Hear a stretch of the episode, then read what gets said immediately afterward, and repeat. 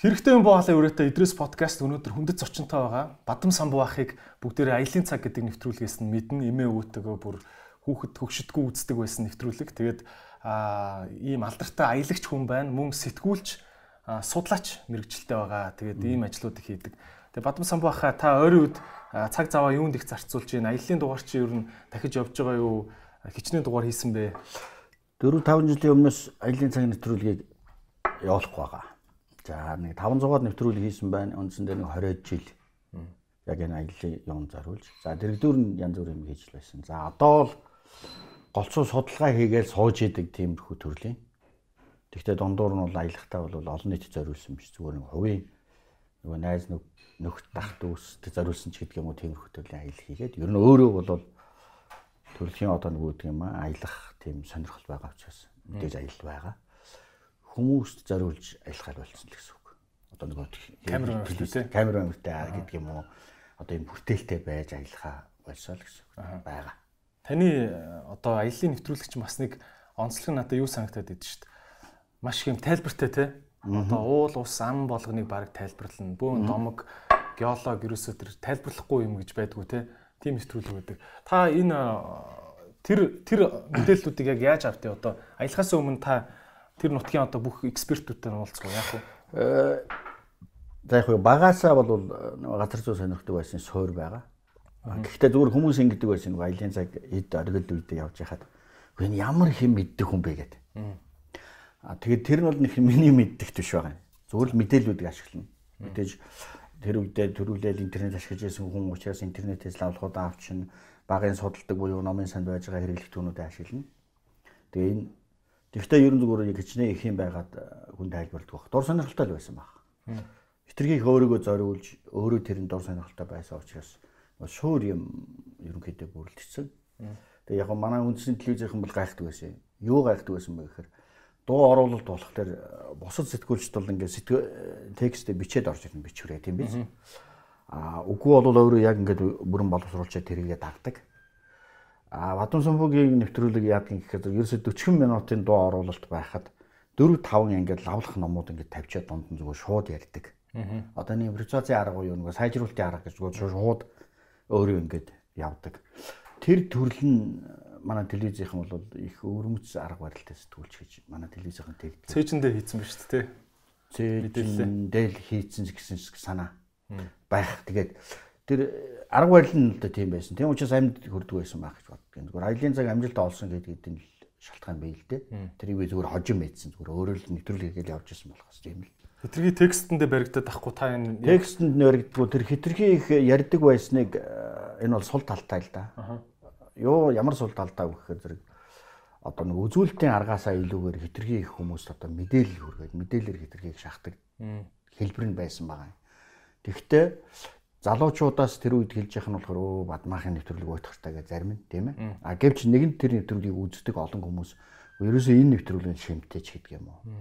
Иймэрхүүгээр авч ирсэн. Зүгээр ер нь аливаа нэвтрүүлэгч бай аливаа юмд бол нэг хид хидийн шин чанар байх хэрэгтэй гэж би боддгийг. Ерөөсөө миний амьдралдаа хийсэн хид хидийн юмнууд дандаа тиймэрхүү. Хангалттай шинж байх хэрэгтэй гэж. Одоо өөрөөр хэлбэл аливаа юм давтагдахгүй байх. А нөгөө нэг нь гэсэн өөрийн тийм далд нууц байх хэрэгтэй Таны таны нууц чи өөрийн даваа тал байх шүү дээ. Миний нууц бол нэгдүгürt би хитрхи үнэнч байсан. Яг өөрийнхөө тэр юмд. Одоо зураг авалт ингээ хийхэд хүмүүс шиг ингээ нэг ингээд өнгөрөх биш. Энэ цэцэг, энэ деталь гэдэг бүгдийг ингээ одоо шин миний нэг 40 минутын нэвтрүүлэг гэхэд нэг 10 цагийн материал дээр тулгуурладаг байхгүй. Аа за. Өөрөглөө тийм их юмнаас юмаа шимдэг. Тэгээд өөрөө тэр үн чанддаг байсан байдал байх шиг байгаа юм. Гэхдээ сүүлд нь одоо нэг аялын цаг нэвтрүүлгийн нэг юм санал асуулга явуулж үтсэн. За. Ер нь одоо энэ нэвтрүүлгийн юу нэг татаад байна гэдэг. Одоо гол нууцаа мэдгэж штэ. Энэ одоо тайлбар нь байна уу? Эсвэл зураг авалт нь байна уу? Хөгжим нь байна уу? Юу нь байна. За янз янз хэлэх боловч бүр э, тийм санаанд үр дүн гарсан. За. Тэрний үхээр Бадам самбуугийн дуу хоолойны өнгө гэж. Өө за. Тэг бүр гайхаад үгүй чи нэр миний дуу хоолой тийм гайгуу таатай байдаг юм баг та гэж. Таних ч угсаа нэг маяллаа болно шүү дээ. Яг тэгэл үзэр. Идрес подкастын өнөөдрийн спонсороор Монголын анхны дижитал даатгал Хаан даатгал компани оролцож байна. Тэгээд Хаан даатгал компани Монголоор аялж байгаа хүмүүстээ зориулсан гэр бүл, найз нөхөд машина хамттан даатгадаг монголоор аялагч нэртэй даатгалын багцыг тань танилцуулж байна. Та 50 мянган төгрөгийн хураамжийг төлөөд 55 саяас 70 сая төгрөгийн эрсдлээ хаан даатгалын монголоор аялагч гэдэг нэртэй багцад хамруулаарай. За тэгээд онцгийн шаардлагатай үед бол нислэг тэргээр очоод аавна. За таны аялж байгаа хамт аялж байгаа найзагчийн хүртэл даатгах гэдгийг хэлсэн байгаа. Та тэгээд дэлгэрэнгүй мэдээллийг хаан даатгал компани Facebook хуудас болон энэ видеоны description мөн super app application тэдний чат ботоос нь Facebook чат ботоос нь мэдээлэл аваарай. Хаан даатгал Өнөөдрийн дугаараараа Beko branding Steam Cure гэдэг технологитой угаалгын машиныг та бүхэнд танилцуулж байна. Энэ угаалгын машин яадаг вэ гэхээр угаах процессын хамгийн сүүлийн шатанд уураар одоо хувцсыг маш гоё зөөлөн болгодог. За толб тогтолт өнгө сэргээлтийг нь маш их сайжруулдаг ийм төрлийн цоошин угаалгын машины технологи байгаа. Та бүхэн тэгээд аваад хэрэглээд үзээрэй. Аль бие усны цорын ганц төлөөлөгч Номин Electronics компани улсын их дэлгүүрийн дөрөв давхраар зочлоорой. Эко брендинг аль биесний борлуулагч Номин Electronics. Тэгээд сүүлдэн ч гэсэн хүмүүс одоо ч гэсэн би одоо нэг байна масктай ингээл такса макса барай ингээ явахаар та одон сон боо яг л тэгдэ.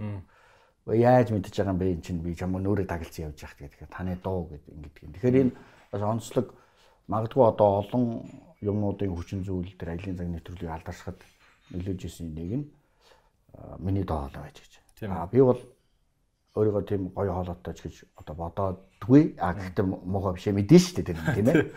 Тийм тиймэрхүү таны хоолойг чи ингээд сонсохоор нэг юм нуур цаана нэм мөстэй уул зуул гараал ингээл шоу нүүдлийн шоуд нисч мисч байгаа. Бараг тийм тийм дүр зураг толгойд бод. А нөгөө нэг юм болохоор ийм байсан баг. Сэтгэлтэйгээсээ гадна би ер нь одоо багасаа одоо юу гэдгийг гоо сайхны юм одоо юу гэдгийг боловсралтай гэх юм уу та ном их уншдаг, хөгжим элдв юм сонсдог. Дээр нь өөрөө ч одоо анхны миний одоо залуу насны амьдрал бол яруу найраг штэ. Тэгэхээр магадгүй тэр нөгөө тех мэдрэмж талаасаа хүмүүст зөв хүрэгдэг байсан баг. Хит их гойчлгүй. Ер нь гойчлох их онгороо харагдахаас би болгоомжлдог байсан юм. Одоо би чинь тийм их гоё энгийн гоё даруу царайтай хүн биш штэ. Гэхдээ энийгээ бас нэг тийм төв харагдуулмаар байна шүү дээ хүмүүст хүргэж байгаа. Тэгэхгүй ингээд хит ингээд хийсгэлэн онгороод маягаар ингэж харуулах юм бол хүмүүс таагүй мэдрэмж авна гэж би боддог. Тэрэн дээр их анхаардаг байсан. Гэх мэтэр ингээд нэг жижигхэн жижигхэн юм деталь элемент юм дээр ингээд анзаарчихад л одоо болдог. Арт түмэнд хүлэн зөвшөөрөлтнө гэдэг чинь бас хэцүү шүү дээ тий. Одоо Оо ер нь хэцүү. Маш олон та бол миний бодлоор яг нөгөө өстой нөгөө ерхийлэгчийн сонгуулийн нөгөө юу авдаг шүү дээ. Хүлэн зөвшөөрөх зөвшөөрөлтийн процент авдаг шүү дээ. Ер нь бол хамгийн од одоо улс төрч чинь бол нэг 40% хүлэн зөвшөөрөлт авд юм уу та. Бүр яг бүх үндсэн даяар авахар. Тийм таних бол тэрнээс бол илүү хүн шүү дээ ер нь. Тийм цөөхөн хүн гэдэг шүү дээ. За яга тэгж магтаж хөөрөхөн ч одоо бол би тэгдэг. Юу тэгж бодож байна. Одоо бол ямар би аялын цаг хийх байгаа учраас тэрийг магтахад бол асуудал алга. Тухайн үедээ магтвал одоо өөрийнхөө хийсэн юм магтж чинь гэсэн үг болчихно. Нэг 7 жил цагийн хурд аялын цаг хоёр л одоо дэлхийд хамгийн топ нэвтрүүлгийн жишээ 7 хоногор гардаг нэвтрүүлэг шүү дээ. Тэгэхээр 7 жил өндөр рейтингийн тухайн улс орны хамгийн өндөр рейтингийн нэвтрүүлгийг одоо барина гэдэг бол зүгээр л гайхамшиг. Энэ бол одоо би хийсэн шиг байгаа тэрийг тий. Тэгэхээр энэ бол би гайхдаггүй. Ямар сонирн байж вэ? Гэхдээ би азтай юм аа гэж бодлоо. Азтай гэдэг нь юу гэхээр манайхан одоо ингэдэг юм а залуучууд. Гэхдээ яаж амжилтанд хүрэх вэ нэ тэрийг л тэгдэг. Би тэгэхээр цагаа олол гэж хэлдэг. Сайн муу ерөөсөө хамаагүй цагаа л олоо би азар цагаа олцсон юм а гэж хэлдэг. Яг тэгэхээр монголчууд дэлхийн ертөнцийг үзээгүй, улс орондоо ихтгэлгүй, дандаа дутуугийн гэдэг юм уу янз бүрийн комплекс ингэж хүсдэг нийгэм нээлттэй болцсон ингэ тэмүүлж яхад монгол хүн дэлхийгээр аялдаг юм гараад ирж байгаа. Тэгээд тэр нь одоо тэдний үзэж хараагүй ертөнцүүдээр явна. Тэгээ монгол орондоо ихтгэл муутай байсан тийм үед монгол орн ч бусдаас дутуугүй шүү гэдгийг харахыг эргэлсэн. Жишээлбэл одоо би яг Британд 97 оны 9 сарын 17-нд яг төрсөн өдрөө анх удаа барууныг үзлээ. Нислээ тэгээд нисээд очиод л өстө бодон талбион гэдгийг чи хараад зүгээр шавханд ороод зочрол ингэж ийсэн. Тэгээ миний би буцаж ирэх үедээ юу гэж бодож ирсэн гэхээр ер нь монголчууд дэлхийн ертөнцийг л үзүүлье. Эхлээл тэдэнд гэрэлгийг үзүүлэх хэрэгтэй. Хитрхи гондуу байна. Улс оронд нийтгэлтэй болгоё. Тэгээ явахын өмнө найзууд гаргаж өгсөн. Найзууд гаргаж өгвөл яг үдэ тэр үчин жаахан арих уцгаан шүү дээ. Өгдөрийн зөө зөө датцгаагаал энэ тэр яваалаа гэсэн. Тэнд 10 хүн сууж яхад ер нь одоо би бол манай орон бусдаас дутаагүй гэж хүсэж байгаа хүн. А бус нь бол манаад үзэх юм юу байдгийм бэ? Өө гадаад л гоё штэ. Гэхдээ нэг манай хүний тоостой энэ хачин ядуу энэ Монголд юу үзэх юм гэл. Тэгээ тэндээс маргааш нь би бол Британаас байгаа штэ. Тэр миний энэ толгойд хадчихгүй юу? Йоо яаж монголчууд 10 хүн сухад 9 улс орноо голдог чамалдаг байна. Эдэнд яаж итгэл авчрах вэ? Би бодож байсан. Тэгээ ер нь бол хүмүүст их орондоо итгэх итгэлийг би болгоход нэг талаас би өөрийгөө их дотор зориулж ирсэн. Яг тэгэхээр бидний байгаль бусдаас дутхгүй шүү. Бидний иргэншил бусдаас дутхгүй шүү. Бидний хүмүүс дутхгүй шүү. Яг дэлхийд чинь зүгээр нэг тийм дандаа гайхамшигтай юм биш. Яг манайх шиг бориглонч бий. Бид гоё харвал илүү гоё гайхамшигтай бидэнд ч бий. Гэдгийг ер нь одоо тийм 70 ухамсартаач гэдэг юм уу, ил ухамсартаач гэдэг юм уу суулгаад авцсан. Энэний төлөө их явсан. Тийм учраас эхлээл Монголын нөгөө гоё гадаад шиг харагддаг ч гэдэг юм уу тийм ээ. Тийм зүйлүүдийг түн штэ. Ерөөсөө нөгөө зорилтод гайхамшиг. Устаас дутуугүй гэдгийг харуулах. Тэгээд эхний 2 жил тэгээ явсны дараагаар хүмүүс өөрчлөгдөж эхэлсэн. Одоо юу гэж хэлдэг вэ гэхээр одоо ингээд 10 залуу суухад 8 оо Монголоо л үзье эхлээд. Манай монголч бусдаас дутахгүй. Тэ? Монголынхоо тэр сайхан эрхчлөө, Монголынхоо тэр гоё байгалуудыг үзье. За дэлхий яваа үзсэж болно гэж ярьдаг. Тэгэхээр энэ өөрчлөлт бол мэдээд цаг үеэрээ болсон хэрэг. А гэхдээ миний тэр ирэмсэжсэн хүсэл мөрөөдөл хувь нэмэр оруулсан эсхийг би өмээд а гэхдээ би одоо яг ийм үг сонсдог болчиход байгаа. Тэр нь бол танд ингээд зөвлөм хийжсэн байна гэж зөвлөм хийжсэн гэдэг өөрийгөө одоо нөгөө таата мэдрэх тийм юмд бас хөтлээд байгаа. Тийм ээ. Тий. Үр дүн гарах гэдэг бол яг нүдэн дээр гардаг тэр бол гайхамшигтай санагддаг надад. Тийм ээ. Та хэлж чинь 10 залуугаас одоо 8 нь бол манай Монгол гоё гэд яриа сууждаг болсон гэдэг чинь. Тэгвэл үлдсэн хоёрт нь та юу гэж хэлэх вэ? Одоо ингээд базаад хэлээч одоо ингээд Twitter дээр бичдэг штеп. Нэг үг үсгийн юутай. Лимит лимиттэй тий. Facebook дээр уртын бичиж болдог. Twitter дээр жоох юм бичдэг тий. Та юм жоохон талбайд багтаагаад бичгүйсэн бол тий. Монгол орн орны яг гоё юм нь юу юм? Үнэхээр тийм дэлхийн бусд орноос илүү гараад эсвэл бүр ингээд англичуудтай ингээд энэ зэрэгцэх хэмжээний биднэрт байгаа юм нь юу юм? Та энийг базаад хэлээч. Аа за энэ ч одоо нэг базаж хэд хөрөд хэцүү. Ерөн зүгээр одоо би юу гэж хэлмээр байна вэхээр өөрт байгаа юм ойлгож хайрлаж сурах хэрэгтэй. Өөр чинь байхгүй юм би чи хайрлаж мэдэх бол амархан. Өөрт байгаа юмныхаа үн цэнийг мэдэх хэрэгтэй. Үнэт зүйлийг. Ер нь Монгол оронд хамгийн сони юм нь юу гэдэг вэхээр Монгол өөрөө аль аль талаараа тийм давтагчгүй юм. Бидний иргэн шилж тийм юм, хүмүүс нь ч тийм юм, газар нутгийн ч тийм. Тэгээд энэ давтагчгүй байдг нь ил бөгөөд далд чанаруудтай. Далд чанар нь юу гэхээр яг history иргэн шилийн түүх иргэншлийн ингээд аваад үзэхтэй зэрэг бусдаа адилгүй. Онцгой. Аа тэгээ нөгөө талаасаа ил байж байгаа зүйл нь юу гэхээр зэрэг бидний иргэн шил одоо энэ амьдралын хэв маяг Бид нэг л тийм өөр хүмүүс. Өөр гэдэг нь юу юм гэхээр бид чи өөрөө нүүдэлч таахгүй. Дэлхийд дээр 60 сая нүүдэлчин бий. Тэгэхээр нүүдэлчин иргэн шилдээр тулгуурлаад улсаа босгоцсон тийм нэгч улс байдаг. Ганонли ганцхан. А нөгөө талаасаа бол Монгол юу юм бэ гэхээр тэр нүүдэлч иргэншлийн тэр сонгодог хэм маягт хүртэл өөрсдөө ингээд байлгадаг. Тэр нь сонгодог хэм маяг нь бэлчээрийн аж ахуй Энэ нь болохоор оргилдоо хаа хүрдгийг яг тэр нь эндээ байдаг. Өөр хаанч байдаг. Энэ төр тулсын түүхтэй ч гэдэг юм уу олон бид нар өөрийгөө магтах дуртай олон юм байна шүү дээ. Одоо юм энд орж байгаа. Тэгэхээр бидний тэр онцлог хэв шинжил бусдаас ингээд байдгүй.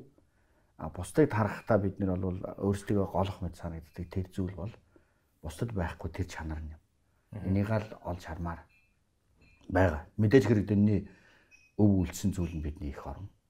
Тэгээ эх орноо одоо эрэг шороноос хүн төрөх биш. Эх орноо хайрлаж сурахгүй болвол тэр нэг хичнээн нөгөө згсгэж гисэн ээж юм симхийч гисэн гэр мэн гэж хичнээн муухай байсан түүнийг голох гэдэг бол чи аливаа юмны үн цэнийг бол нөгөөх өөрийнхөө язгуур чанараа ойлгохгүй бусдын юм багтах гоёх тэр интертэй бол тийм харьцуулж үзвэл гэж бодож байгаа. Бид өөршүүл гэж л тэгэл Одоо- байгаа. Додуу биш. Бадамсан баха энэ нэг ийм юм байгаа шүү дээ. Та ингэж чинь бидний бол онцлог бол нүүдэлчин хүмүүс.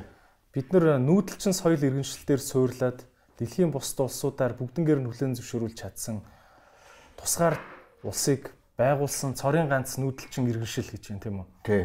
За энэ бол айгүй том онцлог юм байж. Бидний уг язгуур нүүдэлчин юм байж. Тий. Аа сонгодог утгаар нь нүүдлийн амьдралыг бид нар хөгжүүлж чадсан гэж байна. За ингэж байна. Тэгвэл ягаад чинь зүгээр нэг нэг аа баг хатуу үнэн гэх юм уу?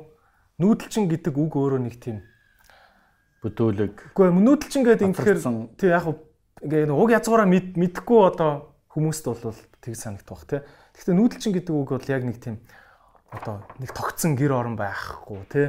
тэнүүлч. Ингээ нэг нөгөө гэр гэр гэдэг юм нь одоо ингээд нэг майхан чим шиг нэг зүгээр нэг сууц чим шиг тий а эсвэл ингээ олуулаа нийлээд асар том юм пирамид, том ордон, цайз, том юм хот юм Соёл бий болгодгоо. хүнийг шагшуулах хэмжээний тийм нэгдсэн том баялагийг бүтээж чаддгүй ингээд дандаа тархаа бутархаа нэг нэг нэг нэг амиа хоохолсон ч юм шиг нэг юм нүүдэлчин гэдэг үгийг дагаад юм хүний оюун санаанд орж ирж байгаа нэг юм онцгүй онцгүй дүр зургууд байна л да. Та одоо юу гэдэг чинь нүүдэлчин гэдэг үгийг номад Африка гэд бичээд үзвэл нэг юм сава барьсан юу те? Нэг юм нөмрөг нөмөрсөн нэг юм хитэн одоо нөгөө ямаа ямаагаа хариулсан хүмүүс ч хүмүүсийн зураг гарч ирдэг ч юм уу те. А гэтэл нөгөө талд нь нүүдэлчин биш одоо суурин иргэн те? Одоо civilization яс хийсэн гэд гайхангуй гайхамшигтай ингээд том сүмүүд гарч ирдэг те. Энэ шиг юм зүгээр юм харагдах байдлаасаа болоод манай нүүдэлчин иргэншил гэдэг юм өөрөө айгуу тийм дорой бураа гэж байгаа юм шиг ой танд суучт юм болов уу гэж бодод тахгүй юу? Зөв. Ерөөсөө дэлхийн ертөнцийн тийм байгаа. Чиний хэлж байгаа их зөв. Тэгвэл энд нэг юм ялгаа байх юм л да. Барууныхан бол одоо нүүлждэг яг онлын хувьд мэдлэгийн хувьд бол угаасаа сул дорой хөгжидэггүй. Одоо нэг баялаг үйлдвэрлэдэггүй. Соёлыг одоо хүчтэй бий болгодгүй. Бие даасан бус. Тархаа бутархаа тэнүүлч өөрийн гэсэн одоо үнэт зүйл орон зай гэж юм байдгүй ийм усууд гэж одоо жишээ нь Арнольд Томбигийн онолд бичсэн тэрийг одоо манай э, олон нийтлэлч судлаач дагдаг тийм зүйл шүү дээ ер нь. Та энэний эсрэг төвлөө үлэх юм. Таны одоо гайхамшиг нь хаана байна? Тэгвэл э, энэний эсрэг би юу хэлж болох вэ гэхлээр нэг ийм сони юм байна. Тэдний мэддэг нүүдэлчтэй өөр юм а гэж байгаа. За. Тэд нар полинезуудыг мэднэ, аборигенуудыг мэднэ, лапландын нүүдэлчдийг мэднэ. Тэр бол нутаг усгүй, оршин тогтдог үнд цэн байхгүй, төр тус түүх цааз гэж юм байдгүй, зохион байгуулалт байдгүй хэсэг бусаг тэнүүч нүүдэлчдийн тухай асуудал полинезийн одоо завьчдаг тий. А гэтэл тэд нар яг нүүдэлж иргэншлийн эсрэг нүүдэлж иргэншлээс бүгдээрээ үүссэн хүндрэлтэн бүгдээрээ ингээд тэнж явснаа л суурьж эхэлсэн гэсэн үг европчууд ч дээ. Харин тэрийг үйлдвэрлэлийн өөр аргад шилжүүлээд нийгмийн зохион байгуулалт бий болгоод төр тулс хууль цааз тэгсэн хэрнээ байгальтаа зохицдог зогсон амьдрдаг тийм амьдралын одоо хэв маягийг бий болгосон иргэншил бол байсан. Тэр нь муу сул дорой байхлаар иргэншил яадаг юм бэ гэхээр нөгөөдөгтөө уусдаг. Эсвэл хүн чинь нөгөө тав тухай хараад л явна шүү дээ. Тэгэхээр зөвхөн энэ Төв Азийн энэ одоо нь Алтай ханган хоёрын доторт удаан тогтнож исэн тэр мордергийн шил гэж хэлээд байгаа. Бэлчээрийн малажхын үйлдвэрлэл дээр хагас нүүдлийн хэлбэртэйгээр оршдог энэ нэгдмэл тогтолцоо буюу ёс суртахуун соёлын одоо тийм том хүрээ бай кластер байгаа юм. Тэгээ энэ нь болохоор өдийг хүртэл очсон. Хэрвээ нүүдэлчид сул дорой байсан бол нүүдэлчид хууль заазгүй байсан бол тэдэнд үнэт зүйл гэж байгаагүй бол тэдэнд системлэг сэтгэлгээ гэж нийгмийн зохион байгуулалт гэж байгаагүй бол тэд яг нөгөө аборигенууд шиг полинезийн шиг байх юм. Ингээд мөхөөл ингээд байнга одоо мөхөөл хизэж дээшилдэггүй. Нэг иргэншилтэй улс нь ирээд ингээд авцсан газар авсан газар байж идэг тийм. А тэгтэл нөгөө өөрсдийн үнэт зүйл тэнцвэрийг бий болгоод нэгдмэл одоо жишээ нь ёс суртахуун үнэт зүйлтэй байгаад оршино гэдэг бол нөгөө өөр зүйлээ солихгүй шүү дээ. Тий. Тийм учраас нүүдэлчд яадаг Нааш өөрөө дээр ордонд амьдраа гэхэд солихгүй юм тий. Тийм солихгүй байна. Тэгэхээр тэр солихгүйгийн нууц гэдэг чинь өөрөө жинхэнэ иргэншлийн чадамжийг гэлж байгаа. А сольчоод бай- байгаа болвол тэр өөрөө нөгөө сул дорой учраас илүүдэд татагдаж байдаг. А тэгээд нүүдэлч иргэншил болвол одоо нүүдэлч иргэншил чухал учраас бид тэн дээр амьдраад байх хэрэгтэй гэж би хэлж байгаа юм биш. Нүүдэлч иргэншил тэгтээ дэргүү одоо нөгөө төгсгөл нь бид нэр. Гэхдээ бид нар яагаад төгсгөл хүртэл хүндрэлтийн хэрвээ 10 мянган жилийн одоо иргэншлийн одоо чинь төвхтэй юм бол тэрний сүүлч болтол бид нэр энийг кип одоо нэг бодлын хадгалж ирвэ гэдэг чинь их чухал. Ягаад гэвэл энд тийм сольшгүй чанар байсан байна. Эсвэл бүр одоо ингэдэг юу гэдгийг тасраад ядуу учраас тэр иргэншлүүдийг авч чадахгүй байсаар байгаад хөөрхийдөө чаавас нэг гэж хоцрогдуулаад үлдсэн юм гэж үзэх боломжгүй байж байгаа энэ. Тийм учраас одоо дэлхийн олон одоо судлаачид түүх философийн судлаачид энэ иргэншлийг яагаад ийм удаан хугацаанд ийм хүчрхэг иргэншлүүдийн дэргэд тэднийг ноёрхож исэн хэрнээ эсвэл тэднэртэй солилцоо хийж исэн хэрнээ яг ингээд яваад ирцэн бэ гэдг нь өөрөө хамгийн чухал одоо мэдлэгийн онлын одоо том онцох. Өөрөөр хэлбэл сольшгүй байсан гэсэн үг. Энэ газар тариалан байсан хотууд байсан. Хотууд газар тариалан энэ нүүдэлчд дагвар маягаар ашигладаг өөрөөсөө гол үйлдвэрлэл нь мал аж ахуйн учраас дөрвөн үйлдвэрлэлийн нүүдлийн одоо нөгөө бүтээгдэхүүнээ дагаж нүүж штэ. Нөгөө тариагаа ургуулахын тулд одоо тариагаа сахиад туслаад байна гэдэг шиг малаа таргалуулахын тулд түүний үр шимийг сайн авахын тулд бэлчээр таатаа орчнуудад ингэж нүүж яадаг. Тэгвэл энэ нь болохоор зэрэг нэг нэгдвэл системтэй зохион байгуулалтаа учраас тэр нүүдэлч чинь ингээд тэнэд алга болчдөг. Нөгөө босод тэгээд тэнүүлч нүүдэлчд өнөөдөр энд үлдсэн бол маргааш тэнд үлжээд нөгөөд нь телевиз хаана өгөхөө мэдэхгүй юм дээ. А гэтэл энэ хагас соёрчмод хэлбэрийн энэ нүүдэлч буюу иргэншлийн юу бол өөрийн үнэт зүйлтэй орчинтой хэл хязгаартай. Тэрэн дотроо л нүүн. Энэ бол яг нөгөө тех бүр ингээ алга болчдөг нүүдэлч юм биш. Өөрийн зохион байгуулалтаа учраас энэ өөрийнхөө эдлэн дотор нүүн, эдлэн дотор үйлдвэрлэлээ захирна. Тэгээ харилцан холбоонд оршино. Тэгэхээр энэ юу гэж яах вэ гэхээр тариа тардагтай адил мал аж ахуйг эрхэлдэг өөр иргэншил байгаад байгаамаа. Энэ яагаад хөгждөггүй вэ гэхээр зэрэг энэ болохоор зэрэг хувийн аж ахуй дээр одоо чинь өөр өөрсдөө борлуулдаг, овг аймгаа борлуулдаг э, аж ахуйн хэлбэр дээр өөрсдөө хангачдаг. Илүү одоо цаашаа хэрэглээг ингээд тэлээд байх одоо бололцооч баг а тех хүслийг ч одоо төрүүлэхээргүй доктортой байдаг. Үйлдвэрлэлийн бүх аргууд нь яг өөрсдөө зохицуулаад доктортой. Тэгээ байгалыг гэдэг юм уу бусад юмнууд одоо хөндөж нөлөө үзүүлдэг. Өөрөөр хэлбэл нөгөө одоо хүн төрөлхтний одоо ирээдүйд хүсэж байгаа нөгөө доктортой хэрэглээ 100 жилийн дараач 50 жилийн дараач хэв хэвээрээ байж чаддаг. Нэг зүйлийг олцоод тогтцдог. Тэгээд тэр нь одоо илүүг одоо хүсдэггүй одоо юу гэдэг юм те шунал мунал гэдэг элдв зүйлүүдээс одоо ангид юм шиг иймэрхүү өвөрмөц засаглалын хэлбэр. Энэ өвөрмөц засаглалын хэлбэр нь хүмүүст ер бусын их одоо яг тэр уугуул чанарыг нь их сайн болгож өгдөг. Тэгвэр хэл хүн чинь гарч ирэл тайван байх хэвээр. Хүн чинь гарч ирэл эрхчлээтэй байх хэвээр. А хүн чинь гарч ирэл илүү олон зүйлүүд одоо шанаж ингэж одоо тэмүүлж ингэх механизмууд нь байхгүй учраас яг гарч ирэл релакс гэх нэг л сайхан амарна. А гэтэл бусад хот суурин яагаад хөгждөг вэ гэхээр энэ бол сайндаа хөгжиж байгаа хэрэг биш. Тэдэнд хэрэгцээ шаардлага нь ар араасаа байнга ундарч дагаад хэрэгцээ шаардлагууд нь ингэж дахин өөрөө цаашаа хөгжиж амьдрахгүй бол оршин тогтоох нь өсөлгөө болгодог тийм нягчлалтай орон зайнууд байдаг. Учираас тэр орон зай нь өөрөө байгаль нь өөрөө хүний хүчин зүйл нь өөрөө тийм зүйлийг бий болгож байгаа. За мэдээж хэрэг одоо хүн төрөлхтний нүүдэлчинч бай, суурьшмалж байгаа хүмүүс ямар байдаг вэ гэхээр орон зай цаг хугацааны хамаарлыг ялах гэдэг ганцхан хүсэлтэй. Тий. Тэгсэн мөртлөө хүний чадвар хөөрөө хязгаарлагдмал. Тэгсэн мөртлөө одоо ид чидтэй амьдрах хүсэлтэй байдаг. Эннээсээ хамаарад энийгээ хөөхлөрөө зэрэгэл одоо нөгөө амьдралын хэв маяг чинь ингээ өөр өөр болоод байгаа.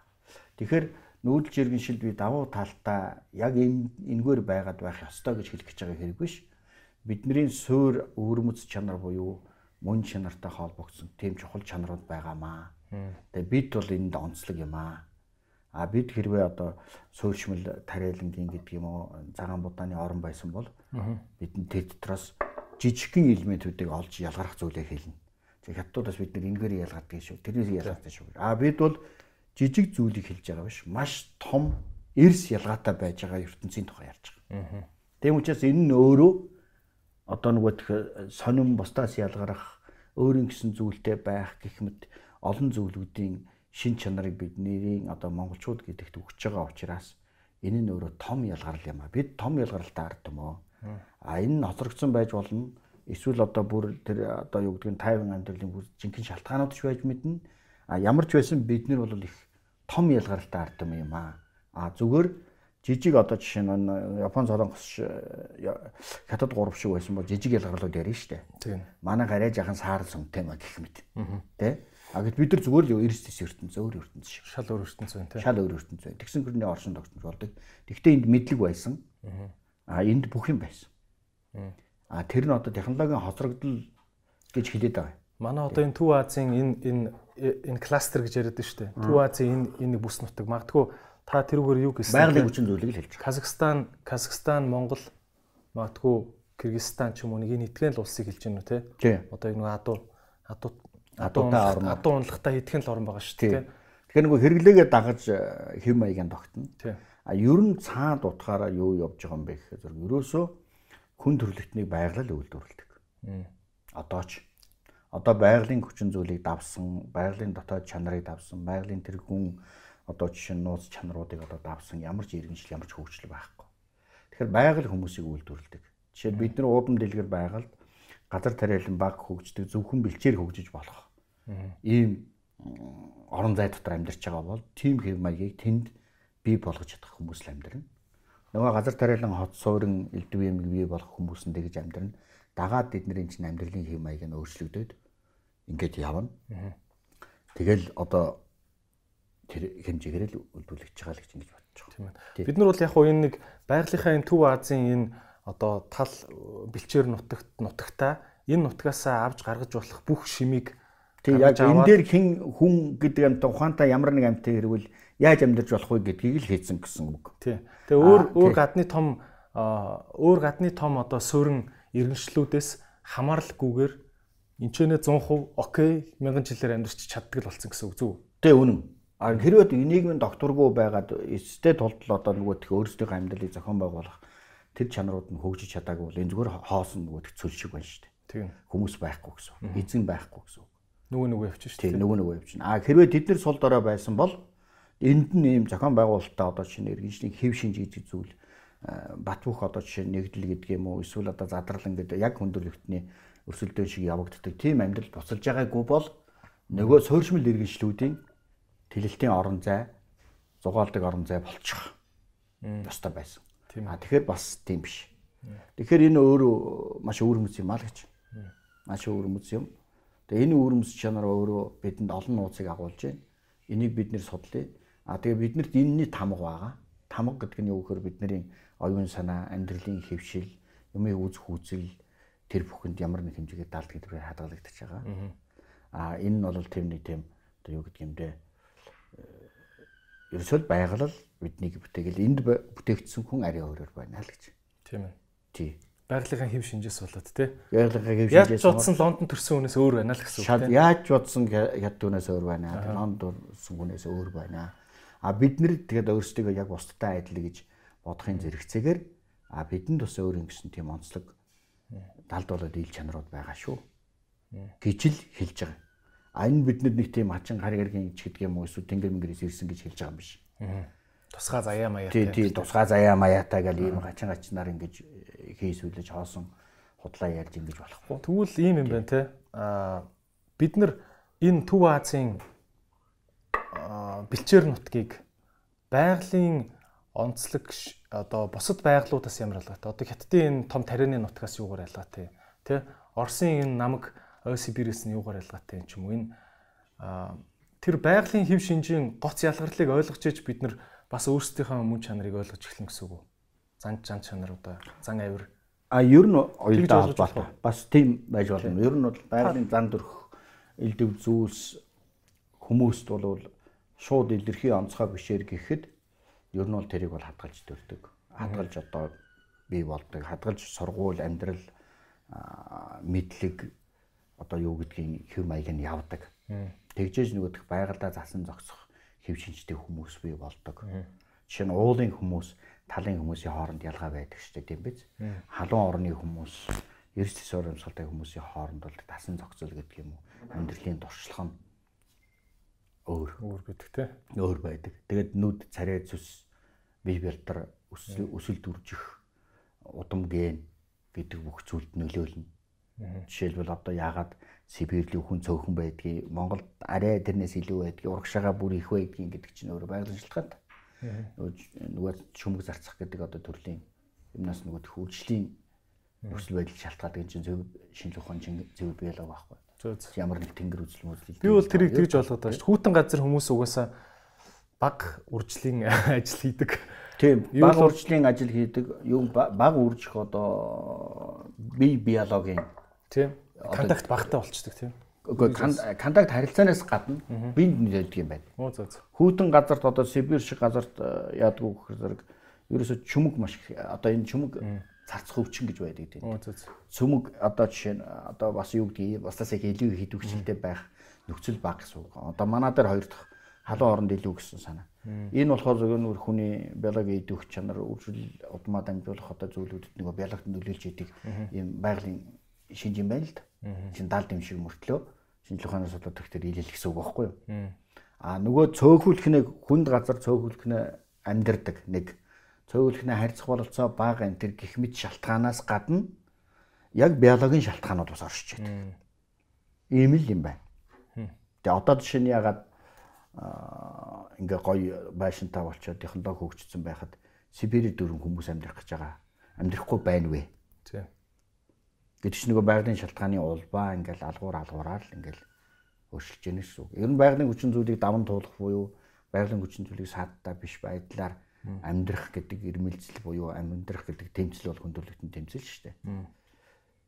Ингэхээр байгалийн барьерыг тавах болно. Ер нь. Одоо Монголын газрын зургийг ингээд харахаар Монголын газрын зургийг ингээд хилийн зурвсыг нь хараад тэгээд дараа нь зүгээр нөгөө дэлхийн ийм өндөрлөгийн газрын зураг гэдэг шүү дээ. Тий. Өндөрлөгөөр нь ялгцсан. Өндөрчлөөр нь. Өндөрчлөөр нь ялгцсан газрын зураг. Тэрийг харахаар Монголын ерөөсөө хилийн зурвас яг л өндрөө дагаал байт юм лээ. Ингээ анзаархаар тэгээ ерөөсөө нэг юм хавтгаа ингээд өргөцсөн хэсэг газрын монголчууд ингээ авуулсан билээ шүү дээ. Ер нь явж явж.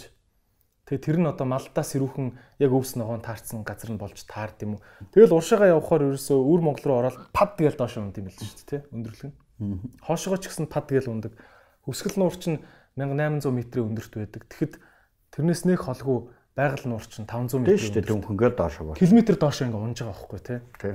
Тэгээд ингээд энэ та одоо а олон газраар ингээ явж байхад нэг юм зүгээр нөгөө ихэн хэр алга бол хүн шир алга гэдэг шиг бидний одоо байгаль их ба штэ. Байгаль их одоо бусад байгаль ихүүдээс ямар ямар онцлогтой экосистемүүдээс те таны одоо яг нэг тэр ерөөсөө бид бол яг хуу эрсдэс гэдэг ганц үгээр л ярьдаг штэ. Тий одоо тэгээд юу гэдэг юм те одоо эрсдэс гэдэг чи одоо экстрим гэх юм уу тийм ээ. Ер нь л тийм. Далаагаас их алсалсан, чигээс их алсалсан. Одоо яг дэлхий дээр хамгийн том их газар бол Евразийн их газар. Евразийн их газрын гүн рүү тэгээд бүх бүс нутгуудын заагийг хадгалсан хамгийн том өндөрлөг нь энэ л байгаа. Одоо жишээлбэл энэ тэнгэр уулаас ахвалаар алтан нуруу тэгэл хоошоогоо энэ сэлмийн нуруу, саяны нуруу гээл тэгэл хойгуураа энэ одоо жишээ нь Монголын хойд талын хэдэн уулс яваал хянганы нуруу.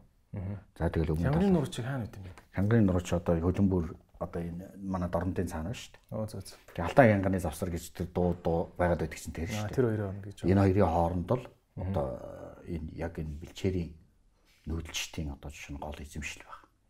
Гол нутг нь баг. Тэгээ энд бол нэг адилхан хэв шинжний үг зэрэг ерөнхийдөө бол тийм халан хөвгүүдэн одоо энэ агаарын одоо температурын өөрчлөлт их өндөр тийм. А жи хэр баргийн хүн одоо амьдрахаар их үү? А зөвхөн одоо мал аж ахуй хойшоо бол юу анги өрөө. Ингээл эрхлээл ингээл амьдрах. Тэгээ цөөхүүлэх нь амьдрах. Ийм л одоо бололцоотой газар нутаг. Тэгэхээр энэ дээр чинь нөгөө хідэн үеэрээ хүмүүс амьдраад ирэхдээ нэлээд одоо тийм хатуужлалтай тэрэндээ зориулсан одоо ажил үйлдэл, тийм үйлдвэрлэлтэй, тийм хөл төрлийн хүмүүс амьдрах ийм л одоо болцоод.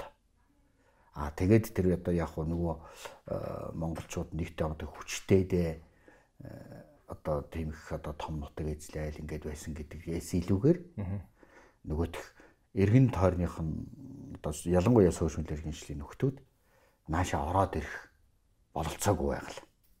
Тэр дундаа урдуур бол Монгол том уулнуудаас гадна одоо Дүү Азийн цөлгөд говь гээд одоо асар том хэрэмтэй. Тийм. Тэр нь өөрөө хамгийн нарийн газараа 100 км, өргөө шиг 200 км бүсэл үрнэ гэдэг. цөөл ингээд урд дур байж идэг. Тэгээ тэрийг даван туулж тэр явган хятад хүн ирэх энэ төр бол хэцүү. А баруун талаасаа одоо энэ том том уулсыг даваад ороод ирэх одоо иргэншлийн тийм хүчил бага. Өөрөөр хэлбэл энэ бол одоо байгалийн тэр одоо барьер олон талт байдал тэрэн дотор тасан зогсож чадаж хэдэн үеэрээ одоо жишээ нь амьдарч болох. Тэгээд өөрийн өөрийн амьдралын хэв маягийг бий болгож чадах. Тийм л хүмүүсийн орон зай байгаа. Тэгээд таатай байсан бол илүү их таатай байсан бол тийм ээ. Энэ хаттын соёл иргэншил, энэ дунд Азийн урд талд байгаа иргэншлүүд за тэгээ европчууд аль хэдийн л төрөөд ороод ирэх байсан. Тэгэхээр энд өөрийн онцлог байгаль байна. А тэнд дасан зогсож амьдрах хүмүүс байсан. А тэр хүмүүс нь зүгээр нөгөө аборигенүүд гэх нэг полинезүүд, лапландынхан шиг тийм арчаагүй жижиг гарууд байгаагүй. Эд бол өндөр зохион байгуулалттай, өөрийн төр тулстай. А тэгээд хоорондын өрсөлдөөнөөс болоод нэлээд их өндөр шалгартсан нэгдмэл байдал бий болохоор зэрэгэлдэх хэрэгэншлээсээ өөрсдийн одоо хүсэл мөрөөдлийг эрмэлзлээ тодгож чаддаг. Аа тэгвэл найсаж чаддаг. Эсвэл харилцан одоо 8 хөдөлтөнд хүрч чаддаг. Ийм байсан хүмүүсээ. Тэгээ энэ нь одоо бичиг үсгтэй байсан, уран гэсэн философи үнэт зүйлтэй байсан. Энэ зүгээр нэг дандаг дандаг гайл морин дээр нэг давхаад одоо хүчс нөмөрсөн. Тийм одоо бүтүүлэг тийм барбарууд байгаагүй. Энэ бол бүр нарийн дээр бол одоо индианууд энэ төр чинь бол морийг бүр хожим үтсэн дөрөөгүй гэх мэтэр ингээд ном сунтайгаа байсан гэдэг үзэхээр Энд бол маш тийм өндөр зохион байгуулалт өгөх сонирхолтой босод байсан. Тэгээд өөрсдөө их таваар нийлүүлдэг. Одоо жишээ нь ингэдэг шүү дээ. Монголчуудыг ерөөсөө юу ч бүдүүлэг байж байгаа л хөрхи тэгэл нэг торг дурдангуу болоод сав суулгахгүй болохоор л дайрч ороод дээрэмдэл тэгэл тэрийг нэг нөхөж аваад гарч ирээл тэгээ нэг эцэг хэсэг 50 байдаг шиг тийм яриад байдаг яриад байдаг шүү. Тэгэхээр энэ тийм биш юм аа. Энэ бол зүгээр барууныхны нөгөө Европ төвд үзлэр бий болгочихсон онол. Одоо энийг хятадууд хятадууд ч өөрсдөө тэгж бичдэг. Европчууд тэгж бичдэг. За манай энэ барууныхныг дуурайж бичих нүүдэлж хэрэгждэг юу ч гэж үзэхийг ирмэлцдэг улсууд их бичдэг. Гэтэл их газарт бол нөгөө иргэншилтэйгээ одоо юу гэдэг хүчний болоод бараа тавар худалдааны тэнцвэр бий болгож хин хинийхээ сонирхол татах зүйл зөндөө байсан. Жишээлбэл одоо хятадууд хятадын иргэншилд бол э, их газрын мах нуурын давс өслөг идэл гэдэг одоо ийм зүйл. Адуу. За тэр дундаа бол адуу бол бүр супер. Ягаад гэвэл хятад ирэх хүний эсвэл айрмын гол бахархал бол морь. Гэтэл тэнд өрждөггүй. Энд өрждөг нөөц байдаг. Тийм учраас үе үеийн тэр хүмүүгийн эзэнт гүрэн өөрийгөө ч хүлээн зөвшөөр. Яг хараа дорны хамгийн том одоо соёл иргэншлийн төв болох хан улс нөгөө хүлээн зөвшөөрч улс гэдэг нь зөвшөөрөд байгаа юм. Аа. Улсыг хүлээн зөвшөөрүүлэх хэмжээний харилцаа байна л гэсэн үг. Тийм хүч байна гэсэн үг. Бизнес байна гэсэн үг шүү дээ. Бизнес байна гэсэн үг. Улс төр байна гэсэн үг. Тэгэхээр энийг ч нэг олж харахгүй нөгөө тэн хэдэн хөлснөө мөснөхтүүд ирээл тэгэхээр ямар ч хэврийг эзэнт хөрөнгө байсан нэг хан улс нь дороо зөвшөөрчдөг байж болохгүй шүү дээ. Тийм. Зохион байгуулалт хүчгүй юмыг өөрсдөө гайхалтай иргэншил гэж үзээд байгаа мөртлөө өөрсдийнхөө хүлэн зөвшөөрөд байгаа, бууж өгöd байгаа тэр иргэншлийг сул дорой гэж үздэг тийм одоо шин логикгүй үзэл явдаг байсан байхгүй. Аа тэгээд тэр бичлэгээр нь яваад үзэхдээ зэрэг оо энэ нүүдэлчт нэг бүдүүлэг хачийн нуудлаад байдаг. Гэтэл тэр нь ингээд угсаа залгамжлах хууль цаазаас авахгүйлаад хот суурин газар тариалан дагвар хэрэглэгээс авахгүйлаад ерөөсийн зохион байгуулалттай байгаа гэдэг. За тэгээд үндсэндээ бол ийм хэрэглээний нэг талаас одоо худалдан харилцааны одоо тэнцвэртэй байх хэрэглээний сонирхлууд байсан. А улс төрийн хин хэнийхээ тэнцвэрийг барих сонирхлуудыг бий болгож байсан. Тэгэхээр энэ бол зүгээр нэг 100000 голоо цугласан нэг бүдүүлэг хүмүүсүүдийн ажил биш. Энэ бол маш том одоо улс төр зэрэг зэрэг стратегийн одоо хүчийг үзүүлж зэрэгцээ оршиж чадах одоо тийм Манайхан чи би буруу уншаагүй бол яадаг байсан юм шүү. Энэ бүр хүннүү гүрний үед бүр 2000 жилийн өмнө шүү дээ. Юу Чингис хаан төрхөөс дахиад 1000 гаруй жилийн өмнө монголчууд ч бүр нэг доор ингэж баг одооны тоогоор тухайн үедээ хэдэн төмөн ийсэн ийсэн гэж бичсэн юм шүү тий. Би буруу санаагүй бол нэг доор баг ингээл 40 50 мянган адуу энэ төр экспортлдог байсан юм шүү. Ер нь яг хүнүүгийн супер хилцээр хийдэг очиж хуучин түүхэн жилийн дараа 50 мянган адуу 10 мянган адуу 100 мянган хонь энэ төр гэд бичсэн баг. Тэгэхээр чинь дээ. аимштай базар явж шүү дээ. Одоо ингээл тал хөндийг дүүрэл хоёр улс ингээд худалдааныхаа юу хийж шүү дээ тийм Тий. ээ. Нэг тэр. Хоёрдугаар зүгээр бид асар их сулдаад асар их жижигхэн болцол байсан. Гэхдээ хожим одоо энэ манжчин гүрэн одоо Монголын ар монголоор дамжуулж Оростой хийжсэн одоо Тэмэн жингийн эргэлтгэл гэхэд чинь 100%-аас хамгийн том худалдааны эргэлт байлаа шүү дээ. Бид сул дорой л гэж хэлсэн тийм ээ. Тэгээ тэр нь одоо жишээ нь Финлянд, Норвег хүртэл нийлүүлдэг шүү дээ.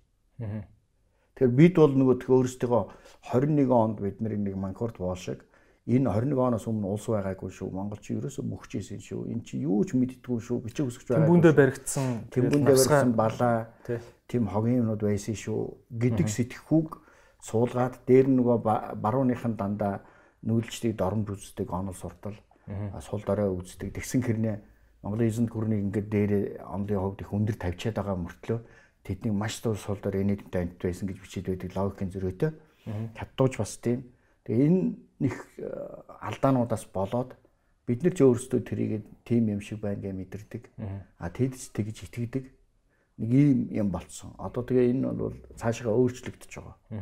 Олон зүйлээр өөрчлөгдөнө. Тэгээ бид бол их э, өвөрмөц юм аа л гэдгийг л одоо бид тал талаас нь ингэж хайх хэрэгтэй байгаа юм.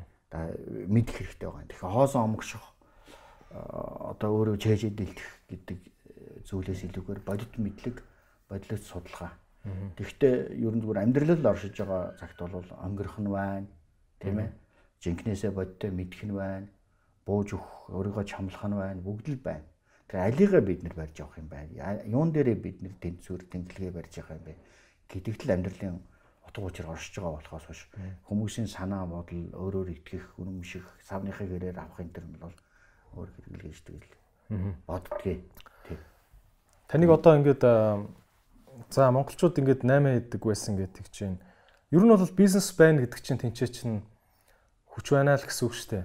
Ер нь бол баялагийг хөрөмтлүүлэх чадвар гэдэг чинь өөрөө тухайн үндэсний айгу том чадвар байсан. Онцгой шүү дээ. Зүгээр бид бол харахад нэг- ингээд та- тарах юм шиг боловч ингээд за намартаа нэг 8 хийчих гэхэд л ингээд баялаг зүгээр зүгээр бид ингэх ёстой. Бид бүрэн мэдэж чадахгүй хэрнээ зүгээр л энэ эзэнт гүрнүүд гэж үнэхээр байсан бол түүний тэлэлтийн зүгээр орон зайг хэмжээг хараад шууд лавх ухах хэрэгтэй байхгүй юу? Тийм.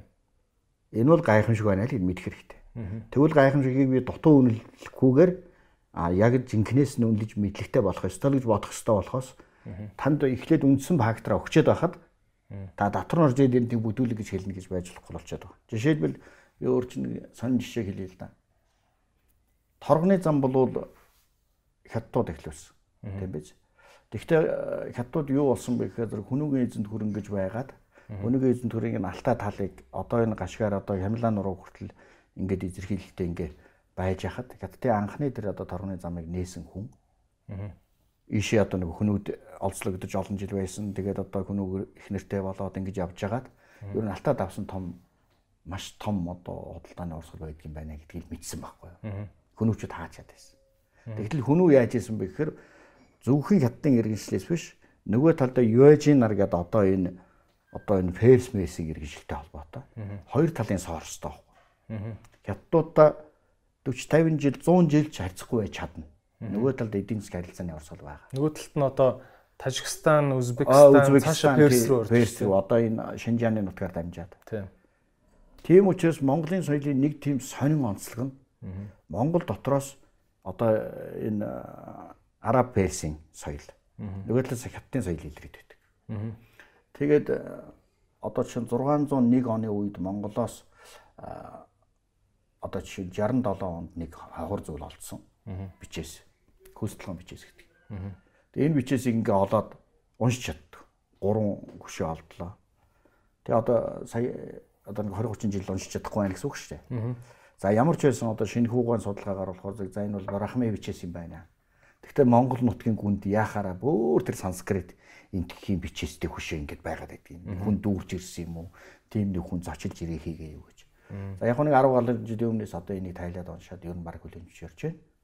Одоо төрийн ордон тэр хөшөөг залчлаа. 601 оны бичээс Барахмын бичээсээр Монгол хэлээр бичсэн. 601 он шүү дээ.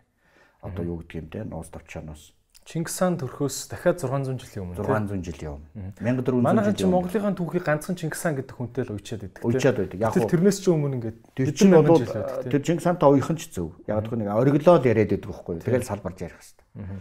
Тэгэхэд тэрний яж нөхөр төргийн эзэнт хүрэн зөв зөвхөн энд одоо нөгөө энд байсан монголчуудыг түрээд орж ирээд зарим албат малбатаа болгоод ингээд амьдарч исэн цаг үе шүү дээ. Тэгэхэд төргийн хааны дахилгыг монгол хэлээр барахмын үсгээр тагч байна. Бархмын гэдэг нь энтхэг талын үс. Барахмын гэдэг нь одоо э, нөгөө армян согд финикийн тэргээд анхны бичиг үүссэн тэр одоо Израилийн тэр Ли- Ли- Ливан гэж улс шүү дээ. Тэр орчмоос дэлхий рүү ингээл таталж дарсан биш. Наашаа орж ирсэн хэсэг нь бол одоо санскрит. биш те одоо нэг. Одоо сир тийм. Сирчүүдийн бичиг Тийм, сирийн бичиг байхгүй юу? Одоо тэрээс л ингээл тал тал тийш. Одоо дэлхийд чинь ерөөсөө сирид бүгдээрээ сир бичиг л хэрэгжилж байгаа шүү дээ. Кирилл латинаас ахгуулаад тэгэл энэ барахмын энтхийн одоо нэг энтхэг улсын бичиг байна шүү дээ. Одоо төв төсөг мүсэг гэдэг. Эдгээр чинь дандаа барахмын салбар. Тэгэхээр 601 онд Монгол энд одоо монголчууд төргийн нүлээнд орсон байхдаа төргийн хааны дахилгыг одоо тэр бичгтээ эрдэмтэй болсон монголууд байх нь шүү дээ монголчууд. Төргийн хааны дахилгыг монгол хэлээр барахмын үсгээр ингээд бичээд үлдээсэн байж байна. Энэ юу гэж яах вэ гэхээр зэрэг төргүүд за тэгээд э, барахмын гэдэг чинь одоо тэр үеийн тохоорууд энэ төргээд ингээд энтхийн соёл ороод ирсэн. Энд монголчууд тэрийг эзэмшчихсэн хааныхын дахилыг төргүүд бичиг байдгүй. Тэгээ манайхан бичгтэй учраас нөгөө бичгтэй илүү соёлтой усууд нь дахиж өгөх гэх мэт. Тэгээд ингээд нуус илэрч шээ Одоо биднээс нөгөө нүүдэлч ингээд байсан чинь нөгөө бид нар дандаа л хятадын соёлс гуйдаг, төвдөг, дээрэмддэг гэдээ байсан ч одоо юу болоод байна гэдэг л асуудал гараад ирж штэ. Энд авианы бичгтэй байна. 1600 жилийн тэртээ шүү. Тийм ээ. А гэтэл олон дэлхийн ихэнх улсууд нь бол нэг 200 жилийн төгөл ярьдаг улсууд байдаг голцоо. Тий. Монголчууд тэгээд нөгөө ингэж ойлгоод идэг шүү дээ. Ер нь түүхийн номноос 10 жилийн хичээл би бол яг үнийг хэлэхэд айхтар тэгж сүүх мүх ингэж уншиж те сөгөж харах завдалгүй л явна одоо нэр яг Байнгын хэрэгцээ биш шүү дээ. Түүхгүйгээр амьдрч болно шүү дээ. тэг үнэ хэлэхэд бол одоо ингээл нөгөө залуу хүмүүс чинь тэгэл амьдралаа л болох гэж явж байгаа гэхээс ингээд тань шиг гоё хоббироод ингээд сайхан судалгаан дээр ахын сууж ин да гэж тийм нас болог байна л да яг үнэ. Тий. Тэгээд нэг сайхан дуртай ямаа судлаад ингээд сар суучдаг энэ төр тийм юу н алга үнэхээр болцсон. Тэгэд э, ер нь бол нэг 10 жилийн нэг суур мэдлэгтэйгээл нэг жоох яваад идэм үү та. Тэгнь. Одоо нэг залуучууд бол тэмэрхүү л авах гэж бодож байна. Тэг ингээ харахаар нэг юм үнцэн ойлголт өгдөө дээ. Монголчууд ингээ бичиг үсэггүй ингээ бичээ тавьцсан хуйлгүй нөхдүүд байсан чинь Чингис хаан нийлүүлэнгүүтээ Нэг бичгтэй болоо. юунуудыг нэг хідэн юунуудыг мэрэгдүүдийг авчираад тий тэгсэн чинь нэг Уугар тангуудыг нэг уугар тангууд нөхдүүд тангууд гэдэг нь одоо биний ойлгочоор төвдүүд гэж Одоо ойлгоо. энэ төвдүүд тий. Нэг төв дуугар хоёр нөхөр хурж ирэнгүүтээ за ийм босоо бичиг танд зохиогоод өгчийгээд өгсөн юм байна. Тэгээ тэрүүгээр нь юма бичиж эхэлсэн юм байна гэж ойлгоод идэв штэ. А гэтэл та Чингис хаанаас 600 жилийн өмнө Сирэс одоо Сирэс Тэгэхээр дамжсан хэлбэрийн Тийм. Брахмын уу санскрит үсгийн. Тийм. Сир бичгийг энтгэхэр дамжуулж аваад монголчууд үүшээ хэрэглээд ингээ тахлаг махлагтай юм юм сийлээ явж исэн биз дээ зөв. Зөв. А тэрнээс өмнө яг нь ер нь бол хятадуудын сурвалжууд бичсэн байдаг. Хүний нар бол бичиггүй гэж байгаа. Гэхдээ эдгээр нэг тийм одоо нэг хачин сараасан юм хийгээд байгаа тэрч бичиг бишэлдэл гэсэн маягтал бичиж хэлж байхгүй юу. Аха. Гэтэл тэр кему бичиг буюу шаантаг бичиг гэж одоо эрдэмтэд тэгж томьёолдог. Энэ рүүний бичгийн маш Ямар хэлбэр байж. Тэм үү? Кему Кем үү? кему шаантаг бичиг гэдэг. Тэгээ энэ бичиг бол хүнийг үед байжээ. А хятадууд нөгөө тэг юмыг зурж ингэж бичдэг учраас ингээд хэд хэдхэн зураасаар илэрхийлж байгаа бичгийг бол бичиг биш гэж үзсэн учраас тэг дэмдэглэжээ. Тэгсэн мөртлөө хөнөөгийн хаан бол одоо загтлэрүүллээ гэдэг байгаа. Тэр нь одоо ханзаар байсан уу? Нөгөө кемүгээрээ байсан уу тий? Тэгэхээр хятадууд их эртний сурвалждаа юу гэж тэмдэглэдэг вэ гэхээр эднэр бол бичиг үсэхгүй гэсэн хэрнээ эднэрийн бичиг нэг тийм бичиг биш бичиг юм а гэсэн маягтай тэмдэглэсэн байдаг. Тэгэхээр хүнийг үйс дохой тэмдгийн буюу харилцаануудаа хэрэгсэл байсан байна. За тэр би чамд ярьж байгаа тэр Брахме бичээс гэдэг санскритээс уламжилсан монголчуудын бичиг 1400 жилийн өмнө одоо ингээд тодорхой байна гэж хэлж штэ. Энээс хойш төргүүд Мон- Монголын энэ нутгийг эзэлсэн байсан штэ. Энээс хойш төргүүд өрөөний бичиг гэдгийг гаргаж ирсэн. Уучлаарай би нэг энэ яриа явахаас өмнө та цааш явуулаар. А. Явахаас өмнө нэг яач. За энэ түргүүд гэж хин юм бэ те. Би таныг дөөрөөч нэг аялын нэвтрүүлэг хийвээ. За. Тэгээд баян үлгий явлаа. Баян үлгий яваад нөгөө төргийн ийм хаадуудын юм хундаг барьсан хөшөөнүүд үүд юм шүү дээ. Хүн хөшөө тий. Тэд нарыг очиж үзлээ. Тэгээ би тэрэн дээр нөгөө би ингэж ойлгосон байхгүй нөгөө Туркийн засгийн газар чи учиргүй л Түргүүд бол манай өвөг дээдс Монголоос Турк улсынхын гаралтай гээд хар өрний тэнцээ бүр ингээл хар зам мам тавьж өгөөдсөн мэт Туркийн Туркийн засгийн газар чинь. Би бол тэндээс нь л аа за тэгвэл э, Түргүүд гэдэг нь Туркүүд юм байна. Тэгээд цаашаа нүгөө явцсан юм байна гэж ойлгохгүй. Тэгсэн чинь ингээд доор нь комментээр ингээл айгүйх намайг загналаа. Чи одоо чи одоо наад Түргүүд чинь Туркүүд биш юу яриа та ингээд. Тэг яг хин гэдгийг хариулсан хүн тэгтээ алга. Тэгээд би танаас асуух гээд байхгүй. Түрк гэж яриад байгаа хин яг. Тий. Энэ бол шинжлэх ухааны маргаантай асуудал. Одоо өнөөдөр дэлхийд дээр 300 сая орчим төрөг гаргалт хүмүүс байна гэж байгаа. Туркийн кластер одоо нэг одоо манай Казахтай л адил шүү дээ. За. А энэ бол хэд хэдэн байгаа дах шиг байгаа. Том том одоо нөгөө Турк дотроо. Одоо Сэлжүк Туркүүд буюу цаашаа тэр огуузуудын тэргээд одоо ялгаатай ингээд явдаг юмны одоогийн Турк улс бол ер нь араб Персүүдтэй нэлийн холилдсон. Эндээс одоо жишээ нь шахагдсан нэг урсгал нь явсаар байгаа тэнд Сэлжүкгүй Атаман эзэнт хөр Осман эзэнт хөр ингэж оршоод ингээд хожим одоо сэргсэн. Энийний нэг одоо хэсэг нь тэгтээ цаад захын одоо юу гэдгийг холилдсон хэсэг нь баг шүү байгаа. Аа зүгээр одоо сүүлийн үеийн эрдэмтэд янз янзаар таамаглаж байна. Одоогийн Казахстан Туркменистан одоо энэ Узбекүүдийн орчныг болвол жинхэнэ одоо тэр 13 дугаар 100 тэрнээс урагшаа манай энэ хөгтөргөө эзэнт хөрөнгө гэж манай нутаг дээр байсан тэр улсуудын одон гэж үздэг. Энд царийн төрхийн хувьд өөр. Өөрөөр хэлбэл одоо энэ Казахстан, Өзбекстанууд нарийн монголжуу ийм онигордуу одоо чинь Аз царайтай байхад цаад төркүүд чинь буюу яг нарийн дээр яваачхад арабууд дотор орсон юм шиг байна. Тэгэхээр энийг бол бид нэр бас ялгаатай авч үзэх хэрэгтэй. Мэдээж одоо удам судраг гэдэг юм уу эртний одоо шинэ хэлхээ холбоор байх боловч яг одоо жишээ нь ориг уугуул төргүүд гэдэг нь одоо юу вэ гэж. Уугуул төргүүд нь ерөнхийдөө монголчуудтай адилхан царайтай одоо энэ Казахстаны, Узбекийн энэ одоо жишээ нь Төв Азийн хээр талаар амьдарч байгаа улсууд юм байна гэдэг юм одоо сүлийг давмгаалж байна. За. А цаа талын Турк улс бол ер нь Туркийн одоо жишээ нь удам судар тэр Сэлжүкээр дамжаад Отоманы эзэнт гүрэн тэгээд тэр дунд газар дунд нэгсэн холь сэлдүү грек мэрэг юмтай холилдсаар байгаад а цаад талын тэр нэг бүдгхэн байсан одоо жишээ нь айрын төрхтний хэлбэр нь тоддроод тэд нэртэйгээ холилдоод үлдсэн энэ байна. Зүгээр гарвал гэвэл тэгж холбож ярьж болно. А тэгвэл жинхэнэ одоо уугуул нь ер нь ярин хийдэ болвол манай Монголын харилцаа байж байгаанууд нь жинхэнэ төргүүд юм байна. Цаад уул нь болоод нөгөө үүсмэл төрөв юм байна шүү гэж. Хэлний хувьд ямар байсан? Төргүүд ямар хэлтэй хүмүүс байсан? Төргүүд бол яг алтай язгуурын хэл гэж одоо хэлдэг. Ер нь бол хэлний язгуурын хувьд бол Рамстедийн онлоор аваад үзэх юм бол ер нь бол хэлний соёлын төрлөөрөө хоорондоо төрөлсөх энэ гурван гол үндэстэн энэ Евразийн зүүн хойд азар дамнаа байж гэнэ гэж хэлдэг. За энэ нь болохоор зэрэг Монгол, Төрөг Төнгүүс, ёо Төрөг, Манж Төнгүүс. Одоо манжнар гэдээ яриад байна. Тийм. За тэд нар бол бид нартэй хэл соёлын хувьд, язгуурын хувьд нэг юм байна. Төргүүд ч бас тийм юм байна. Гэхдээ аажимдаа 3 5 одоо бүлэг болоо салсан байна. За энэнтэй хилний хувьд ижилсэх хэв маягтай улсууд бол хэн байдгүй гэхээр солонгосууд японууд болдог.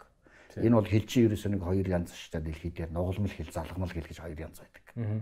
Нугалмал хэл нь бол одоо Европ төрлийн одоо жишээ хэлүүд а залгамал хэл гэдэг нь одоо бид нэр Түркүүд энэ Япон солонгос энэ төр гэдэг энэ хэлнийх нь одоо структур одоо бүтцэн нэг байдаг нэг нөхдүүд байна.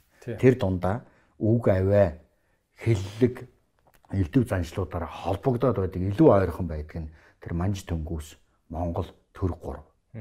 Эднэр бол нөгөө нөгөө гэр мэр барайл мал аж ахуйгаа аргалахаас ахгүйла. Үйл үгэн дандаа ардаа тийм үйл өгүүлбэрийн эзэн урдаа ардаа одоо ингээ хоёр талдаа байдаг бол нугалмал хэл бол яг ингээ үүлийн эзэн дараа үүлийн эзэн дараа нь үүлийг хэлцдэг. Тийм ээ. Ийм хоёр төрлийн хэл дэлхий дээр оршиж байна. А тэр алтай язгарын хэл буюу энэ залгамал хэлний ертөнцийг одоо барьж байгаа улсууд нь тэр Монгол төрөг манж дөнгүүс Япон солонгосууд юм аа. А тэр манж дөнгүүс төрөг Монгол гурав нь бол гуруула Төв Азийн гүнд нүүдэлчин хэв маяг дээр удаан оршиж жагаад тэгээ зах цахаасаа ингээ суурши суурши явж байгаа хэлбэрээ. А тэрний хамгийн том үйл явдлын төв боيو одоо голомт гэж хэлж болох юм. Одоо тэр өрсөлдөөний төвийн жинхэнэ одоо гол дээр нь байж исэн одоо хүртэл байж байгаа нь Монгол юм аа. А нүгэд бол өрсөлдөөний төвөөс ингэж шахагдаж ингэж гарсан ийм хэлбэртэй байна. Гэхдээ энэ төв бэлчээрийн нүүдэлчд буюу төв Евразийн одоо нүүдэлчд бэлчээрийн мал аж ахуй за тэгээд талгэрийн одоо хэв маяг гэдэг бол Дунай мөрнөөс Хянганы нуруу хүртэл үргэлжлэнэ. Дунай мөрөн гэдэг нь одоо Украинаас. Аа Унгараас.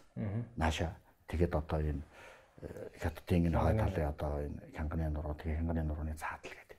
Энэ болвол тэр этний скипүүдээс ахгуулаад тэгээ дараагийн одоо хүн өмнө үгээд энэ олон үеийнхний супер нүүдэлчдийн бас том урсгалууд байжээ. Тэд одоо морьтой болоод нөгөө моргүй явгнуудаа дандаа дээрлэгдэг юм ертөнц тогтжээ.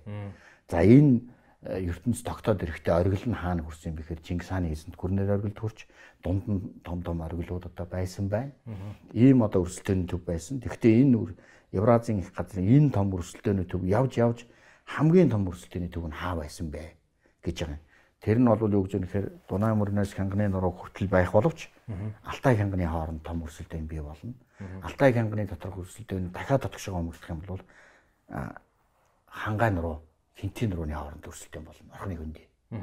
Тэгэхээр 2000 жилийн турш хин энэ их өргөн годон талбар дээр хин хүчрхэг болон тэр орхны хөндөй дээр зүг байсан. Хүнүү, Сямби, Жожан гэдэг тийм ээ. Тэр бүгд тэр төрөг мөрөг бүгд энэ дэрдэг байсан. Яагаад? Яагаад гэвэл морд иргэн шил уу одоо морьтой тэр айрамтай таван ошуу малтай хүний одоо чинь эзэн сууж болох. Бүх одоо жишээ нь цогцолсон орон зай энд байна. Урагшаага жаахан гогрох дундаа тал хээр хойрдоо хойны уул хангаа хээрийн уус тэгээ том том голууд зингийн уст одоо жишээ нь улаг шандаар одоо бүрхэгдсэн. Өөрөөр хэлбэл нүүдэлчин хүний деважин байж болох. Нүүдэлчин хаан болоод хүчрэхэг хүн энд зогсож болох газар энэ байжээ. Тийм учраас энд л бүх хөрсөлтөө явагдчихэж энэ нь одоо Монголд байж а хожуу үеийн монголч өмнөх үеийн монголч гэсэн тэр олон том э, далайцтай өрсөлдөөнүүдээс зөвхөн энд л тэднэр одоо тогтдог байжээ. А ялсан нь зөвхөн энэ лөө орж ирж Монголыг ялна гэдэг хөнөөг ялна гэдэг бол орхны хөндийг ялгал гэсэн үг. гэж байгаа юм. Тэгэхээр орхны хөндийг ингээ харангууд одоо зүгээр ингээд авихлаа зүгээр л хээр тал боловч та хэрвээ ийм домог ийм мэдээлэл авсан бол шууд энэ бол хүн төрөлхтний супер одоо чинь морт иргэншлүүдийн асар том хүчрэх өрсөлдөөнүүд эцсийн одоо чинь оргил энд байсан гэж үзвэл тэр орхны хөндөө бол ижтэй юм шиг харагдана. Хүн өөр оюун санаагаараа юм гоё хардаг шүү дээ тийм ээ. Тэгэхээр ер нь бол дунаа мөрнөөс хянганы нуруу хүртэлх бүх газар нутгийн хамгийн хаатын ирж суудаг гоё газар нь бид байгаа юм биш үү? Тийм. Тэгэхээр бид энэ үн цэнийг мэдэх хэрэгтэй. Альва юм үн цэнээр жишээлбэл энэ зураг аваа сууж байгаа залуу жирэл залуу. Гэхдээ энэ Солонгосын гэдэг юм Америкийн ямар нэг дууны од болцсон бол энэ ерөөсөн харагдана бидэнд тийм биз? Одоо бид тэрийн дэр гэж суухгүй. Хүмүүс сүрдэнэ. Тэгэхээр юм бол зүгээр агуулгаасаа болж байгаа үст тэр аюултай байгаа үст. Тийм ээ. Тийм тэгээ эн чинь шууд од болно. Одоо бид юу гэдгийг манай ерөнхийлөгч ерөнхий сайдч гуугаад энэ хүнтэй уулзах чадахгүй болно. Тийм ээ? Америкийн ерөнхийлөгч ингэн. Тийм тэгэхээр зэрэг ингээд юмд байж байгаа агуулгын шин чанар гэж. Тэгэхээр орхны хүндээ болвол хүн төрлөختөнд хизээч тэр авраг том одоо морд иргэншлийг одоо тийм хүчүүд хамгийн том хүчээ үзэжсэн газар нь өрдөөл Евразийн квартал. Энд ноёлж исэн энэ дэрдэг байсан. Тэгэхээр энэ бол ингээд шууд ингээд нөгөө зүгээр жирийн залуу гэж харсныг дараа нь од гэж харж байгаатай адил орхны хөндийг энэ мэдээллүүд болоод энэ төвхүүдийг мэддэг хүн харахад зүгээр ичэдийн орон зайд явж байгаа юм шиг санагддаг. Хүний сэтгэл тэгж өргөгддөг. Тийм аймаар болно. А түүнээс зүгээр л хааж явсан хэр тал. Тэгэхээр аливаа юмны мөн чанарт ийм их чухал зүйлүүд байдаг. Жишээлбэл одоо энэ аяг бол өөрөө зүгээр л жирийн аяг. Хэрвээ нэг э, алдарт хөлөм өвчин Бекхэм барьж исэн гэвэл одоо юу болох вэ? Бид бүгдээрээ нь өөрчлөгдөн тий. Мөн чанар нь шууд өөрчлөгдөв. Тэгэхээр бид нар тэгэхээр бид нар эх орноо тэхгүй байна тий. Эх орноо зүгээр л нэг мөн чанарын аяг шиг хараад байна тий. Зөв зүгээр л нэг шаазан гэж харж байна. Тий. А гэтэл тэр чинь эн чинь одоо далай ламын барьсан аяг шүү дээ үүх түүх агуулгыг нь бид гişэрээ гэдэг шингээхгүй байна тий. Шингээхгүй байна. Тийм учраас энэ бит бус бит байгаа энэ аливаа юмд байж байгаа шинж чанарууд өөрөө их чухал болгох юм аа.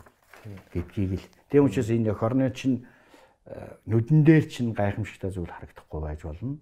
А гэхдээ энэний цаад мөн чанарыг та ингээд бодонгууд оюун санаа чинь бол маш их чухал юмар дүүрнэ. Тийм. Тэг хүн угаасаа тийм байдгаа. А түүнээс одоо зүгээр одоо байж байгаа дүр төрх ил байж байгаа зүйл бол байх л зүйлээ. Тийм л гэж л ингэж л одоо ер нь юмны одоо цаад мөн чинь очинд энтэй холбоотой шүү дээ тийм ээ. За хэрэгтэй юм буу халын өрөөтэй Идрис подкаст үргэлжиж байна. Тэгээд өнөөдөр аялагч, сэтгүүлч, судлаач Бадам самбуу ах оролцож байгаа. Тэгээд өнөөдрийн дугаар маань хүүхдийн ордны замын яг арт талд байдаг өндөр цагаан Central Park гэдэг нэртэй цамхгийн 5 6 давхурт байдаг. Lotus Tan гэдэг ресторанаас явж байна. Тэгээд маш гоё VIP өрөөнүүдтэй хоолны газар байгаа. Та бүхэн ороорой. Hot pot, хятад хоол, маш олон төрлийн хооллууд гардаг ийм газар байгаа.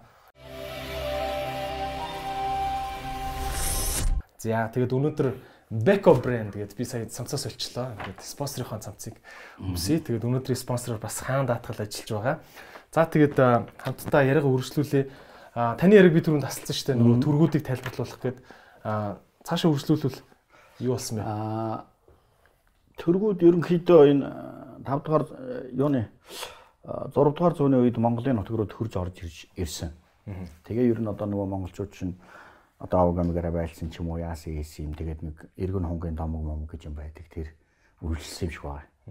За ямар ч байсан төргүүд энд ирэхэд хэрвээ одоо брахми бичээс буюу хүүс толгон бичээсийн сургуульч цаашаа одоо илүү их батлагдаад ингээ явах юм бол төргүүдийг ирэхэд монголчууд бичгтэй байсан гэсэн нөхцөл бий болчих нэг. Гэдэг чинь 500% хвцэл юм биш үү? Тийм 500-аад оны үед. За тэгээд төргүүд энд ирэхдээ бичиггүй байсан. Өөрөөр хэлбэл энэний дараагаар төргүүд одоо рүүний бичээсийг одоо авсан шиг байна гэж. Ийм одоо зөвлөс шинжлэх ухаанд бий болоод одоо наривчлсан судлагдчих. Энэ бас нөгөө төгөр юу хэлдэг юм бэ гэхээр монголчууд Юэжигийн үлдэгдэл буюу тэр Гушаан одоо Персийн үлдэгдэл зарим улсууд энд үлдсэн байсан байснаар энтгэхээс санскритээр одоо дамжуулан энэ улсуудаар дамжуулан бичиг үсэг авчээ. Авахдаа үндсэндээ бол буддын шашин бас байсан байна. Өөрөөр хэлбэл тэр дахиж байгаа тэр тагилгын хөшийн дотор бол бодисатва гэдэг үг 3 удаа гарч яана гэж байна. Аа за. Энтгэх үг үү? Бодисатва гэдэг бол одоо нөгөө буддаа л гэсэн үг шүү дээ тийм ээ. Одоо бурхан багш гэсэн үг. Тэгэхээр юу гэж яах вэ зэрэг Тэнгэрийн ёсоор бөөгийн ёсоор төргийн хааныг одоо дахиж дараа төрлийн олуулах тахилгыг хийхдээ монгол хэлээр монголчууд барахмын үсгээр одоо бичээд тагч яана. Тэгээд төргүүд ноёрхож байсан үе ихлэ зэрэг тэдний язгууртан угсаатны их тагилгыг гардан үлдэж байгаа болон монгол хэлээр хийж байгаа. Тэгээ өөрийнхөө бичээсээр бичиж байгаа гэж өнгөс үзэхэд монголчууд төргийн эзэнт гүрний дотор нөлөө бүхий боловсралтай хүмүүс байжээ. Одоо чинь төрөг эзэлсэн байгаад байна шүү дээ. Тийм. Гэдгээс авахуулаад өөрөөр хэлбэл нүүдэлж иргэншил гэдэг чинь ерөөсөө сонин иргэншил. Хот суурангуудтай дахилга үзэл бодол та хууль цаацтай газар тариалантай тэгсэн дээр нь нүүдэлж юугаа нөгөө мал аж ахуйгаа голлож хэрхэлдэг. Тэгээ энийг бол зүгээр л ойлгол гэж хэлж байгаа юм. Зүгээр ойлго. Ойлголт чинь та нарын бодож исэн примитив буюу нүүдэлж бүдүүлэг нүүдэлж гэдэг үзлээс чинь хамаагүй давсан өрөөнд зохион байгуулалтын ертөнц байсан шүү. Байсан байгаа нь тодорхой байна. Чадалчин хөрвөл энийг яг тэр Европын иргэншилтэй адил адил иргэншлийн зянда юм аа. Эн чи өөр үйлдвэрлэлийн хэм маягтай болохоос ийм юм шүү л гэж л одоо үзээсэй л гэж байгаа. А барууны эрдэмтэд бол Европ төвд үзлээрээ үздэг. А тэднэр бол дутуу үздэг. Тэдний үзсэн мэддэг нүүдэлчт нь тэнүүч нүүдэлчт юм аа. Тэд нар Европ шууд адилтгаал адилтгаал Монгол вершнийг нь хувилбарыг гаргаад бичээд идэг тий. Тийм тэгэл адилтгаал. Аа тэгэхээр зэрэг одоо манад нэг тийм нэр томьёоны хувьд бол их та асар том бэрхшээлтэй очирчаад байгаа Монгол улс. Өөрөөр хэлбэл монголчууд бид намадик намадс гэж бичээд байдаг тийм ээ.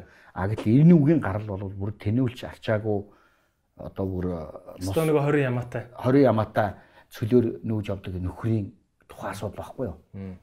А гэтэл бид нар бүхэл бүтэн нүүдэлж иргэншил гэдэг зүйл өөр дээрээ авчирч эн чинь гişүнчлэлтэй. Иргэншил гэдгийг би ягаад үгийг хилээд байна вэ гэхээр эн чинь гişүнчлэл, соёл, дэг хэв маягтай. Хотолцох дээр дэргэн болчт юм биш. Бид нар бол дандаа нөгөө нүүдэлчин соёл гэдэг утгаараа nomadic culture гэж яриад байдаг тийм culture cultural гэдэг байдаг. Хизээч nomadic civilization буюу иргэншил гэдэг. А энэнд бол европчууд дургу байхгүй юу? Яг тэгэхээр хотын иргэн болж ээж хариуцлага хүлээж ээж Тэгээд тэрний нэг хэсэг болж ээж эн чинь иргэншиж гэн гэдэг байгаа. Заавал дундаа нэг том байшин барьж ээж тий. Тийм барьж ээж. А гэтэл тэр чинь бүхэл бүтэн овг аймгийн гишүүнчл байж байгаа хариуцлагыг хүлээгээд хин хиний яагаад ингээд татвараа төлөөд бүх юм ингээд амьдарч байгаа. Яг л иргэн байхгүй адилхан хууль цаазын дор арчиж байгаа. Цаг нь болоход бүгдээрээ босоод цэрэг болдог зохион байгуулалттай гих мэт. Тэгэхээр энэ тойролцсон онол, тойролцсон суртахуун, тойролцсон юмнаас одоо гарах хэрэгтэй. Бид бол ингээд одоо дэлхий дээр нүүдэл суурьшмал гэж хоёр иргэншил байсан юм бол тэр нүүдэлж иргэншил гэдэг чинь гэдгээс бүгдээрээ гарч суурьшиж явсаар байгаад ганцхан нүүдэлч иргэншил гэдгийг аваад үлдсэн сүүлчийн арал нь бид нар юм аа. Бид бол суурьшмал иргэншлүүдэд бүслэгдээд мөхөж яваа иргэншил юм аа. Тэгэхээр бидэнд яах вэ гэхээр нүүдэлч иргэншлэр амьдрах тухай асуудлыг ялж байгаа юм биш. Бид heritage болгох тухай. Бид өв болгох тухай. Бид дэлхий дээрх хоёр иргэншлийн сүүлчийн арал болох тухай А тэднэр нь бид нар болох тухай. Бид нар тэр Маурижид шиг юм уу, Майя нар шиг юм уу, одоо юу гэдэг индианууд шиг, тэр аборигенууд шиг, лавлантынхан шиг, бидэрүүд шиг, инка энтер шиг биш ээ. Би зүгээр л юуник. Тэднээс давуу гэж хэлж байгаа биш. Бид бол тэгээ тийм өвөрмөц юмны хэлтэрхий юм а. Тэр өвөрмөц юмны хэлтэрхий өвөрмөц байгаа гэдэг чинь бидэнд олзуурхштай зүйлээ. Энэ бол муу гэсэн зүйл биш ээ тэр уулын бугыг хараад унсан морийг голов гэх шиг бусдыг хараад бити өөрийнхөө унаж аваа морийг гол голдог тийм шодрог бус тийм арчаагүй байж болохгүй. Чамд үнцийг өгсөн бол чиний арчааг үзөөс чухал байх ёстой гэж л хэлж байгаа. Тийм мангас орнуудын ийм мангас олон дайнтай дэлхий дээр энэ олон жилийн дараа ингээд тусгаар улс гэж сууж ийн гэдэг чинь яаж ч утсан гэсэн нэг тийм сул дөрөн шинж бол биш шүү дээ тий. Тэгээ энэ нэг үе бол байсан баг. Нэг талаас аз завшаан. Тий. А нөгөө талаас бидний нөгөөд өөр байсны улмөр. Эн чин хятад Орос хоёр чин наа хитрхи их соёлтой биш ч гэсэн наад зах нь л энэ хинбэ гэж нөгөө эргэн тойрныхангаа судалж чаддаг улсууд учраас зарим нь бол ингээд авчихсан зарим нь ингээд авчихна зарим нь болохоор за эн чин ч бас тийм шүү гэдгээ мэддэг тийм байна. Тэгээ энэ иргэжлийн тэнцвэр гэдэг чинь ингэж л тогтдог. Тэгэхээр бид нь өөрсөндөө байж байгаа тэр энэ онцлог зүйлүүдээ нэг мэдээд тэгээ бид тийм юм байна шүү гэд ингээд л орших тухай ярьж байгаа юм. Тийм ээ. Тий. А бид нэр өөрөө өөрсдөө голоод өөрөө өөрсдөө буруу ойлгоод байх юм бол бидэнд өөр гэж байхгүй. Ерөөсөө л байхгүй тий. Тэгвэл одоо бид орших замар шаардлага Тэгээ одоо энэ сонин боломж үлдээ тий. Аа танаас юу асууч юм?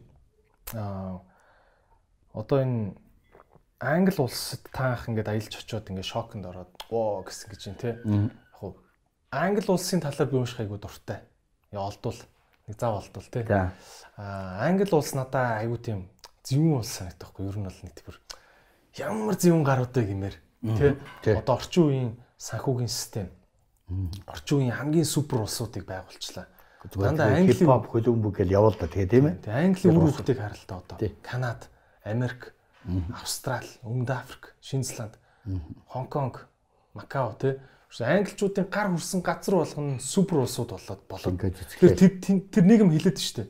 А гэтэл зарим улс улсууд одоо Бэлгүүдийн гар хүрсэн улсууд дампуугийн дампуу улсууд болчихсон. Орсын гар хүрсэн улс яаж юм тийм. Орсын гар хүрсэн улсууд мэдгүй одоо тэгэл бас нэг хэцүүхэн шиг байх байх шиг харагдаад. Гэхдээ ягаад нэг нэг юм байна штэ. Ягаад англичуудын эзэлж исэн улсууд бүгд ийм хүний эрхэн топ, хөгжлөн топ, оюун санааны хамгийн ухаантай хүмүүс цугларддаг топ газрууд. Тэ? Одоо ингээл коронагийн үеэр ч гэсэн хамгийн л түрүүнд ингээл гоё явж байгаа улсууд нь тэднэр шүү дээ. Ингээл хууль цаазын хувьд хамгийн шудраг шүүхтэй улсууд хаана вэ? Дандаа англичуудын хуруугаар өрсөн газар болон нэг юм хэлээд байна те. Тэгээ энэ англи гэдэг улс улсад одоо улсыг та юу гэж боддгоо Тэ? Эднэрийн зөвүүн хаана байна? Монголчууд англичуудаас юу сурч болох вэ? Надад бүр нэг зөвүүн санагцсан юм нь юу гэж танд хэлэх үү? Манай Монгол тусгаар тогтнолын баяр гэдэг нэг өдөртөө штэ. Тий. Би бол ховдо тэр өдрийг нэг дэмждэг. За. Яасан гэсэн чинь надад бол жоохон английн замаар юмарсан. Англи тусгаар тогтнолын өдөр гэж байдаг юм байна. Яа тэгвэл бид нар бид нар үргэлжил бие даагаад үргэлжил өөрсдөө окей байсан биднэрт тусгаар тогтнох шаардлага түүхэнд нэгч байгаагүй гэдэг юм өнгөрөө болсон байхгүй. За тэгээ за их сони юм асуулаа. Хаанаас нь чарчмаар хаанаас нь чарих хүлээ гэмээр ийм сонин. 1915 оны үед Английн газар зүйчид Евразийн газрын зургийн гүнд яаж хүрэх үү гэдэг нэг төлөвлөгөөт нууц газрын зураг хийсэн байт. За. Тэгээ бүр ингээ ашигла ашиглан тооцоод ингээд хийгээд. Тэгээ тэр нь яг зэнхэр Монгол яаж хүрэх юм? Монголыг бид нэр империйн гарыг яаж хүргэх юм? Ирээдүйд хэрвээ бид нар дахиад нэг боломж гарвал гэж. Тэгэл одоо Орос талаасаа Сибирь талаасаа, Хятад талаасаа, Зүүн хойд Аз талаасаа гэл ингээд. Энэ бол сонин мэдээ тийм биз? Англи хизээ нэгэн цагт хэрвээ бид Монголыг эзлэвэл э, яаж эзэлж болох юм бэ гэж. А гэхдээ Англид ерөөсөн Английн соёл иргэншил тэр Английн эзлэлт буюу барууны эзлэлт ерөөсөө ороогүй орн бол Монгол. 20 орн бид ингэс дэлхийд. Англичуудын хур хурж үзээгүй. Тэр нь Монгол. Нөгөөх нь мэдгүй. Дэлхийд 20 орн байдаг л гэж би сонссон. Нэг нь Монгол. Ер нь ер нь тийм. А тэгээд нэг тийм мэдээ байдгийг. Зүгээр Английн тухай бол би ингэж боддөг юм аа. Одоо юу гэдгийг нэг тийм сүнс байна. Цаана нэг Европын өөрийн тийм супер мөн чанар. Тэгээд Лондонгийн төв дээр Piccadilly Circus очих дуртай тэр Нельсон Манделийн хөшөөний дэргэд тэр нөгөө Лондонгийн төв музейн донд очих дуртай байлаа л дээ. Тэгээд Лондонгийн төв музейн тэнд хагас бүтэн сая өдөр явхлаар Лондонгийн гудамжинд англи хүн байхгүй болчихдог байхгүй. Жуулчдад төрчдөг англичууд нь өөрсдөө нөгөө хаус руугаа явчихна. Тэгээ гудамж дөр. Тэгээд нэг залуутай нэг англи залуутай таарад надад нэг зүйл их харамслаа санагдаж байна гэж би хэлэхгүй юу. За. Тэр нь юу юм бэ гэхээр Лондонд заримдаа англи хүн харахад бэрх болчих юм биш. Энэ бол их муу гэж би хэлэхгүй юу. Аа. Өсөн чинь тэр залуу их маш их баярлаад ингээ нүдэн гэрэлтээд. Нэрий тийм шүү. Бид ч одоо нэг их аристократ англи мангал гэлээд эцсийн дүнд нь бид нэг тийм ийм сонирм болчиход байгаа юм Тэгэхээр англ бол тэр нөгөө консерватив үзэл тэр уламжлан хадгалдаг хэрнээ маш их орчин үеийн шинэлэг зүйлс нөөцүүдийг их гаргадаг тий. Гүр ерөөсөө маш олон талтай онцгой болсон. Тэр хамгийн л одоо хипхопууд гоё хүлэмбэг одоо Премьер лиг шиг юм алга тийм ээ. Тэр шинжлэх ухаан дээр тий. Тэгээ шинжлэх ухааны тэр олон сууднууд, тэр их сургуулиуд би одоо Оксфорд, Кембриж их сургууль очиж зүгээр л тэр домгийн сархинд байх гэж Ньютоны тэр амьдарч байсан өрөөний хоёр давхарт амьдарч байсан тэр Кембриж их сургуулийн цонхны Оксфорд их сургуулийн цонхны дор Ньютоны альмын мод гэд ургуулсан байт. Тэр энэ тэр ингээ яхад тэгэл ер маш их сэтгэл хөдлөдөг. Тийм байлаа. Тэгэхээр англи бол юм хүн нь ямар байна? Иргэн шил юмдаа яаж хандаж байна? Тэр бүхний цаан дээр улс орн оршиж байгаа гэж боддгийг.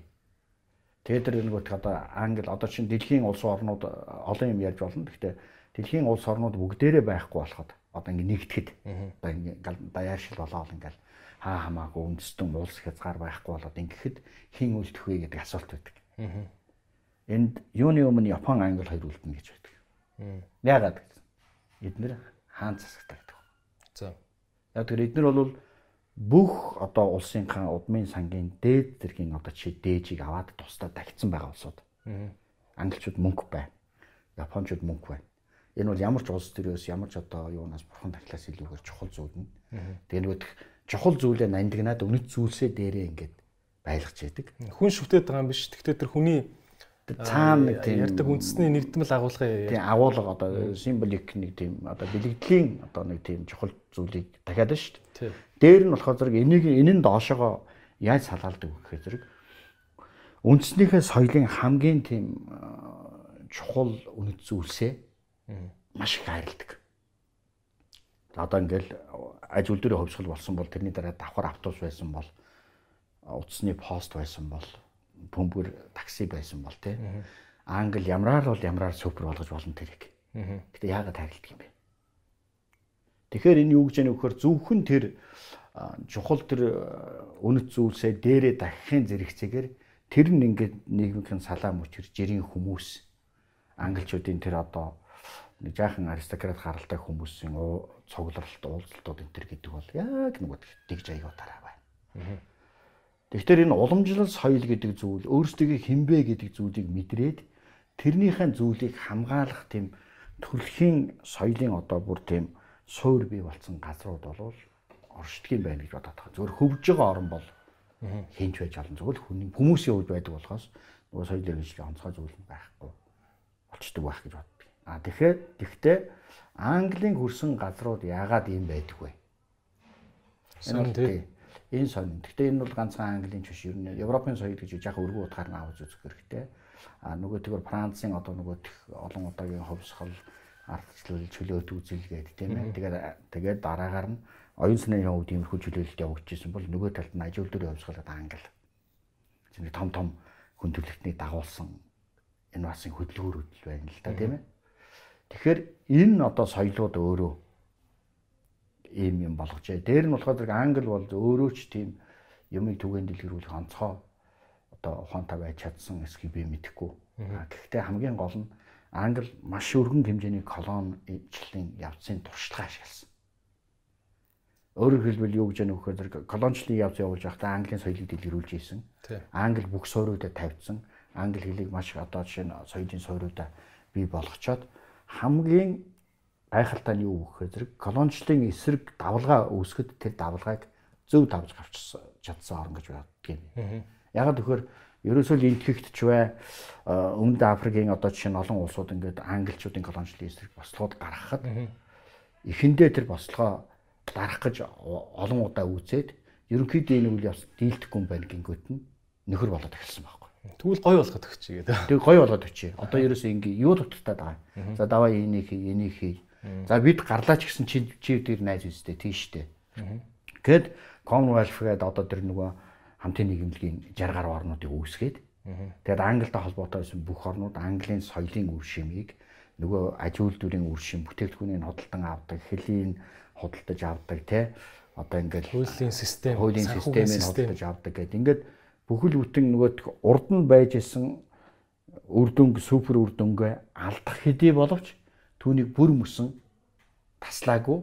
Хэлхээ холбоог нь өөр хэв маягтай болгосон. Сайжруулж болсон ухаалаг бодлого явуулсан.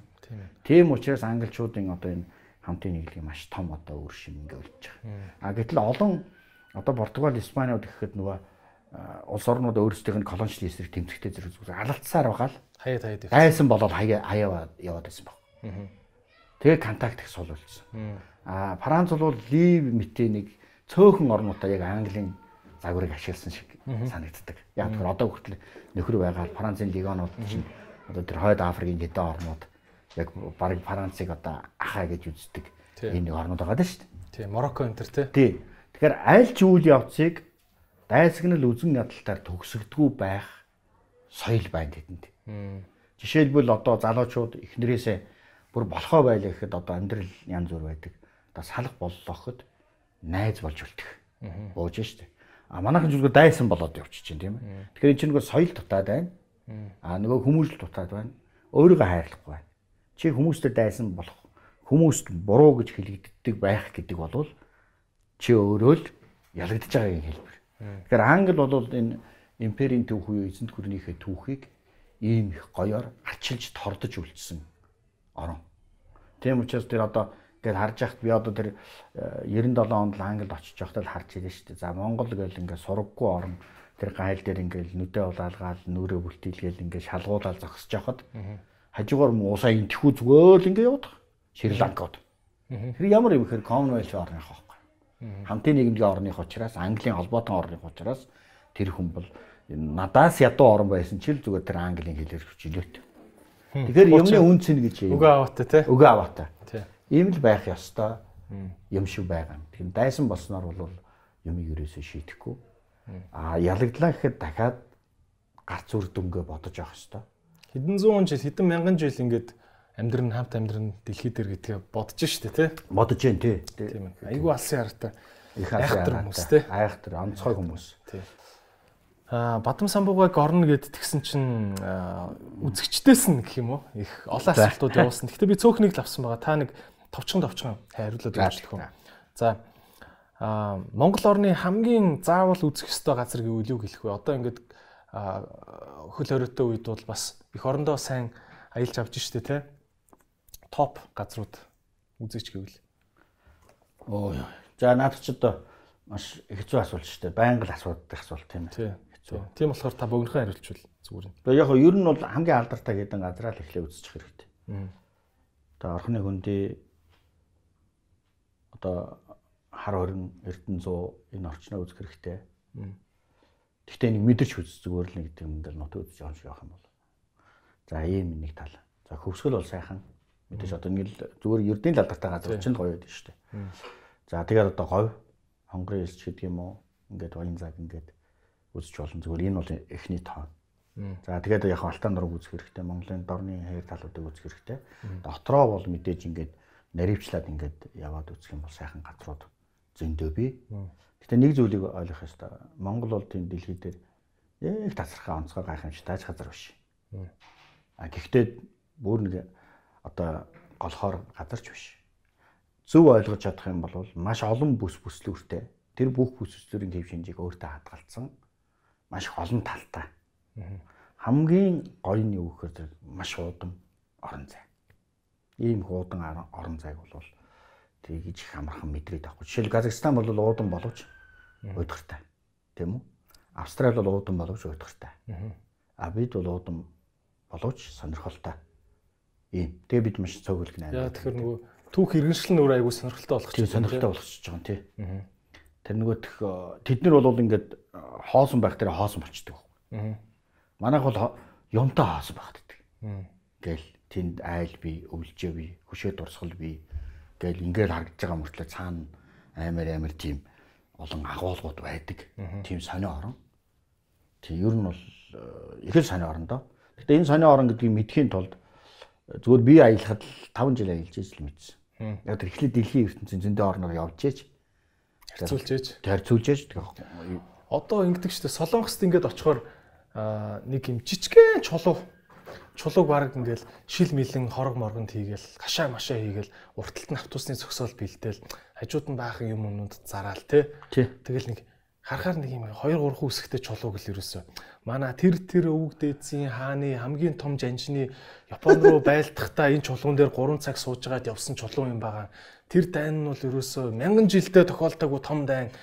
За яг хуу монголчуудын дайнаас жоохон жижигхэн. Тэгтээ бол тэр өстө халаан болсон гэл нэг юм энэ ширээний дайтай чулууг л бүр ингээ 2 цаг ярьцдаг юм билээ шүү дээ. Тэгээ ерөөсөө би тэгж ойлгосон байхгүй. Аялал жуулчлал гэдэг чинь энэ үзүүлэхэд дагаад юмдаа байдгүй юм байна. Агуулгандаа. Зүгээр энийг ярьж байгаа тэр пумпан яриа л байт юм байна. Тий. Тэ? А тэгэл нөгөө Английн нөгөө Stone Henge гээл үүдэг шүү дээ. Хит ингээ босоо өрөө тагсан даалуу шиг чулуу. Тэг чи ингээ очингууд хөгийн л тийм зурган дээр шиг тийм авраг юм байдгүй. Тэгэл дэлхийн гайхамшиг шүү дээ тийм ээ. Тий, тэгэл тэр л дэлхийн гайхамшиг болол ярд юм шүү. Ярина, тий ярина. Би танаас зүгээр жишээ болгох яах гэдэг юм л да. Та зүгээр ингээд нэг хүн мэддгүү хүн харах юм бол нэг зайсан толгоос жижигхэн толгой заяа. Аа. Зайлвал энэ одоо гимэр гимэр. Тэгээ нэг хідэн юм баларцсан нэг юм магтгүй чулуутай тий. Ийм өгөрцөн иймэрхүү жишээнүүд байна. Та та нэг юм тий. Та нэг нэг тийм Монголын нэг жижигхэн толгойг одоо ингээд төмөн олны өмнө тий дэлхийн гайхамшиг болтол нь ингэж агуулгаар нь гоё ярьж үзүүлээч тий. Эсвэл одоо нэг тийм ганц жижигхэн голыг ч юм уу тий болно үстэй. Тэгвэл бөөмөд зүгээр ер нь бол одоо би төрүүчийн юмад автмаар санагдаж байгаа. Тийм. Одоо нууцлаг үгээд шүү дээ одоо. Нууцлаг үгээд алдаршаагүй нэг газар байгаа. За. Энэ бол одоо төрүүчийн нөгөө бидний би чамд хөөс толгой гэсэн нэр хэллээ шүү дээ. Тэр Брахме бичээс буюу 1600 жилийн тэртээ 1400 жилийн тэртээ монголчууд ингээд төргийн дахилгыг өөрсдийн хэ бичээсээр бичээд дахиж өгчээсэн газраа төргийн хааны дахилга гэж. Тэр бол одоо булганы могод суманд бай. Өө бүр нааш юм шүү тий. Тэр их сонирхолтой. Тэр юу гэж нөхөр ер нь одоо төрөг болоод Монголын манжийн одоо дахилгын дотор нь тийм дэг байдаг. Энэ хаашаа зүгтээ харж гэнэ үү? Юу юу байна уу? Ямар байгалийн орчин байна гэхээр ерөнхийдөө нэг тийм нэг хэв маяг мэдрэгдэх нэ дээ. Гол усны залгаач гэдэг юм уу? Ийм газар мазар гэдэг. Энэ бол тэр газруудаас нилээд өөр. Тэгэхээр онцох шиг байгаа юм. Зүгээр энэ талаас нь бид судалж үзмээр байна. Тэгэхээр булгууны модын хүйс толгой гэдэг бол хоошоо харсан баян гол гэдгийн ихэнд яг ингээ уулсаар хүрээлэгдсэн ийм уртаа загас шиг толгой. За. Тэгээд бүр яг чанга хоош харсан. Тэгэхээр энэ бол нэг талаасаа тийм нууц хийсэн тахлах юм уу гэмээр. Уул нь урдуур юм те. Аа. Уул нь урдуур юу? Ардуур. Уул нь ингээд тойрчихгүй юу? Тойроод тэгээд нэг л хоошоо чиглэсэн амруул гол явж байгаа тэр голын ихэнд ирэх булаг дээр байж байгаа том толгой шүү дээ. Аа за. Тэгэхээр энэ надад юу санагддаг вэ гэхээр за 1400 жилийн өмнө монголчууд Төргийн хааны дахилгыг хийнэ гэдэг чинь язгууртнууд цугласан газар байж таараа. Гэхдээ олон үндэсний язгууртан цугласан байна. Аа бодсодва энэ гэж хэлж байгааг бодвол бурхны шашны бөөгийн гэд маш олон соёл бас энэ цуглаж. Тэгээд тэр үед бичих үсэхгүй хүмүүс цуглаад бичгтээ нь Монгол байж таарад. Тэгээд монголчууд нь нөгөө тэр дахилгыг хийгээд тэр тэнгэрээс одоо энэ дараагийн хаан амар супер амтан бууж ирээч гэж ингэж дахилгаа хийгээд ингээд дахихдаа монголчууд нь тэр бичиг үсгээрээ ингээд тэн дээр гурван төрлийн хөшөө босгоч. Тэгэхээр одоо хүртэл дахилгын хувьд их нууцлаг зан заншил байгалийн хэм маягийн хувьд бас бусад юмтай ингээд давхцгааргүй маш энгийн мөртлөө онцгой зүйл.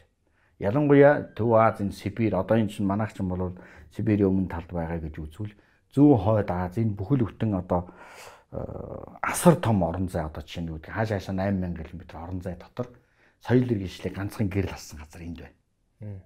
Тэнд хөшөө босгочих. Тэр нь монголчууд байж. Одоо тэрийг хинч мэдэхгүй.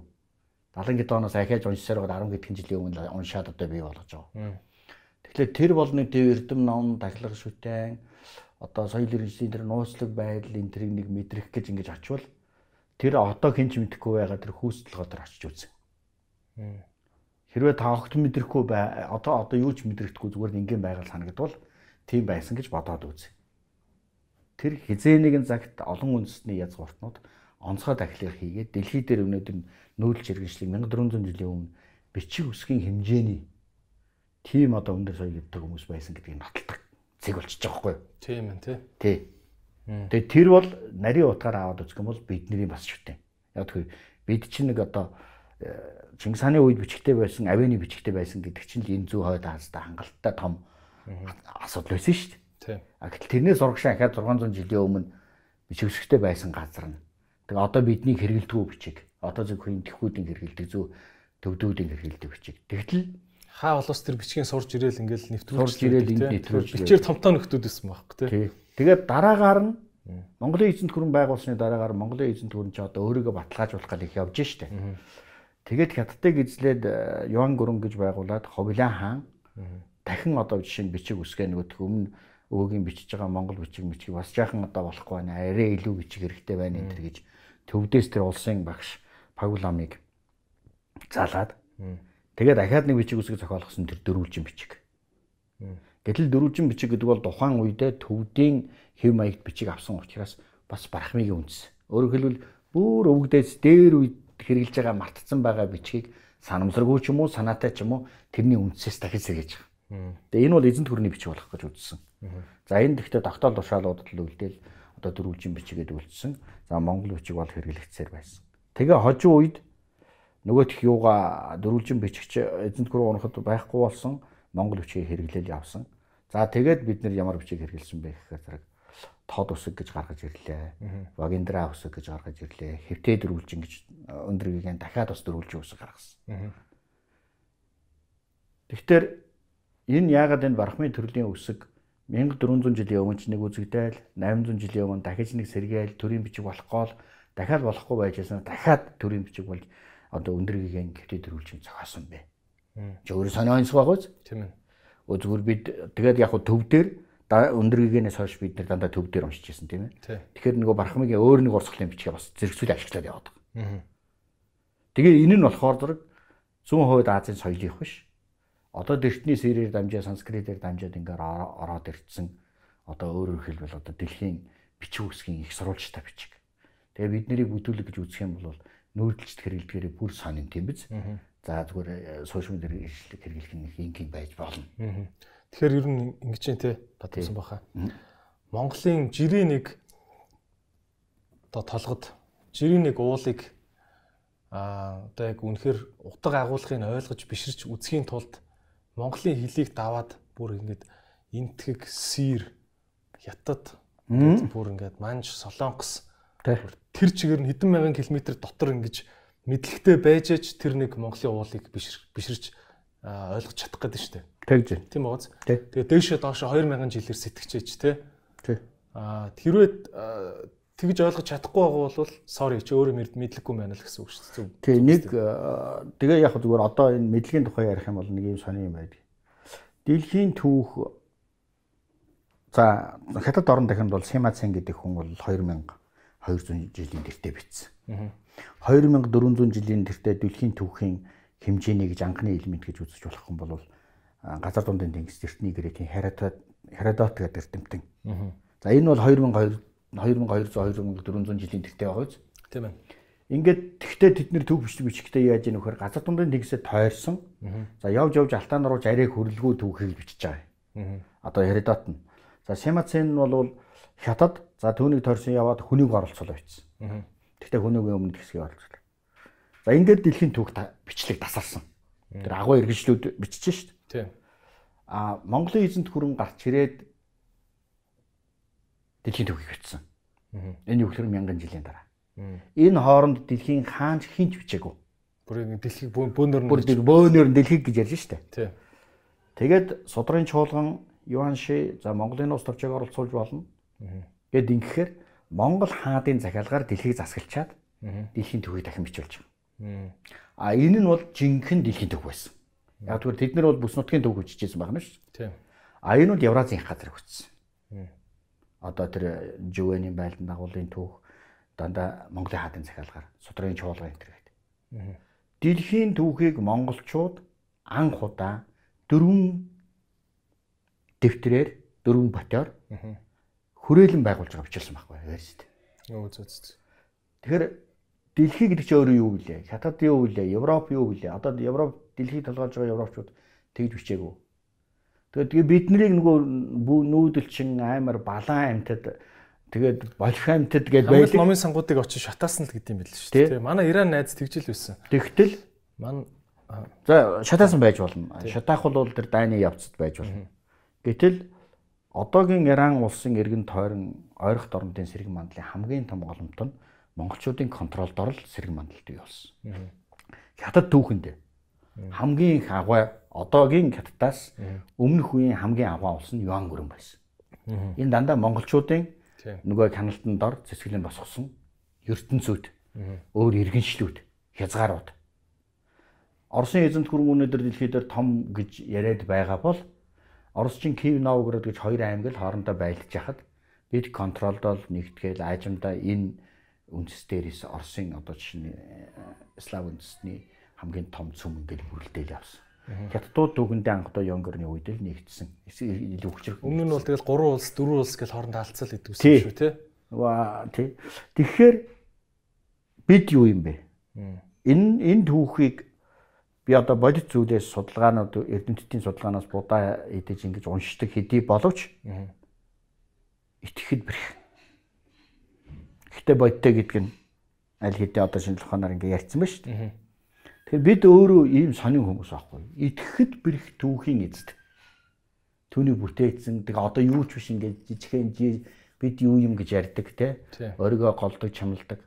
Надад энэ нөгөө монголчуудын ялгамжт чанар гэж энэ контрастик байдал маш гоё санагддаг. Жишээлбэл Улаанбаатар хотод ингээд байхад дэлхийн том хотууд шиг бидэнд гоё өнгө системүүд бий. Ресторан дэлгүүр бий, тий. Бид гараад авахд бүр онгон зэрлэг хинч байхгүй юм шиг болдог тийм 10 км-ийн дараа гардаг. Бидэнд ийм ялгамжит байдлууд байна. Жирийн малчны одоо жишээ нь хотоос супер хот хүртэл байж гин тийм ээ. Аа тэгээд түүхэн гэхээр бас яг тийм. Одоо ингээ харахаар Монгол 20 дугаар зууны ихэнх сүнжээсэн мөгчсөн жижигхэн юм шиг харагдах боловч үнэндээ зүгээр л ямар ч том дэлхийн эзэнт гүрний хүн уншаал ёо дэлхийд ийм ус байж болдгийм гэж бид гайхдаг. Бидний энэ тийм сонин өгөгдлүүд өөрөө онцгой байхгүй. Онцгой биш жижиг үндэстэг зөндөө байгаа. Ер нь бол дайнууд еврейчүүд, ариманууд, монгол гэд хитгэн тийм жижиг мөртлөө тийм одоо юу гэдгийг онцгой суу алдрын түүхтэй тийм үндэстэг байгаа юм. Тэгээ энийг бол би нөгөө монголоор бахарах гэдэг юм уу нэг их оронч гэдэг юм уу хий хоосон гайхуулах гэж хэлж байгаа зүйл биш. Энэ зүгээр л бодит байдал. Түүхийн факт нь угсаа логик тийм байх тийм байдаг. Тэгэхээр э, ийм л юм зүгээр яхан хайлаад тийм ээ ярьчгүй яа за. Идрээс подкастын өнөөдрийн спонсороор Монголын анхны дижитал даатгал хаан даатгал компани оролцож байна. Тэгээд хаан даатгал компани Монголоор аялж байгаа хүмүүстэй зориулсан гэр бүл найз нөхөд машина хамттан даатгадаг а монголоор аялагч нэртэй даатгалын багцыг танд танилцуулж байна. Та 50 мянган төгрөгийн хураамжийг төлөөд 55 саяас 70 сая төгрөгийн эрсдлээ хаан даатгалын монголоор аялагч гэдэг нэртэй багцад хамруулаарай. За тэгээд онцгийн шаардлагатай үед бол нислэг тэргээр очиод аавна. За таны аялж байгаа хамт аялж байгаа найзагчийн хүртэл даатах нь гэдгийг хэлсэн байгаа. Та тэгээд дэлгэрэнгүй мэдээллийг хаан даатгал компани Facebook хуудас болон энэ видеоны description мөн super app application тэдний чат ботоос нь Facebook чат ботоос нь мэдээлэл аваарай. Өнөөдрийн дугаараараа Beko branding Steam Cure гэдэг технологитой угаалгын машиныг та бүхэнд танилцуулж байна. Энэ угаалгын машин яадаг вэ гэхээр угаах процессын хамгийн сүүлийн шатанд уураар одоо хувцсыг маш гоё зөөлөн болгодог. За толб тогтолт өнгө сэргээлтийг нь маш их сайжруулдаг ийм төрлийн цоошин угаалгын машины технологи байгаа. Та бүхэн тэгээд аваад хэрэглээд үзээрэй. Аль бие усны цорын ганц төлөөлөгч Номин Electronics компани улсын дэлгүүрийн дөрөв давхраар зочлоорой. За дахиад нэг үзэгчийн асуулт орж ирж байна. За таныг таны хараад нүдэндээ ч итгээгүй тийм гоё сэтгэл хөдлөсөн сайхан газар хаана байсан бэ гэнэ. Энэ бас гадаад өнгө төрхөл их Шотланд Шотландын Инвернес шиг бас. гэдэг хотын дээр гээд Лохнес гэж нөгөөх монстертой нуур гэж яадаг шүү. Тэр урт үзүүтэй юу гарч ирдэг вэ? Тэр нуурыг л үнэхээр гайхалтай байсан. Тэр яагаад гэхээр бид нар ч нөгөө техник хайкинг хийгээд нөгөө өндөрт гарцсан. Тэгээ дандаа маанан дунд яваад маш их зутарсан байж байгаа. Тэгээд гурвал дөрвөлийн нэг уулын орой дээр нэг жаахан амс хийгээд нэг жаахан унддаг ч үлээ. Тэгээ тэрний дараа нэг гоё нар гарсан юм аа. Тэгэл хөө дэлхийн ертөнц чи ийм байдаг юм уу гэл. Тэр бол одоо баргийн чид юм шиг. Надад тийг санагдчихсэн. Тийм бай. Тэр нар жаргаж байгаа нар байсан уу? Мандж байгаа нар. Үгүй ерөөсөө л зүгээр нэг үдээс хооших нар л да. Тэгээ тэр нуур тэгж их гоё харагдаж байгаа. Тэр чинь хавцлын нуур шүү дээ. Хурд. Тэгээ жижигхэн хотууд ингээл ирэх дээр нь байдаг. Тэгээ бид нэг хажуугийн өндөрлөг дээр өдөржин явж байгаа л алхан явж байгаа л гараал. Таны нэг жаахан дамс гэсэн. Тэгэл гараад ирсэн. Ерөөс нүдэндээ итгэхгүй. Би нэг амьдралдаа бүр хүүхэд байхдаа л нэг нэг хүүхдийн тэр сорог нүдээр юм уу тэр хангахын рууныхаа сайхан байгалууд ямар гоё ингээ зураг шиг харагддаг тийм үе байдаг байдаг. Тэгээд би амьдралдаа тэр лохнесыг тэгж хараад ер нь зочирцсан шүү. Тэгэл одоо зураг авч чадаагүй тэгэхэд. А нөгөө нэг тохиолдол нь бол би энэ тхийн нөгөө ганг мөрөн дээгүр нисэж явах та. Энэ энд мөрөн дээгүр нисэж явах та. Юг Эльбрусыг Эльбрус биш Эверестийн оройг харсан онгоцны сонхоор параллел нь ингэж орж ирдэг. Яа. Тэгтээ хоолол да. Солиотой. Тэр бол гайхалтай. Тэгээд тэр чи юу гэх юм бэ? Дахиад тэгж нисэхгүй. Тий. Өөрөөр хэлбэл тэр маршрутын нислэг чинь тэр чиндүү рүү нисэх нислэг байхгүй одоо дээлигээс чиндүү. Дээлигээс чиндүү чинь нөгөө чартер маягаар хаяа нэг нисдэг. Тэгэхээр чин тэр Бээжин тэр хоорондоос юмар хоол ниссэн. Одоо чин тэр хооронд хилээ мөргөлдөө энэ төр болоод идэг болсон юм шүү тий. Тий, тэгдэг байна. Тэгэхээр тэр тийм үе үе тийм одоо их гайхалтай. Онцгой юм үзэгдэл юм шиг, зүүд юм шиг таардаг юм байна байна. Та ер нь манд зүгээр сонирч асуулт мандж байгаа наранд дуртай юу эсвэл жаргаж байгаа наранд дуртай юу? Зүгээр ингээ байгалийн гоо үзэсгэлэн талаас нь шүү. Нэг аим философи биш. Яагаад наачаа чинь тэгж бодж үзээгүй учраас энэ зөвхөн асуулт шүү. Та зөвхөн асуулт. Ер нь яг хамгийн их зүгээр гэрэл зураг авдаг хүний хувьд бол юу гэж бодож яах нөхөр. Хамгийн сайн бактуртай сайн зурдаг нар нь оройн нар байдаг.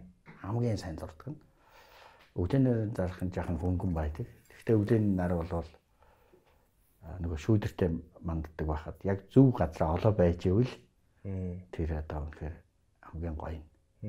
Тий. Би энэ дэр нөгөө юу хэлэх гэсэн юм.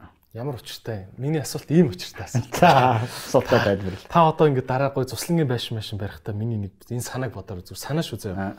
Яаж юм тэгэхээр Монголд ингээ лагрын байшингуудыг хараад хаад ихэнх айл ингээ цонхоо эсвэл ингээ хаалга хамгийн гоё юм гоё юм нар нар үздэг юм а дандаа юм ягаад ч яг өдрийн таг юм таг өдрийн нар руу эсвэл харуулаа барьж өглөөний нар руу харуулж барьд юм байна.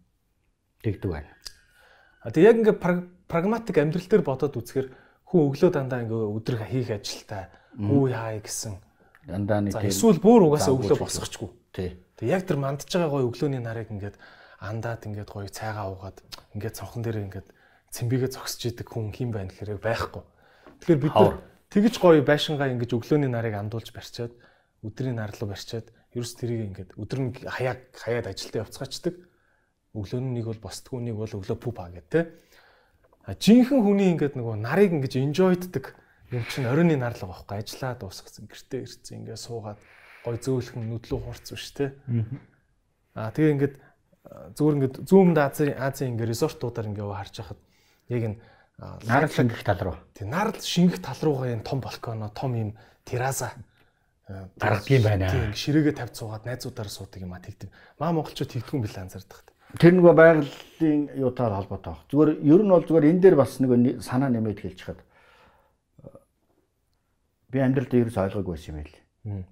Одоо энэ гудамж төслийг хийсэн манай Батбол гэдэг найз бий. За. Чи Монголын гигант төслийг л одоо хамгийн том төслийг л барьсан хүн гэж байгаа шүү дээ. Хүн шүү дээ ер нь. Манай хүн манай хүн бол одоо Японд, Америкт хамгаалсан тийм л хүн байхгүй. Тэгээд туулын иргэдээр одоо энэ зайсанд одоо ингээд төрөөд орсон хоёр хоошоо халсан шилэн хантай. Тийм өөрийн тийм дизайнтай байшин байсан. Одоо асаа масаа амьдарч шүү дээ. За. Тэд би тэхгүй юу. Өч одоо монголчууд урдлын цонхол том хийдэг. Чи яхаараа хоошоо харсан гол гол одоо өрөөнүүдэд тэр чигээр шилэн хан болгож ингэж хийж байгаа юм байна гэсэн. Тэгээ яг туул ирэх учраас гол харах хэвээр. Тэгээ мань хөргөлж байгаа. Ер нь монголчууд бол тэр урдаас нар их тусах юм бол нарны өөдөөс хүн байгаль харж чаддгүй маа. Тий. Тэ? А нар туссан байгалыг харах хэвээр. Ээ. Тийм биз? Тэмээ холгоно хоёр үлгэр шиг байна шүү дээ. Тий. Тийм яг тийм байна. Тий. Нар туссан байгалыг харах хэрэгтэй. Тийм учраас энэ хоошоогоо өглөөний нар тусдаг тэр байгалаа харах хэсэг рүү бүх ханнууд нь шил. Тэгээ эндээс би ойлгож авсан байхгүй. Аа энэ манай Батуулд энэ ч одоо юм үтсэнгүй сүрхий байдаг юм байна. Үнэхээр тийм байна. Бид боддгоо юм байна л дээ. Тий. Тий. А нөгөө нэг энэнтэй дашрамдуулаа хэлэхэд Монголд бол байгалийнхаа сайхныг ашиглаж чаддгүй ганцхан орн. Өөрөөр хэлбэл одоо хуулиар юу юм бэхээр голын их, голын ай сав, ой модны нөөц газар хүн амьдарч болохгүй гэдэг. Гэхдээ тэгээ хөөрхи европчууд хамаг гоё ой мод, нуур, далай, ус гол дээгүүрээ хотууд нь амьдардаг байтал бид нэр яхаараа дандаа гоёос нь хөөгдөх хуйлтай. Тэрийг идэх ховгүй юм шиг хамгийн том нутагтай хэрнээ. Тэгээд тэн дээр нэг онцлог ажиглагдсан. Монголын хот тосгонууд хизээч уул ой мод гол усыг ашигладаг. Нэг гол байл гэхэд нэг нэг голын ирэг дээр нь л бай. Дээгүүр нь дамнаа, цаагуур нь байгаад гүүр мүүртэй ингээд гой драматик болдгоо. Улаанбаатар хотын туул голыг сая л давж эхэлж байгаа. Одоо Аранга аймгийн төвч гэдэг юм уу, Сэлэнгэ аймгийн төвч гэдэг юм уу, голын ойролцоо байж байгаа аймгийн төвд голын нэг ирэгтэй л байна. Сум бол нэг ирэгтэй л. Голоо дамансан, нуураа дамансан хот тосгон гэж байдаг. Өглөө чин Франкфурт хотын Франкфурт хотын чинь ерөөсөл өглөө залуучууд нь гэрээсээ гараад яг голынхаа эргээр бүгд Голынх хэрэггүй шүү. голтоо ингээд тулцсан тий. Тэгэл гол нь ингээд олон гүүрүүдээр холбогдсон гол дээгүүрээ хот нь байдаг. Тий. Тэгэхээр бид нэр хүмүүсээс хүмүүсээ сайхан амьдруулъя, гоё байлгая гэвэл энэ байгальтаа уйлдуулж хот сууринг барьдаг, түүнийг эдэлдэг тийм ховтой баймаар байна гэж би бодож байгаа. Би бол байгаль дуртай тэр яг тэдний шиг ой мод руу юм уу гол ус руу хүмүүсийг суулгамгүй санагдаж байгаа юм. Гэхдээ нөгөө талаас нь надад зөрчил байна шүү дээ. Ягаараа Монгол хүн гол усаа ой модоо ашиглаад амьдарч болтгүй юм бэ. Тэрнээс нь хориглох хуйлтай. А дээр нь уламжлалт Бохирдуулчихна гэж тэгдэм билгүй те одоо тий. А уламжлалт болохоор зэрэг яаж яах вэ вэхээр гол усаа дамж амьдэрдгүү нэг л ирэг дээр нь амьдэрдэг. Тий. Гэтэл тэр гүүр одоо эн чинь хотыг амьдралыг улам гоё уур амьсгалтай улам гоё одоо драматик улам сонирхолтой болгох чинь гол усыг дагаж одоо дархан хот гэхэд хараа голын нэг л ирэг дээр. Аа. Гэтэл тэр чинь ингээ хараа голоо дамнаад ингээ байвал тэр хот гоёо доо. Тэгээ хоёыг бодглохлоор зэрэг ингэж бодоод байдаг. А гэтэл байглаа бодглохлоор үгүй аймаар байдаг. Тэгэхээр дэлхийн ертөнц ард түмнээсээ байглаа харамлаагүй байхад бид нар бас харамлах уу? Одоо энэ улс төрчд юм уу янз бүрийн улсуудын нэг сонсвол бид бодох ёстой шүү дээ тийм ээ. Яхаараа Монгол хүн ой дотроо гоё байшингаа барьж болтгоо. Оо та нар шатаа чин та нар муухай болох чин та нар огоо хийчих. Бид нэтгэхгүй байна тийм ээ. итгэхгүй байна те. Тэгэхээр яг хоо нөгөө арт иргэд маань илүү хариуцлагатай болоод хогоо хаях нь арай багасгаар одоо тэх юм байлгүй дээ те. Тэг юм байлгүй дээ. Тэгэхээр ер нь тэгж амдах биш. Ерөөсөө ард түмнийг болвол юмд нь оруулж сургаж Тий. тэгжээж энэ соёл бүрэлдэж ингэж явдаг болохоос одоо бидний багад ийм байлаа. Бид нар чинь одоо гэрлийн толгуур одоо энэ годомжны гэрлийн толгуур айлын цонхроо чулуу шидэх. Тийм үеийн сахилахгүй хөвгтүүд байлаа шүү дээ бид нэр. Тэр нь их гоё. Тэр нь гоё. А тэр яагаад гоё байдгийм бэ гэхээр биднийг багасаа байхад тийм гоё юмнууд байхгүй гараад ирлээ шүү дээ. Тэр хорхоо хүргээд байна шүү дээ. Тэгээ сахилахгүй чанараар ямар ч ухаан байхгүйгээр хөөхөн сахилгүй чинь шидэж байгаа шүү дээ. Тийм. А гэтэл одоогийн хүүхдүүдэд гараад ирэнгүүт нь шилэн байшингууд иргэн тойронд нь гэрлийн толгуурууд иргэн тойронд нь байж байгаа. Тэр хүүхэд энэ соёлыг шууд аваад өсөж байгаа. Хизээч тэрлүү чулуу шидэх сэтгэхгүй байхгүй өөр тоглоомод олон гэх юм. Тэгэхээр энэ цаг цаг чи яг л одоо ингээл соёл дотор ингээл хийгээл хийгээл ингээл явчвал хүмүүс тэр соёлоо бий болгоод аваад явдаг болохоос энд одоо нэг маш бариулчвал энэ шатаачих нь энэ яачвал бохир болчихно гэж ингээл байгаа болвол нөгөө соёл хизээж бүрэлдэхгүй. Тийм шүү те. Тий. Тэгээ монголчуудыг гоё байгальтаа гардаг, байгаль дотроо хүүхдүүд нь багасаа тоглоод өсдөг болчвол багасаа л хайрлаад өсөж шүү дээ ер нь. Тэгээ одоо монголчуудын хог хайдагч нь бол маш одоо замбраагүй муухай ой готом зүйл. Миний нэвтрүүлгээс би олоодоо шөмжилтгэл байсан. Гэхдээ энэ юу юм? Энэ яг л бидний амьдралын дүр зураг байхгүй. Бид хизээч байгальтайгаа ингэж харьцаж, аялаж ингэж сураагүй байсан улсуудаас сууж сурцсан юм бид шаардаад байгаа. Тий. Шин соёл бий болно тэрний сул давуу тал гэдэг юм уу эрсдэл нь ингээл нөмрөөл ирдэг. Тэгэл эрсдлүүдээ сайжруулаад цаашаа гой болоод аваад явдаг л тийм л юм шүү дээ. Түүнээс хүн төрлөخت эхнээсээ бүгдээрээ л Еврочуудлахаар цэвэрхэн, Японууд цэвэрхэн бид нар бохир байсан юм биш. Тийм шүү. Бид нар ч гэсэн адилхан хогондоо дарагдаал тэрнийхээ асуудлыг шийдээл явдаг л юм л.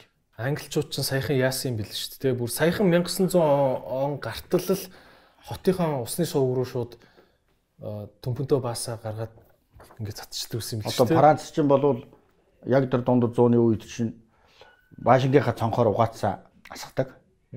Сүүлдээ асуудал болоод нөгөөдг нь хажуугаар нь урсдаг угаац муу усны ховл хийдэг тэгээд тэр ил ил урсдаг. Тэгээд тэрэн дээгүүр чинь ингэж явах гэж за яг намхан анх одоо намхан ирчүүд өндөр өсгийтэй гутлаа өмссөн. Дараа нь яг одоо тэр шавар шавхаа баас шээшин дээгүүр одоо ингэж өндийж явах гэж өсгийгээ өндөрсгөж тэр шавар тэр угаацсан дундор явах гэж ингэж сүүл өндөр өмссөр байгаад сүүлдээ тэр нь мод болоод загвар болоод ингээд явсан гэдэг шүү дээ. Тэгэхээр чин бохир юм заваа юм хаанч байна. А буруу дадал бол хаанч байна. А түүнийг яаж цэвэр гой соёл болгож авч явах вэ? Төргөн нэвтрүүлээ тэр зүйлүүдийг чухал болгоод явах вэ гэдэг чинь л чухал. Тий. Айлж үндэстэн айлж одоо улс оронд бол сайн талууд зөндөө, муу талууд зөндөө байгаа. Тэгээд тэр бүхнийг ингээ хараад сайныгаа тэтгээд мууга одоо дараад явах тийм л юм бол хэрэгтэй шүү дээ. Тэгэхгүй манайхан ч нөгөө юм үзээгүй хүн бол юу гэдэг вэ? Аа яста гадаадд тэгдэг манайх яста муухай энэ төр гэдэл тийм ээ өөрийгөө шамлаад л аа тэгээд өөрийнхөө сайныг олж харахгүй байж байгаа ихэр нэ өөрийнхөө мууг олж хараад хүний сайныг дагч дуурайх гал мууч байсан дуурайх гал ингээл утга учиргүй юм болчиход байгаа. Тийм тийм. Тийм тэгэхээр би зүгээр л адилхан л уусан шүү дээ. Адилхан л хүн шүү дээ тийм ээ одоо гоё байл та тий. Тий зүгээр л одоо гоё одоо зүгээр яг бид нар бусдад адил гэж бодчих юм. Тэгэл амьдрахад болчихж байгаа шүү дээ. Тийм үү. Тий. Бадам самбуу ах бол эх орноо бол жинхэнэ мэдэрсэн хүн гэж би бол ойлгоод байгаа. Тэгэхээр эх оронч үзэл гэдэг таны хувьд нэг нэр томьёо байгаа тийм үү? Аа надад бол эх оронч үзэл гэдэг юмыг ярьж эхлэхээр зүгээр нэг иймэрхүү дүр зураг харагдаад байдаг байхгүй нэг юм соён бүхүзүүн дээрээ шивүүлсэн амар Чингисийн Баатар шиг хувцастаа зураг мураг ахуулалахаараа их оронч юм шиг те. Эсвэл одоо гадаадынхныг барьж авч зодно гэдэг хахаараа их оронч юм шиг. Миний бодлоор жоохон ингээд даличаад байгаа юм санагд заримдаа санагдаад байхгүй. Та зүгээр одоо ингээд аа за ийм хүн чинь их оронч хүн байд юм шүү дээ гэж хэлэх юм юу вэ? Нэгт нь. За хоёр дахь миний асуулт болохоор та бас энэ хилийн зурсууд дээр их очиж исэн баг. Яг юм хилийн багнан дээр очихоор хүнд нэг юм сонир мэдрэмж төрт юм билээ. Би нэг юм хилийн ганцхан багнан дээр л очиж үзчихсэн.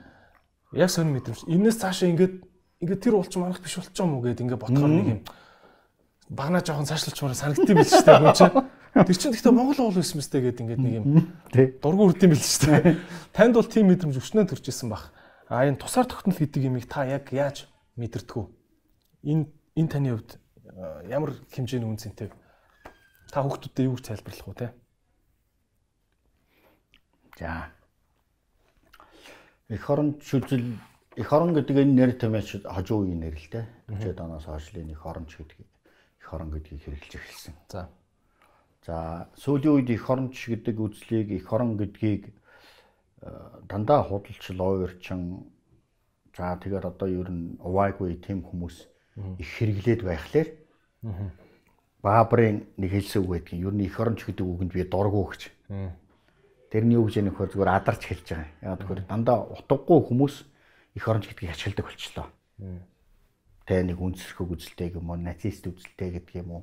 Эсвэл нэг тийм одоо нэг улс орны хөрөнгө төсвийг эддэг Хуурамч их орончд. нэг хуурамч их орончид ихэд тэд нэр биднээс давуу хэрэглээд байх тэр энэ үгний үнцнийг унгаа хийчлээ их оронч гэдэг үг- үгэнд одоо би нэг дургу болцсон гэж нэг хэлж ирсэн. Тэгээ зө- зөөрөөдөл зүгээр сануулгах хичээлтэй гэж хэлсэн баг.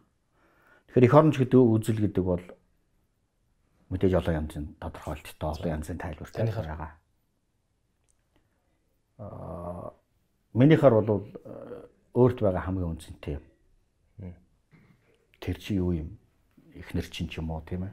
Хүүхдүүд чинь юм уу? Эсвэл энэ орчин тойрон чинь юм уу? Нутаг ус чи юм уу? Энэ одоо ярьж байгаа хэл чи юм уу? Бөөмт.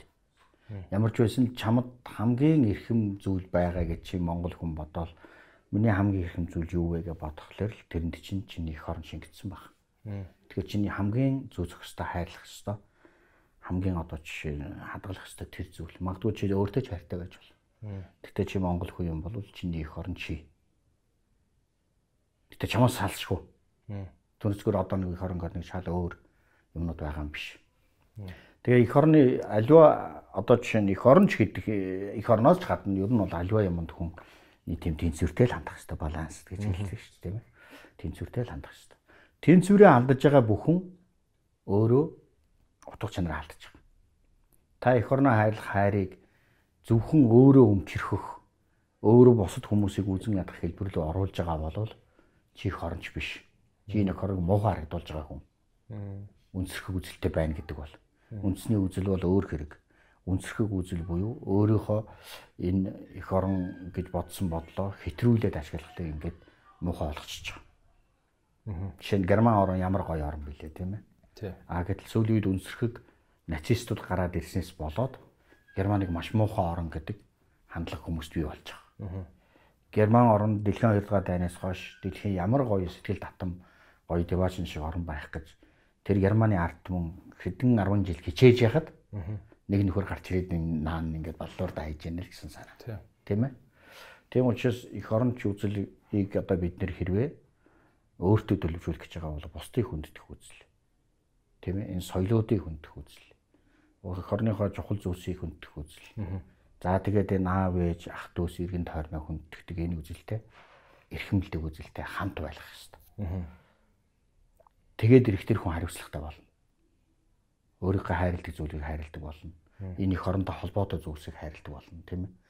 Гадагшаа яваад, дотгошоо яваад эрэхтээ миний гэр орон ийм байгаасаа гэж боддог болно. Чи бидний эрэхтэй л тэгдэг шүү дээ. Өөстө манай Монгол жааваас хөгжиж чадахгүй. Тэднийх тийм байх, эднийх юм байх ингээд ингээд яриад байгаа чинь цаанаа бол их орончл үзэн шүү дээ. Бидний миний гэр Тэрийг гоё болгочихгүй л үзэж. Гэрээ орлол гоё болгочихгоо л үзээд. Тий.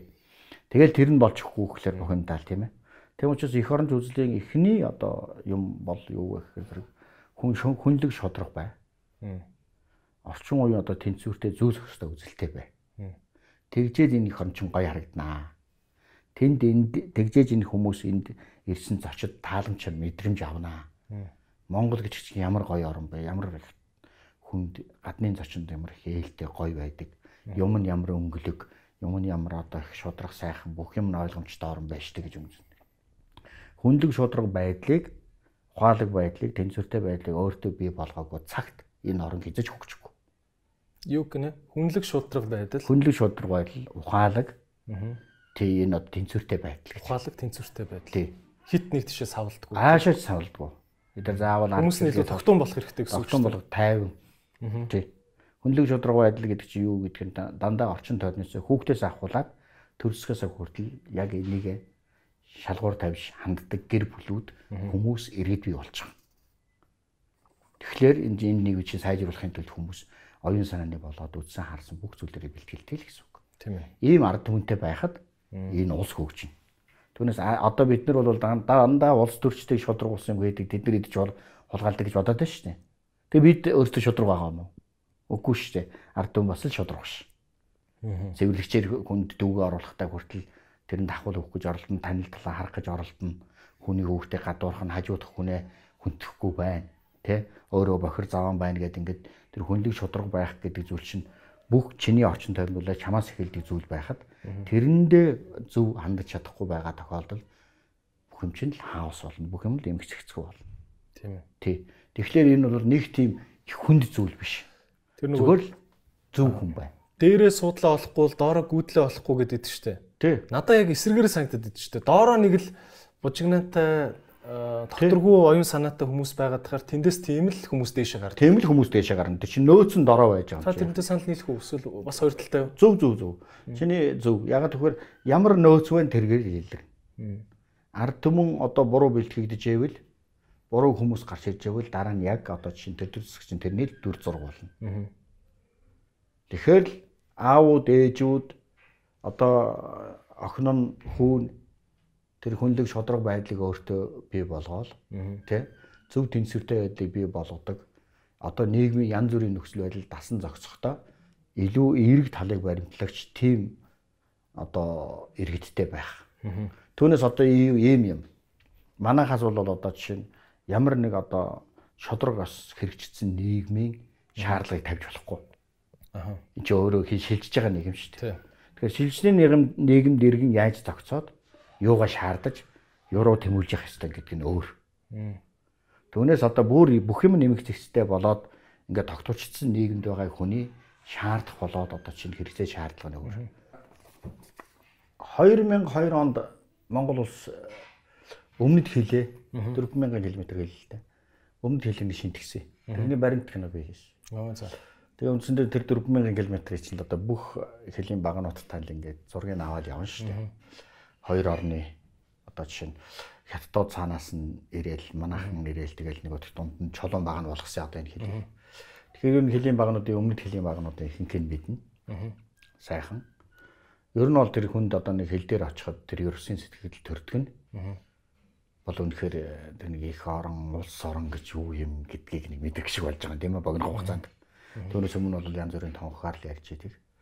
Тэгэхээр бид нар азар бол маш том нутагтай. Одоо энэ чинь 3 сая хүн чинь манай 1.5 сая км квадрат нутаг дээр бол 100 сая хүн амьдарч байгаа газар байна. Юм штэ уулна тийм ээ. Одоо дэлхийн 200 орныг Нэг масштабаараа бол тий. масштабаараа бол. Одоо тэгэхээр бид нар 3 сая амьдарч байна. Энэ бол бидний яцтай хэрэг. Тэгэхээр ийм өвөрмц байдлаа бид нэр хайрламаар байгаа юм тийм ээ. Зарим нь бол ингээд Төв аймгийн нутагч нутаг дээр бүхэл бүтэн улс оршиж. Аа. Гэтэл бид нар бол ингээд нэг баг автар 10 улсын зэндааны нутаг дээр. За тэр үтгийг л зүгээр хэмжээгээр нэрэх юм бол Итали, Франц, Англи, Герман дөрөв нийлсэн шиг газар дээр 3 сая амьдарч штэ. Энд чинь бол 4 6 24 240 сая хүн байгаа энэ дөрвөн оронд. Энэ дөрвөн одоо дэлхийн хүчирхэг орон амьдрах газар нутагт л бид 3 сая болох амьдарч байгаа. Тэгэхээр бидэнд энэ үн цэнт байдлуудыг мэдэрмээр байна. Бид ямар гоё юм дээр амьдардаг усууд вэ? Тэгвэл зөндөө нэг алдсан гэдэг ясаа яриад сууна шүү дээ, тийм ээ. Тэгэхээр эх орон гэдэг бол үнэхээр одоо биднэрт байгаа хамгийн үнэтэй л зүйл. Тэр нь чи юугаар дамжуулж ойлгох нь хамаагүй. Тэр бол чиний эх орон. Тэнийг хайрлахын тулд зөв иргэн байх. Гэмт хэрэгтэн байж болохгүй, идэж уугч байж болохгүй, шудраг ус байж болохгүй. Амьдралыг бол тэгж их идэж уух юмараа үнэлэх биш. Яг өөрөө ингэ зүү зохистой байгаа. Зөв үр хүүхдүүд үлдээгээд өөрөө гоё тайван гоё амьдраад ингмээр л надад санагддгийг. Гэтэ мэдээж амьдрал санснаар биш шүү дээ, тийм ээ. А тусгаар тогтнол гэдэг чинь одоо бидний хувьд бол зөвхөн одоо 11 он 21 оны овсгалчд гарч ирээс тусгаар тогтнолцсон юм биш. Эн чин тэр Чингис хаан тэрнээс өмнө энэ дээр нэг Европ улсын ард түмэн байгаад байсан хэрэг ингээ үйлдвэрлэгдэл яваад байна шүү дээ. Нэг ийм төрлийн улсууд ингээд энэний орон зай юм шүү гэдэг энэ үнцэн чинь олон үе нөгөө иргэн тойрныхоо иргэншлүүдийг цааш нь төрж орон зайгаа авч явсаар байгаа л үлдсэн нь бидэн дээр муудаад ирээд үлдсэн л энэ. Тэгэхээр бидэнд үлдсэн энэ дэлхийгээс үлдсэн бидэнд хуваарлаж өгсөн хамгийн үнцэнтэй. орон гэр маань байгаа. Би бол тэгж бодоод идэв шүү дээ нөгөө. Чи том мөрөөдлийг мөрөөдөх юм бол томын талыг авна. Биелүүлнэ. Жижигхэн мөрөөдөл мөрөөдлөл жижигийн талыг биелүүлнэ. Тэгэхээр нөгөө том мөрөөд гэж яриад идэв шүү Тийм том мөрөөд гэж дээ. байна. Надад тэрнтэй адилхан манай Монгол улсын одоогийн байгаа байдал бид нар ингээд том бэлчээртэй амьдарч исэн өвөг дээдстэй тултаа тэрний тал дээр ингээд яг одоо буучаад байгаа юм шүү гэж би бодод Бага үнэн. Тэгээ бид нарыг бол их жижигрүүлж үзсэл дээ. тий. Яг тэгэхээр нөгөө ерөөсө жижигрүүлнэ гэдэг бол суртал юм байл. Мэдлэг. Өө энэ орон чинь өстө өчүүхэн арчаагүй шүү те. Эн чинь мөхөж байгаа шүү. Бид нэр ер нь хаа очих юм. Гэдэг маягаар чамааг ингээд өсгөөд эннээс ер нь болж өгвөл миний хүүхд зугатаараа гэдээ өсгөчих юм бол Тий. энэ улам чичгэрээд байна. А энэ чинь агуу их байсан шүү. Бид домог шүү. Жижигхэн мөртлөө домог шиг улс орнууд байдгийн. А энэ нь үнэн шүү гэж ингээд өсгөөд байвал адилхан л хүн шүүснэ. Тий. Тэгэхээр хүний чинь ингэж ямраар өсгснээс хамаардаг болохоос хүн болвол өөрөө хожим өсөж гарсан дээрээ өөрөө бүтээдэг хүн их ховор. Тэгэхээр бид нар бол энэ залуучуудыг их оронч хүмүүжлэр Монгол улсын энэ үнцэнтэй байдлыг энэ удаан хугацааны одоо энэ их тэмцэл энэ их орсон тогтноо чадварууд нь биднийг бүтээсэн шүү. Танаа аав чинч ах чинч бүгдээрээ бүтээж байгаа шүү гэж энэ уялдаа холбоон дунд нь ойлгох хэрэгтэй байна. Тэгээ ер нь бол одоо тэр боловсролын системд ингэж хэлээд байна шүү дээ. Бид нар бол боловсролын системээр зүгээр нэг даяарсан хүн бүтээх гэж байгаа юм уу? Дэлхийн Монгол хүн бүтээх гэж байгаа юм уу? Дэлхийн хүн бүтээх гэвэл заавал энд бүтээх албагүй. Тэр Франц тийм үү Англи эсвэл Америкт аваачаад дэлхийн хүн бүтээчих болно. Тэгтэл тэд нэр чамайг ямарч байсан дэлхийн Франц хөлөөлгөж гаргах болохоос биш. Дэлхийн хүн гэж чамайг гаргачихгүй. Заавал хос тамхтай юм шүү дээ. Заавал хос тамхтай тийм дэлхийн монгол хүн. Тэгэхээр бид нэр ингэж жижигхэн хэрвээ бид нэр өөрсдийн үндэсний үзэл үнэт зүйлс өөрийгөө ойлгохын чадварын төлөө бид нэр хичээхгүй бол бидний зүгээр хамаал өнгөрчин иргэншил бол энэ дэлхийн ертөнцийн хүч бол. Тийм учраас бид нэр харин ч одоо нөгөө бусад улсуудаас илүү бараг нөгөө тхэн их оронч гэдэг юм уу үндэсний үзлийг илүү их шахаж өгдөг. Тэгээд тэр маань ингээд дэлхийд дээр гарахаараа аав ээж хоёрын яриад байсан нэг Монгол ганцаараа байгаа юм шиг гэдэг чи хотлаад байна да гэж ингэж өөрөө бодож ингэж боловсрч авангуудаа тэнцвэрээ авдаг. Ийм хэмжээнд хийх хэрэгтэй. Тэгэхгүй бид нэр сулханд өгөх юм бол дэлхийн хүн болчихно. Тийм ээ. Бидний гэдэж бодох. Тэгээ нөгөө том хүч рүү тэм- тэмүүлэх төв рүү Тэнцвэрийг олох хэрэгтэй шүү дээ. тий. Их маста юм руу чи илүү тэмүүлж байгаа тий. Тий. Окей. За би бас энийг зарим зочдоосоо нэг ингэж давтагдчих асууж асууж ингэж олон талаас нь асууя гэж бодоод байгаа нэг юм асуултаа байхгүй. За маа монголчууд ингэж өөрсдийнхөө тухай ярихаар түүх соёлоо ярихаар за нэг Чингис хаан гэдэг нэг хүн ярьж байгаа. Тэгээд нэг за тэгээд нэг сүүл рүүгээ ороод ирэхээр нэг Сүхбаатар бай. Гэс, гэс. Нэг хоёр ховрохаан л нэг юм хүний зургийг ингээд хан дээр тавьцаа харагддаг те. Гэтэл манай түүх чинь эдэн мянган жилийн түүх байгаа. Тэр дотор чинь өчнөө олон юм мундаг мундаг хүмүүс төрсэн байгаа шүү дээ. А тэднийг ингэж нээн илрүүлж тэр мундаг хүмүүсийг шүтгэхгүй шүү дээ. А таны бас өөр ингэ за Чингис хаанаас бусад шүү. За боли Хубилай хаанаас бусад те. Хаадууд том хаадуудаас бусад өөр таны ингэж нэг юм шүтдэг. Энэ бол ийм хүн байсан байгаа шүү дээ. Тэ энэ энэ үйлдэлүүдийг нь харахад ийм супер амтан ингэж ингэж бодож исэн хүн байгаа юм гэж ингэж шүтдэг ч юм уу одоо за хүндэлдэг гэх юм гэх юм уу те. Тийм биширдэг юм дүр байна уу? За одоохондоо бол тэгж хэлэх юм бол ер нь зүгээр нэг тодорхой хаалга. Гэхдээ э, үүс нь өөрөө бүхэл бүтэн 90 үеүүдийг би болгоцсон нөгөө тех өөрөө тэрнийхээ одоо суурийг тавиад тэр нь одоо жишээ нь э, бүхэл бүтэн одоо дараа ангийн хэд хэдэн 100 жилийн нөлөөг авцсан. Тим хүмүүс гэж байдаг. За. Тэнд бол их олон хүн бий дээ. За Төмөдийн Алтан хаан гэж э, одоо энэ өвөр Монголын анх одоо буддын шашныг э, 1578 онд залж ирсэн нэг хаан баг. Оо за. Энэ бол их зөрчилтэй. Нэг талаасаа бол Монголыг одоо бутрахсан хаан шиг харагддаг. Нөгөө талаасаа Монголд дахин агуу болох гэж үтсэн хүн шиг харагддаг. За ийм хүн. За энэ хүний үр дүнг хамгийн сайн гаргаж чадсан одоо өөрөөр хэл нэг хүн бол нэг одоо улсыг нэг реформ хийж шít. Тийм. Ингээд одоо шинжлэлийн том одоо давлгаануудыг хийгээд ингээд энэ явц их хачин эргэж явсны дараагаар төв нь наашаа шилжсэн. Жишээлбэл өвөр Монголд хөх хотыг анх үүсгээл тэнд далаа ламыг зогдуулаад том сүмүүд барайл. За Монгол болвол эрхлэх хэрнээ маш их хүчирхэг одоо соёл оюун санааны орн байх ёстой. А Хувлын хааны эзэнт гүрэн тэрнээс өмнөх эзэнт гүрнүүд ийм л байж иж бид нар агуу байж гэсэргийх гэдэг шүү дээ. Будын шинээр дамжуулж. Хэд он 1500-аад оны сүүлээр 1578 онд далаа ламыг анх за. За тэгээд тэрнээс одоо сургаал аваад юу ч гэдгийг будын шашин дахиж одоо дэлгэрээд будын шашинд ерөөсөн Монголыг аврах юм байна гэж үзсэн байгаа юм л. За тэгээд Захрын хаан ч авсан халахын Авдаа хаан аваад одоо өндөр юуны Эрдэнэ зүг барьж эхэлсэн. За ингээд томчууд ингээд одоо ерөөсөө нэг урсгалд авчихлаа шүү дээ тийм ээ. Одоо ерөөсөө будын шашныг л оруулж ижил агуу болох юм гээд ингээд. Энэ Нэгтгэх хүч гэж хараад шүү дээ. нэгтгэх хүч гэж авч ирсэн. За ингээд явж хагаад ойрдыг ч одоо оруулсан.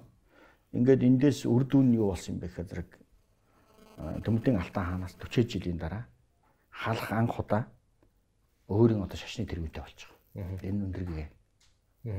Зан руу юу? Тэгээ зан назар өндөргийн зан назар. Тэгэхээр юу гэж яах вэ гэхээр 40 гаруй жилийн монголчуудын тэр том шашныг өөртөө ингэж соёл иргэншлийн том номыг одоо оруулж ирэхийн тулд тэмцэн тэмцлийн үр дүн шимэн халахын өндөргийн зан назар болж шít. Тэгээд зан назрын школ гэдэг одоо сургууль гэдэг зүйл хөгжсөөр байгаад одоо 20 дугаар зууны ихэнх үе гэхэд 10 богд гэж одоо яг энэ зан назрын школ, зан назрын институт рүү бүх талынх нь монголчууд ханардаг тийм хэмжээний том нөлөө үзүүлсэн. Тэр хүний одоо бий болгоцсон тэр институцийн нөлөө нь болохоор Монголд нэг 1000 гаруй за дүүм нийт Монголд гэх юм бол 2 гаруй 1000 гаруй сүм хийдیں۔ Тийм Сүлжээтэй. Өөрөөр хэлбэл бүхэл бүтэн хот тосхон шашны одоо жишээ нь монархийн тогтолцоог одоо бий болгож юм болж ирэх гэсэн нөлөөнд тэгж авч байгаа. 2000 салбартаа сүм хийдэн тэргүүн гэдэг бол дотор аваад эдийн засгийн хүчин хүртэл амар угаас Тий. тийм үү те. А тэгвэл бол яг хуу өндөргийн зан назрын институт 8 дугаар богд хүртэл зөвхөн халахын газар талахын 86 хошиг тэргүүлж исэн хэдий боловч а нөгөөх дам нөлөөний хувьд өвөр монголчууд ойрдууд бүрээдүүд бүгдийн ар богд руу одоо ханардаг. Ийм хэмжээний одоо шашин нөлөөллийн хөгжил бий болсон. Энэ бол зан назрын хүч чадал онцгой гэхээсээ илүүгээр нэг тэр э, санаачилсан хүмүүсийн үр дүн бүхэл бүтэн ийм үеийг бий болгоцсон. А тийм ээ. Бид нар болохоор шууд зан ноцрогоо гээл мундаг хүн гарч ирэл ингээл сүгдүүлсэн юм шиг бодоод байдаг. бодоод байдаг. Гэтэл нөгөө тэрний өр нөлөөний хөгжил. За тэгээ энэ юу болсон бэ гэхээр асар том дайнд хүргэсэн. Энд өндөргийн зан узар гаргаж ирсэнээр. Тэр яаж ийм вөхөр зэрэг тэр үед одоо буддын шашин гэдэг бол дэлхийн 3 том шашны нэг. Буддын шашны их хөлгөний чиглэлийг тэргүүлэгч нь Банчимбог далаа лам хоёр гээд төвдөд байж штэ.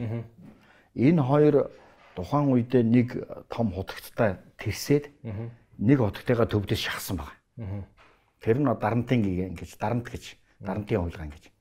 Тэгээ одоо энэ Альшагийн нутаг руу юу Монголын өмнө тал руу шахаад нөгөөх одоо жишээ нь гуруула гурван том улс төрч хоорондоо үзэлцлээ гэсэн санаа шүү дээ. Тэгээд тэр дарантын гээгэн дээр Альшаа орчим өөд болоод ингээд одоо нөгөө хоёртой ялагдаад ингээд дуслаа гэсэн үг шүү дээ. Тэгтэл тэр гэгэний хуйлгааны болгож өндөр гэгэний гаргаж ирсэн Монголд. Алхаад. Аа за. За эндээс эхлээд ямар амбиц үүссэн бэ гэхээр ерөөсө будын шишний их хөлгөний чиглэлийг толгоолж байгаа тэр хоёр том мундагта дахиад энэ тэнцэх хэмжээний мундагийг гаргаж ирж байна гэсэн том одоо тохио болж байгаа. За. Тэгээ энэ э, ойлголцол энэ явц хожим явж явж одоо жишээ нь халахордын дайн буюу төв- төвдүүд одоо ойрдуудыг одоо занаас нь Хатгаад. шахал хатгаад халахыг доройтсон үед нь энэ шашин тэмцлийн том урсгал болж шүү дээ. Энэ бол католик ойрд гэдэг чинь ойрд гэдэг чинь одоогийн. Узбекистан, Казахстан, Кыргызстан манай одоо ховд увс энтрийг нийлүүлсэн тэр хэсгийн том газар гэж би ойлгосон Аа зүйл. тэгж болохгүй. Тэр чинь зүүн гарын хаан тулс гэж ойрдуудын байгуулсан улс нь өөрөө тэгж тэлсэн. Аа за. Аа зүгээр ерөнхийдөө бол тухайн үеийн тухайн үеийн ойрдууд гэдэг бол Монголын баруун монголчууд одоо одоо Шинжаан байна шүү дээ. Одоо энэ Шинжааны нутагт голлол хоошоо манай ховд руу жахан давсхийг ингээл алтаан дагуул байсан. Аа тэгвэл нөгөө улс байгуулад жахан тэлхлээрээ тэр Шинжаан үзбэг энэ нэг төр эзэлсэн нэг тийм зурус үйдтэй. Аа за за. Түүнээс одоо тэгэл а, хамаагүй ойлгоод очлохгүй. Аа тэгэхээр тэгээд тэрний үгжэний өгөхөөр зэрэг бид бол нөгөө галдамар шахтынч гэдэг юм уу өндөргийн зан узар жахан дорж хоорондын тулаан дай ингээл ингээ ярьдаг. Нарийн цаана цаана нь бол буддын шашны их үлгэний доторх асар том шашны тайм байсан. Тэгэхээр энэ бол юу гэж нэг хөр нэг Нестор урсгал протестантууд католикуудын хоорондын тэмцэл гэдэг шиг сүнит шиитийн одоо урсгалын дайн гэдэг шиг тийм том урсгалын л одоо дайн. Буддын шашин бас дотроо ингэ задарч байгаа хоорондоо барьсан юм шүү дээ. Тэгэхээр энэ үйл явц өөрөө юуг харуулж яана вэ гэхээр зэрэг өндөргийн зан базрын түүний одоо жишээ нь цууд уян нөлөө ямар их одоо жишээ нь түүхэн том үйл явдлуудыг бий болгосон бэ. Энэ бол маш сонирхолтой. Адал явдалтай хэрнээ одоо гүн ухааны талаасаа гэх юм уу, шашны талаасаа гэх юм уу, иргэншлийн талаасаа гэх юм уу. Тэгээд энэ бүхэл бүтэн үндэстэн зүүн хойд Азийн одоо үндэстэн улсуудын задрал зарим эзэнт хүрэн гарч ирэх явцын дунд одоо ингэж гарч ирсэн одоо ийм сонирхолтой үзэгдэл. Тэгэхээр өндөргийн зан базрын юу бол маш сонирхолтой санагддаг. Нэг явдал. Нөхөрчин гэхдээ өөрөө бол нэг урт л шүү дээ. Аа их их урт наслсан хүн шүү. Оо тийм үү. Асар их урт наслсан. Яндурууд энэ үү? Цаана уцар. 1722 онд нас барсан шиг санаж байна би. За. Тий энэ бол а 1639 онд гэхэд чинь 6 7 настай хүүхэд сууж байгаа шүү дээ. Тэгэхээр энэ хүн бол одоо одоо 80 гарсан байна уу тийм ээ? 80 баг баг 100 Тэгвэл залуудаа нэг 40 30 гараад 100 өгсөн боддог. Тийм тийм хүн шүү. Тэгэхээр зүгээр энэ бол зүгээр одоо би сая юу гэж энэ хүн өндөргийн зануудыг хардаг үнсгээс нь арай өөрөөр л хэлж байгаа юм. За ийм хүмүүс энэ мэт хүмүүс маш олон бай. Одоо чинь төвд бол буддын шашны том үлгий гүн ухааны төв тийм биз? Хожуу үе дэлгэрлийн. Тэгэхэд төвдийн дотор шүтдэг төвдийн ном судруу дотор байдаг Монголын мэрэгдүүдийн Монголын тэр одоо авраг том одоо ухаант ламнар гүн ухаантнуудын сүмбүн номууд гэдэг чинь одоо хүртэл төвдийг дагуулж бид өөрсдөө мэдхгүй мартцсан юм байж байна. Өөрөөр хэлбэл тухайн үеийн оюун мэдлэгийн дээд хязгаар судалгаа тэнд л явж исэн гэтэл тэрэн дотор Монголоор тэмдэг юм гэдэг. Монголын хамгийн сонин бүр одоо бүр гайхмаар нь юу юм бэ гэхээр зүгээр л нүүдэлчин гэж бодоод байх хэрэг нь? Ингээл тэр төв хүчж байгаа тэр одоо гүн ухаануудыг хийж байгаа тэр сүмхий шашин шүтж байгаа тэр соёл иргэншлүүд татвар одоо юуны системээр газар хуваарлах муваарлах маягаар төрийг засгалж байгаа мосголж байгаа. Тэл ч нөхдүүд байгаа даа бүр үгүй гайхмаар байхгүй. Яг гэхээр энэ бол бидний мэддгээр бол суурьчмал хүн л хийвэл хийгүү штэ зүйл тийм ээ. Нүүдэлчин хүн юу гэж ил ингээл ном судар зохиогоол хот тосгон байгуулаад газар тариалан хуваарлал хууль цаас тогтоогол нүүдэлчингүү явахгүй үстэй. Тэгэхээр энэ нүүдэлчин нүүдэлчин гэд байдаг боловч энэ өөрөө ингээд байдаг үндэстэн. Энэ бол түүхийг судалдаг адал явдал дуртай аливаа сони юм дуртай хүн хамгийн сонирхолтой юм нь энэ байгаад байгаа байхгүй юу. Өөрөлдвөл нэгэнт л одоо Ромын эзэнт хүрнийг урагшлал явж байгаа юу гэдгийг суурин шин соёл иргэншил гэдэг чинь тийм ойлгомжтой талтай байна тийм. Гэтэл эднэрийг нөгөө бидүүнээс чи бодоод байдаг. Тий. Эхтэл эднэр ингэж байдаг. Жишээ нь одоо бурхны шашны их үлгэний чиглэлийн маш том голлох үндэстнүүдийн нэг. Чин зүгээр нэг тийм олуулаа юм уу эсвэл амар үнэн шүтдгээсээ болж тэгж байгаа хэрэг биш. Тэр шашныг хамгаалах, тэр шашныг захирах, тэр шашныг баяжуулах, а тэрэнд хүртээлтэй байх Тэгээд тэрэн дотор бүр байр суурьтай байж чадах гэх мэт. Олон үүрэг оролцоонуудаар тэр нь өөрөө бий болдог. Тэгэхээр энэ Монгол бол тийм одоо сонин сонин хүмүүс байхгүй ер нь бол. Тийм ээ. Юутаал бол юутаал нөхдөө. Тийм юутаал бол юутай. Аа. Окей. За. Аа та ер нь одоо энэ аялал жуулчлалыг Монголд яаж хөгжүүлнэ гэж харж байна? Монгол бол мэдээж Таиланд шиг Таиланд хүртэл одоо ер нь бол хүнээ даахгүй одоо ер нь үүргэвч үүрсэн карманда 500 доллартай 1000 доллартай нөхдүүд ирдэг тийм газар байхгүй шүү. Энэ хөл хорионы дараа Таиланд улс ер нь бол бодлогоо зарлцсан шүү дээ. Аа жоохон мөнгөтэй хүн шиг цөөхөн дүү мөнгөө сайн цацж чаддаг тийм л жуулчдыг авнаа. Үүргэвчтэй болгоно ирэхгүй шүү гэдэг гайгүй худалдаа авах шиг л аавна гэсэн. Тийм, тийм бодлогыг гаргаж байна. Тэгэхгүй бол ирээд ингээд байгаль орчинд аягүй хохирол үзүүлдэг. Тэ? Ирээд нэг эдийн засагт нэмэр болсон ч юм байхгүй. Хитгэн пив аваад баг өөрсдөө зөрж гуйлга муулгагүйж годомжинд суучсан яваад өгдөг. Тийм хүмүүсийг бол авахгүй шүү гэд ер нь бол аягүй соёлтойгоор зарлчлаа. Тэ. Манай Монгол улс ер нь тий таны яг аялал жуулчлалын аялал жуулчлалын чинь нэг хэсэг ялангуяа одоо энэ 90-ад 2000 оны дунд үе хүртэл ер нь аялал жуулчлалыг бол хамгийн хэерэг тийм ажил төрлийн чиглэл гэж үзэж ирсэн.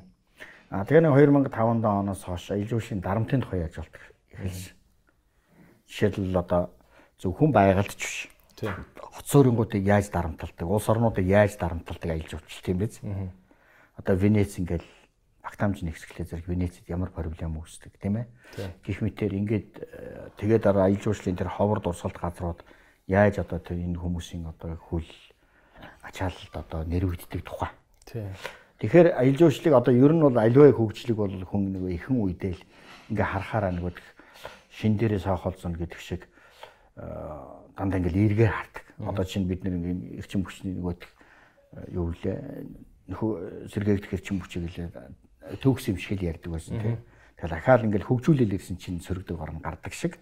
Аялал жуулчлалыг нэг тийм эрэг талаар асрыг харж байлаа. Тэгээ их сөргүр давгартай юм байна гэж сүүлийн үед байна. За одоо ч тийм.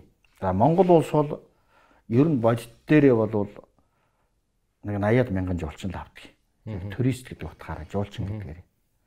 А тэгвэл зорчигч хэрэгэлт үе визитер гэдэг утгаараа аваад 500 мянга гэдэг те. Оо юу 500 мянган ч одоо бараг жилдээ сая 500 хүрнэ. Өө тийм үү? Тий. Оо за. Тэгээд зорчигч хэрэглэнтэй гадаад дотоод гээд оруулах юм бол манай зөвхөн дотоод хэрэглэлт бол 3 сая шүү. Одоо бидний нөгөө хэлээр орж гараад ингээд нөгөө 8-аа гахаага тэр өдөрт 5 6 гарчих тэр тоолоор явна шүү. Тий. Тэгэхээр визитер гэдгээ явчихдаг байхгүй юу? Дотоод гадаад визитер гэдэг.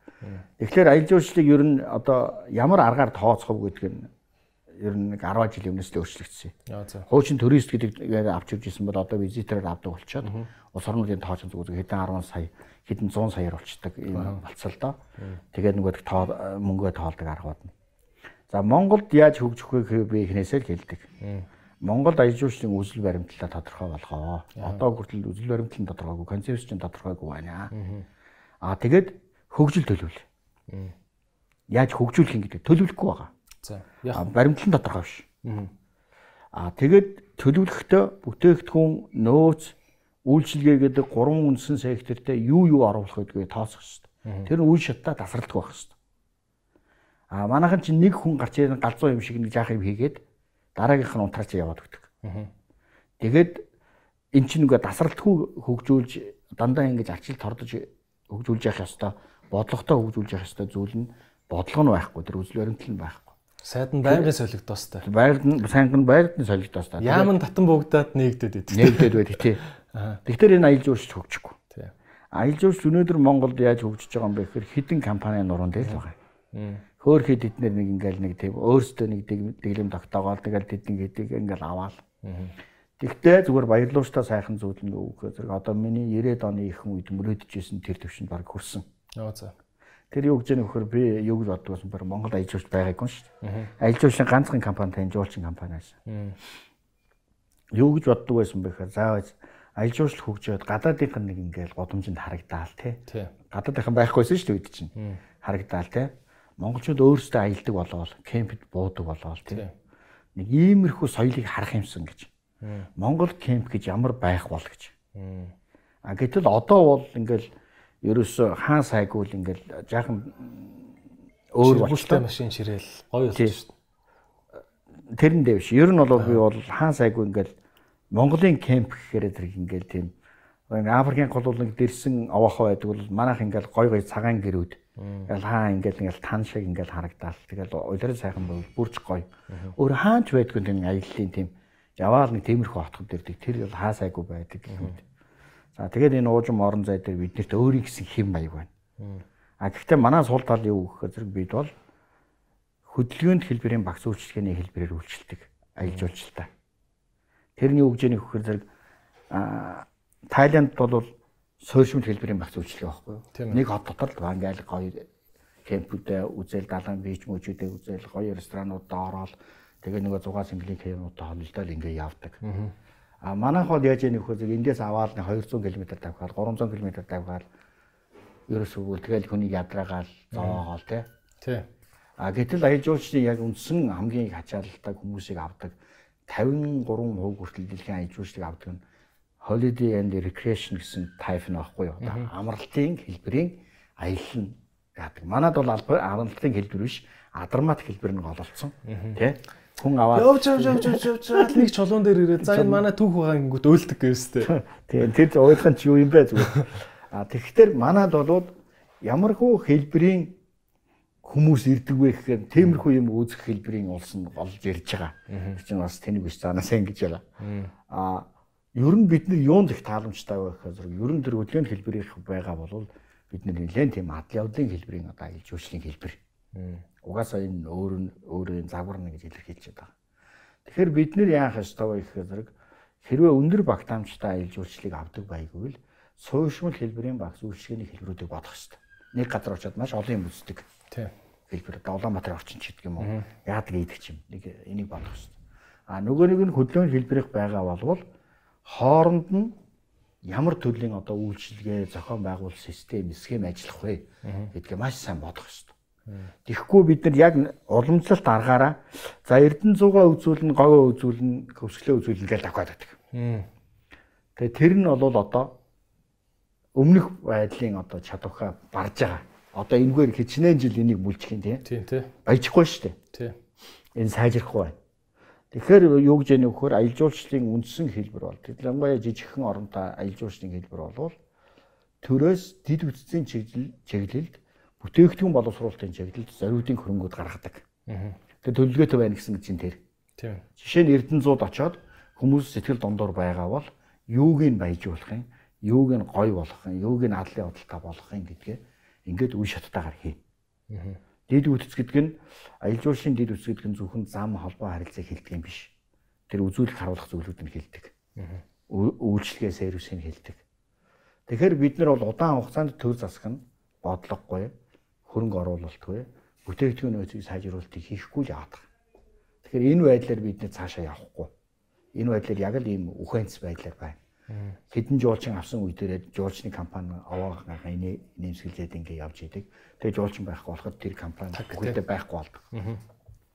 Тэгэхээр ийм орон гарын чиглэлтэй докторгүй тэгсэн хэрнээ Монгол улсын одоо хөгжлийн тэргүүлэх салбарын нэг гэд ярьцсан. Ийм одоо хоосон тунхагтай. Тэгээ байж байгаа нөөцүүдээ сайн одоо эргэлтэнд оруулах. Жишээ нь одоо хөрөнгө гаргаад юу юу хийх вэ? За одоо за та ингээ яамны сайд байлаа гэж бодъё. Аялал жуулчлалын яамны сайд. Одоо тийм нэртэй яам байгаа юу Монголд? байх. Юу боллоо? Нэг яамын татан буулгалаа заглаа буцаалаа гэдэг. За танд одоо За ингээ би бол маа ингээ За, би- 14 24 мөгч. Юу их үү та? за уул уулын одоо би би сайд болох юм бол би зүгээр баталгаа шаардна. Эхлээд. За. За би гараад үнэхээр хөгжүүлэх хэмжээний болцоо байгаа эсхийг мэдчихээ сайд болно. Тэгэхгүй зүгээр хоёроо оронд нэг суудл бүглэх хэмжээний юу хийж болдгоо юмн дээр очиж чаад ингээд сайд хийх юм. Одоо за мөнгө нь байлаа гэж бодъё. Манай За улс мөнгө нь байлаа гэж бодоход юуны өмнө хамгийн их потенциалны олон жуулчин очиж байгаа хэсгүүдийг судалгаа шинжилгээ оруулад юу дутагдж байгаа зүйлүүдийг эхлэх ёстой. Мэдээж одоо зэ шууд мэдгэж байгаар говийн ариун одоо төвийн бүс одоо орхны хөндөй тийм ээ. За, тий. Энэ гурав дээрх энэ ирж байгаа ачааллыг Баян үлгий энэ дөрв байгаа шүү дээ. за баян үлгэж байж болно тий.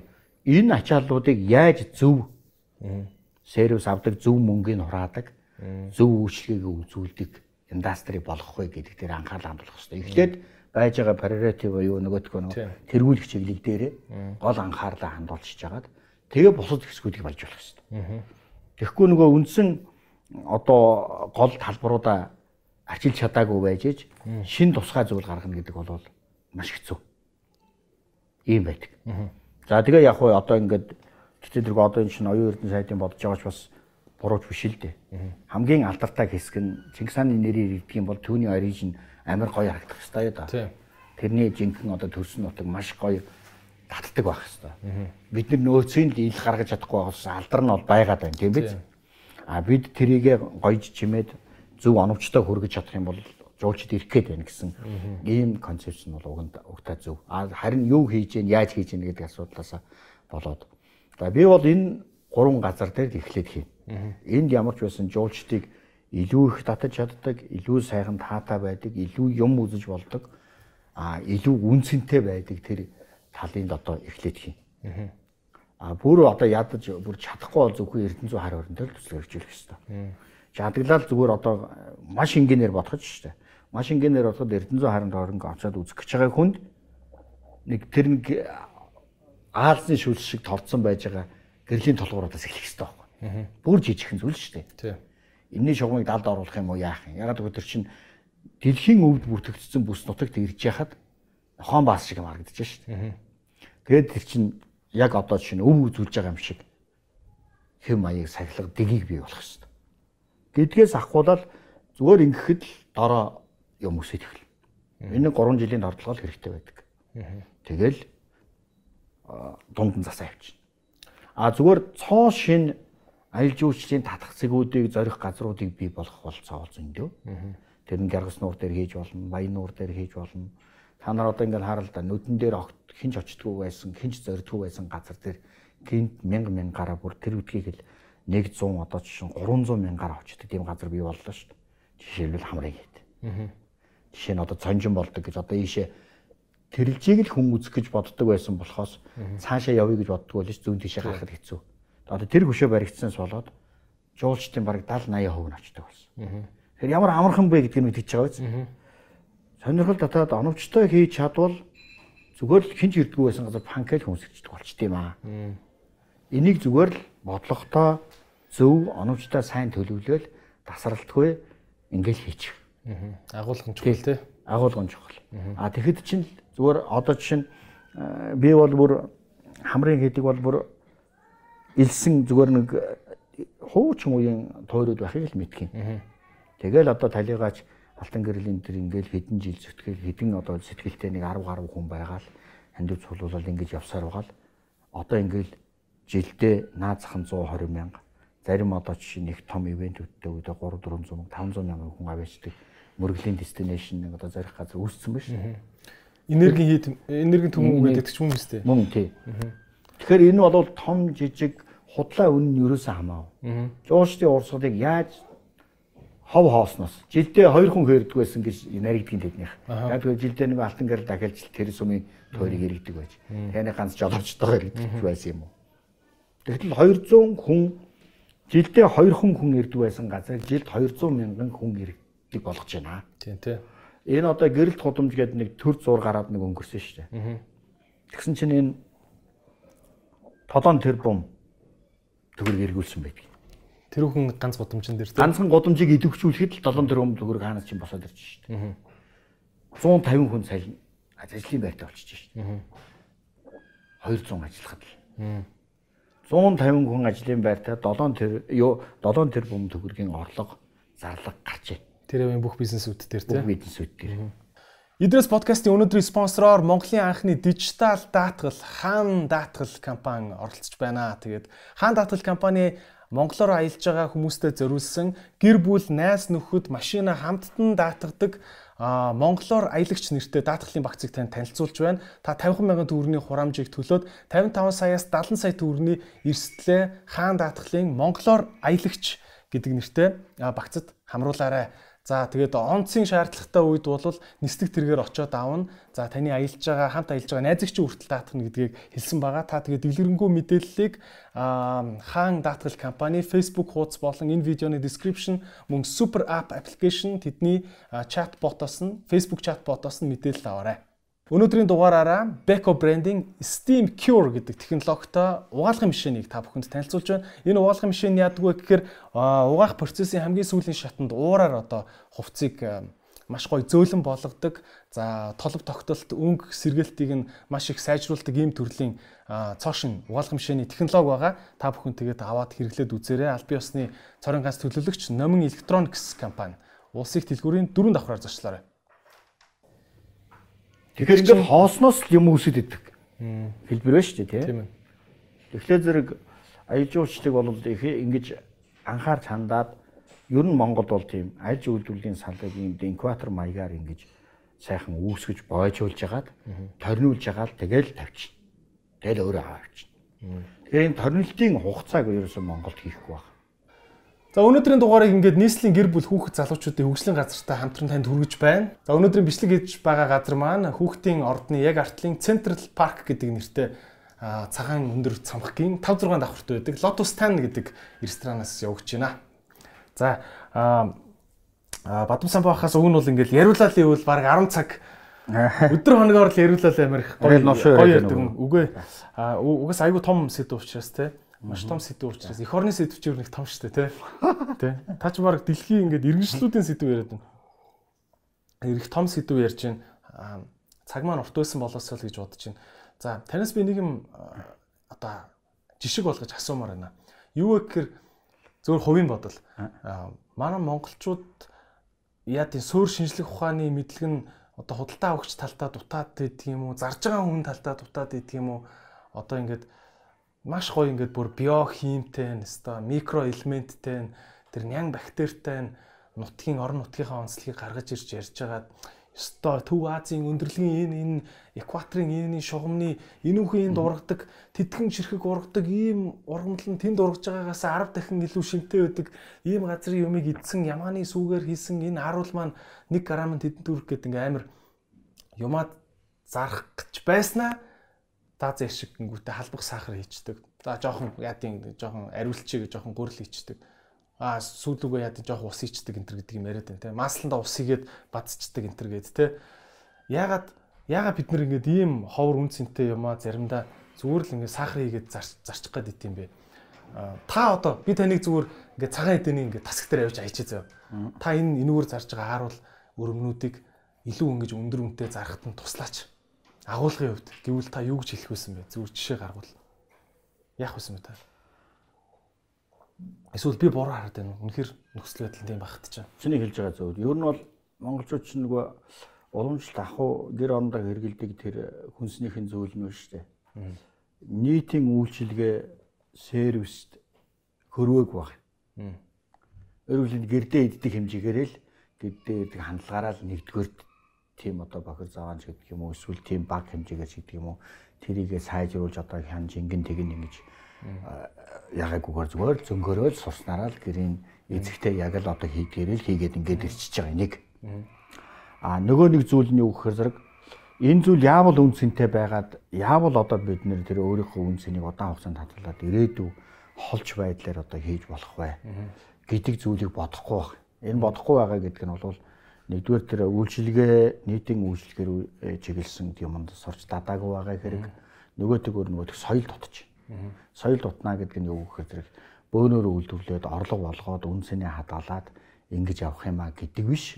Өнөөдөр нэг хэдэн төгрөг олоод авчий гэж ойрхон харж байна. Тэгэхээр энд ямар хэм хэрэгтэй вэ гэхээр зэрэг одоо л манай цагаан идэ айрыг ингээд нэг одоо нэг э, дэлгүүрт байдаг болох гээд лангуун дээр байдаг болох гээд байгаа юм. Хуучин бол нөгөө техник гэрийн эзэгтэн аргаар л хийдэг тэрийгэ боловсруулаагийн хэмжээнд л нэг яваад байна гэсэн үг.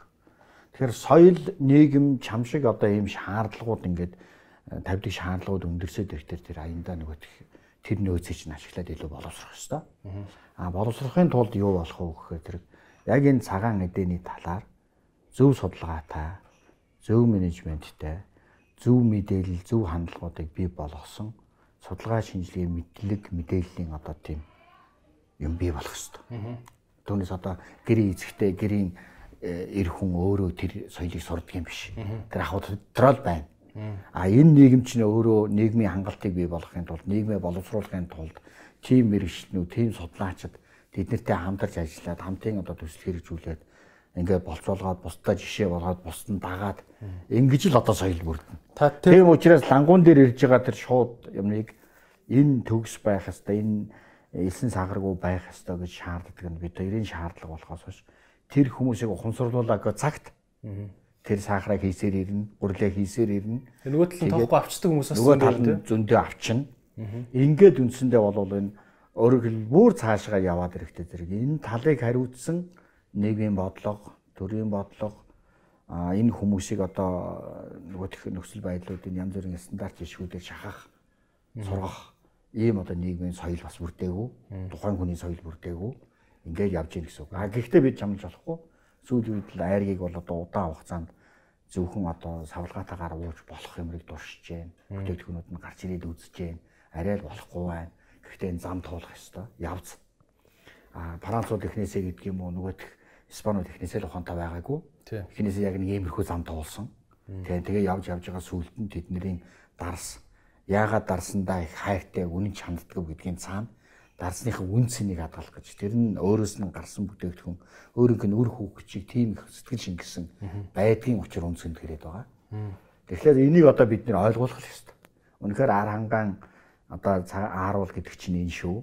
За булганы айрыг гэдэг чинь энэ шүү.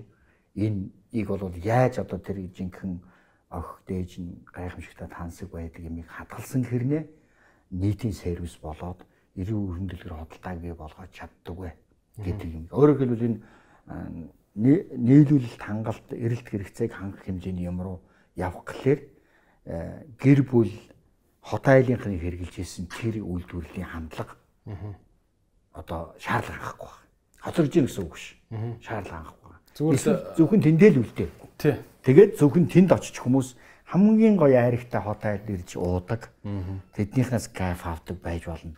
Бас ийм төрөл байдаг зөвхөн одоо зарим дарсыг зөвхөн тэдний эдлэл хийдэг. Тэгээд тэрийг хүмүүс зориудаар очдог, тусгай захиалгаар авдаг гэх мэт.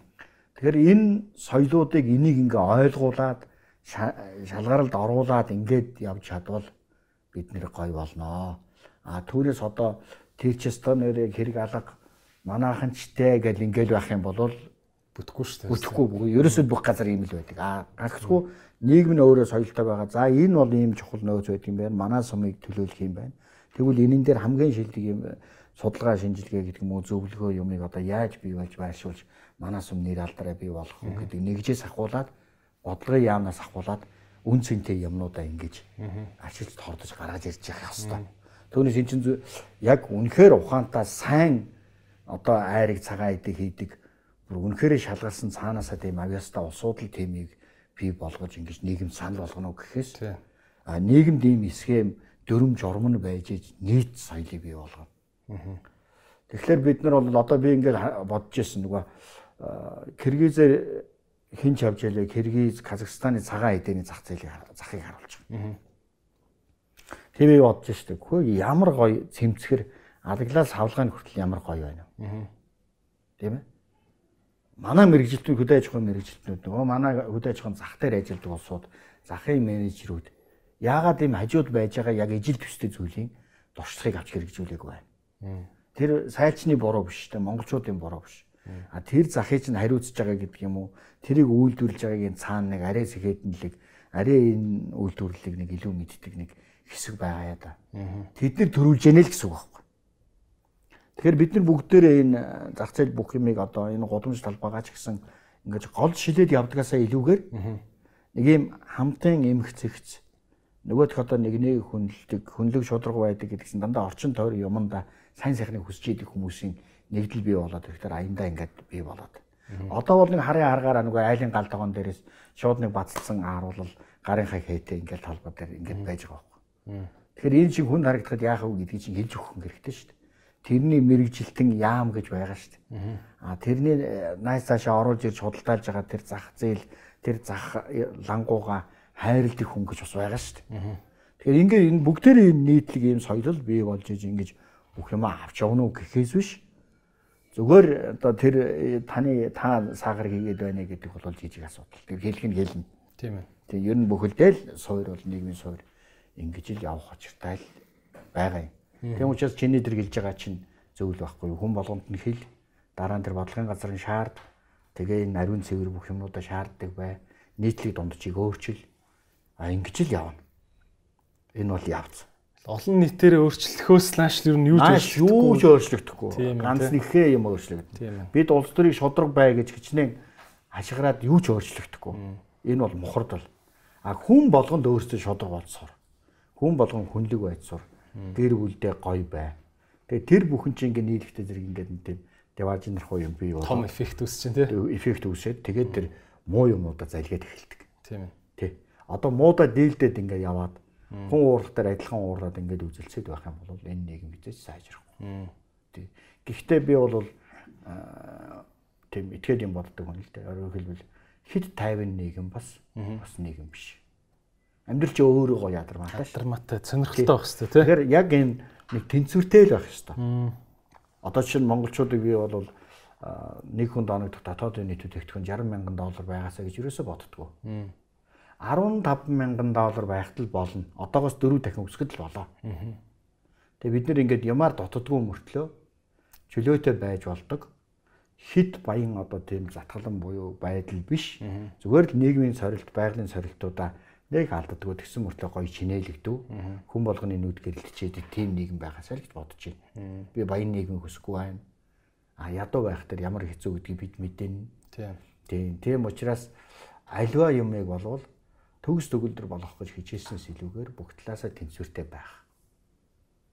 Одоо хүмүүс чинь их төгс төгөлдрийг их хүсээд ингэж явдаг усуд байна шүү дээ. Тэгээ тэр бол хизээж яавч тийм одоо тэр одоо тийм гоё. Бас цаашаа тэмцэх бас нэг тийм орон зай бас хэрэгтэй шүү Үгүй дээ. тий үлдэж явах Юу юуг пад гээд 100 мянган доллар жилийн айл болго авдаг болчихлоос хэцүү өстэй тий. Тэмүүлэх болчих бах тий. Үгүй тэгвэл амьдрал байхгүй бол. Тий. Тэгээ нөгөө сайхан цаг одоо сулбар хүүхдүүдийг гаргадаг сулбар хүүхдүүд хэцүү цаг үеийг авчирдаг. Тэгээ хэцүү цаг үе чанга хүүхдүүдийг авчирдаг. хүүхдүүдийг. Тэгээ чанга хүүхдүүд ингээд ингээд улс орон чинь ингээд зовоо. Тэр үнэхээр зовоод үнэн. Одоо жишээ нь бас жоохон дунджаа барьж явахгүй бол хит тансгалчул. тий одоо дундаж барих гэдэг гэж хэлэмгүй байгаа юм би. Альва юмны тэмцвэрийг тэнцвэрийг л барь. Нэг тийшээ савлах биш. Одоо хятадууд ямар асуудалтай бий болсон. Саяхан одоо өнгөрсөн жил энэ жилч байна уу одоо зорилттой тодорхойллоо шүү дээ. Хятадын өсвөр насны залуучууд хүүхдүүд маш эр зөргийн хүмүүжлгүй маш солбгор маш хачин бүхэл бүтэн үеуд бий болчлоо. Тийм учраас хятадын нийт одоо дунд сургуулийн сургалтын болоод зэрэгжилтийн эр зөргийн сургуулийн бүхэл асуудалд эр хүнийг эр хүн болгодог сургалтаар одоо жаахан шахаж өгөхгүй бол болохоо байлаа гэд улсан зарлаад тэгээд хэд тэр хэдэн 100 тэрбум залуучуудад одоо буцааж эр хүнийг авчрах гэж эр шүд чанаруудыг авчрах гэж шүү дээ. Тэгэхээр хэд их соёлоос болоод хэд их нялхарлаас болоод хэд эрх байдлаас болоод хэд хангалуун байдлаас болоод ямар ч чадваргүй октоудаас ялгаагүй залуучуудтай болчихж байна гэсэн. Сэргийлэм зүйл гэж үзэж шүү дээ. Тэгэхээр альва юмны тэнцвэр Тэгэхгүй л болвол одоо нэг тийшээ савлахлаар л биш болчихж байна л гэж. Болохгүй байгаа даа гэж тий. Бадам сампу ахтын манай нэвтрүүлгийн спонсор Beko брэндээс бэлэг өгч байгаа шүү. Энэ одоо борооны үлрэл эхэлж байгаа. Энэ GPS энтертэй мундаг юм гэсэн. Оо за. Тийм манайх ч бас нэг жоох спонсортой нөмөн За баярлалаа. Beko брэнд. Beko брэнд. Аа. За би танаас нэг зочны асуулт, нэг өөрийн асуулт сууя. Тэгээд зочны жоох үзэгчтэй асуулт. Аа за ер нь бол аялалд яаж гарах уу? Аюулгүй байдлын талаар асуулт юм байна. Гэхдээ би нэмээд бас жоох ингээд давсалчмаар байна. Юу гэхээр Twitter дээр нэг нөхөр нэлээд хатуу биччихэ. Монголчууд энэ хөдөө орон нутагтаа аялна гэдгийг буруу ойлгоод байна. 1000 км давхих юм. Тэгээ очингуудаа тэр э, зам замдаа юм юм үзэж харсан ч юм байхгүй унтаж явна. Тэ? Хялаатлаа явна. Очингуудаа шууд оцсон оройн аригдчих юм. Тэгээ шүн нэг харанхууд ингээд болсон болоогүй мах шарж идэх юм. Хорхог морхог идэх юм. Тэ нөгөөх нь ядж хат нойр булчих хандан ч амар муу тэ. Хорхог арх хоёр зэрэг гусна. Тэгээд маргааш нь нэг юм шарталтын байдалтай хөдөө орон нутагт очичоод гоё эрүүл цагаан идэ идсэн ч юм байхгүй шараа тайлж ийн гэж бэлээ хоол идээд. Тэгээ ингээд бороо мороо ороод зудраад тэ нөгөө ихнэрэн сүулдэ ирж байхдаа ингээд нөхөртөөгөөч дуурхаа болцсон юмнууд ирэх юм. Тэгээд юм аялал нэг юм э, эсэргээрээ бүр аяллаас ирэнгүүтээ гэртээ нээхгүй амарч мамардаг энэ төр тэ. Уг нь амрах хэвээр өстэй. Тэгээд та хоёр нь хөдөө орон нутагт яаж ингэж гоё ер нь тэгж тав тухтай аялах боломж байгаа мó эсвэл зүгээр тэр тансаг газраалт хийдэм байгаас Монгол өөр шүү гэж хэлэх үү та мөн аялын аюулгүй байдал гэдэг нэг юм яригддаг те. Манай Монгол ер нь энэ аялалтай холбоотой осол осол бол маш их байна те. Ялангуяа зам дээр бол ерөөс байн болж байгаа юм шиг тоо гард юм билээ шүү дээ те. Тийм та бас аялын аюулгүй байдлын талаар бас хүний нэг ярьдгүй юм яриач. Янз янз юм байгаа. Гэхдээ аялал бол амжилттай болох нэг хоёр үндсэн юм байна. Нэг нь болохоор хинбэ гэдэг асуудал. за. Өөрөөр хэлбэл яг сонирхол нийлсэн бүх юм нийлсэн байж байгаа тийм хүмүүс ижил сонирхолтой аялах хэрэгтэй. за Тэгэхгүй бол нөгөө сонирхол нөгөө хөл зөрдөг байхгүй. Нэг нь хармаар байдаг, нэг нь унтмаар, нэг нь зугаалмаар ч гэдэг юм, нэг нь гэрэл зураг аммаар. Тэгэхээр нэг нэг нэг ингэж сэнэгддэг ижил зоригтой хүмүүс тийм баг аялдаг. А гэр бүлэрээ аяллаа гэхэд тэрэнд бас дундажиг алах нь шүү дээ. Аа. Нөгөө нэг зүйл нь юу гэхээр аюул бол ерөөсөө төлөвлөлт бэлтгэл хоёр. За. Төлөвлөлтөөр маш сайн хийх хэрэгтэй. Тэр нь юу гэж нөхөр хаашаа аялахаас эхлээд явна шүү дээ. Ямар газар вүлээ, юу тохиолдож болох вэ? Хэр хоол вүлээ, яаж ядрах вэ? Хоол унд дутагдвал яах вэ? Кемпүүд ямар байна? буух баазууд одоо хотгууд ямар байна энэ гэдгийг бүгдийг төлөвлөөд тэгээд ажлуудаа амралтуудаа яаж явалтуудаа туулах зайнуудаа яаж тоглохоо гэдээ бүгдийг төлөвлөдөг. Ер нь бол нэг тийм байгалийн бартаа бартаагүй замтаа замгүйгээс хамаарат ер нь бол 200-аас 300 км л өдөрт аялдгийг ер нь. Аа за. Тэг хүмүүс болохоор 500 аялаад 600 аялдаг шүү дээ. Гişгчийг зүтгэчийг л тийм. Тэг чи юунд хөөгдөд байгаа юм. Аа гэтэл одоо тэр гişгтэй зүтгэсэн гэсэн баг байж болно шүү дээ. Ер нь бол ингээл амралт аваад яг сайхан ядрахгүй өдний хоолуудаа идээл ингээл явхад л 250 300 бол яг хангалттай. Нар буухаас цаг 30 минутын өмнө буугаал. Аа Өглөө яарч гарахгүйгээр нар сайхан хөөвч ингээл байж хат сайхан хоолоо идээл. Тэгээ дандаа тухтай. Тэгээ өдрийн хоолуудыг өөр өөрөөр төлөвлөдөг. Тийм учраас нөгөө бэлтгэл энэ төр төлөвлөлт гэдэг байгаа чинь тэр хөөх хөөгч авч явах зүйлс хүмүүс гэдэг бүх юм байгаа юм шүү дээ.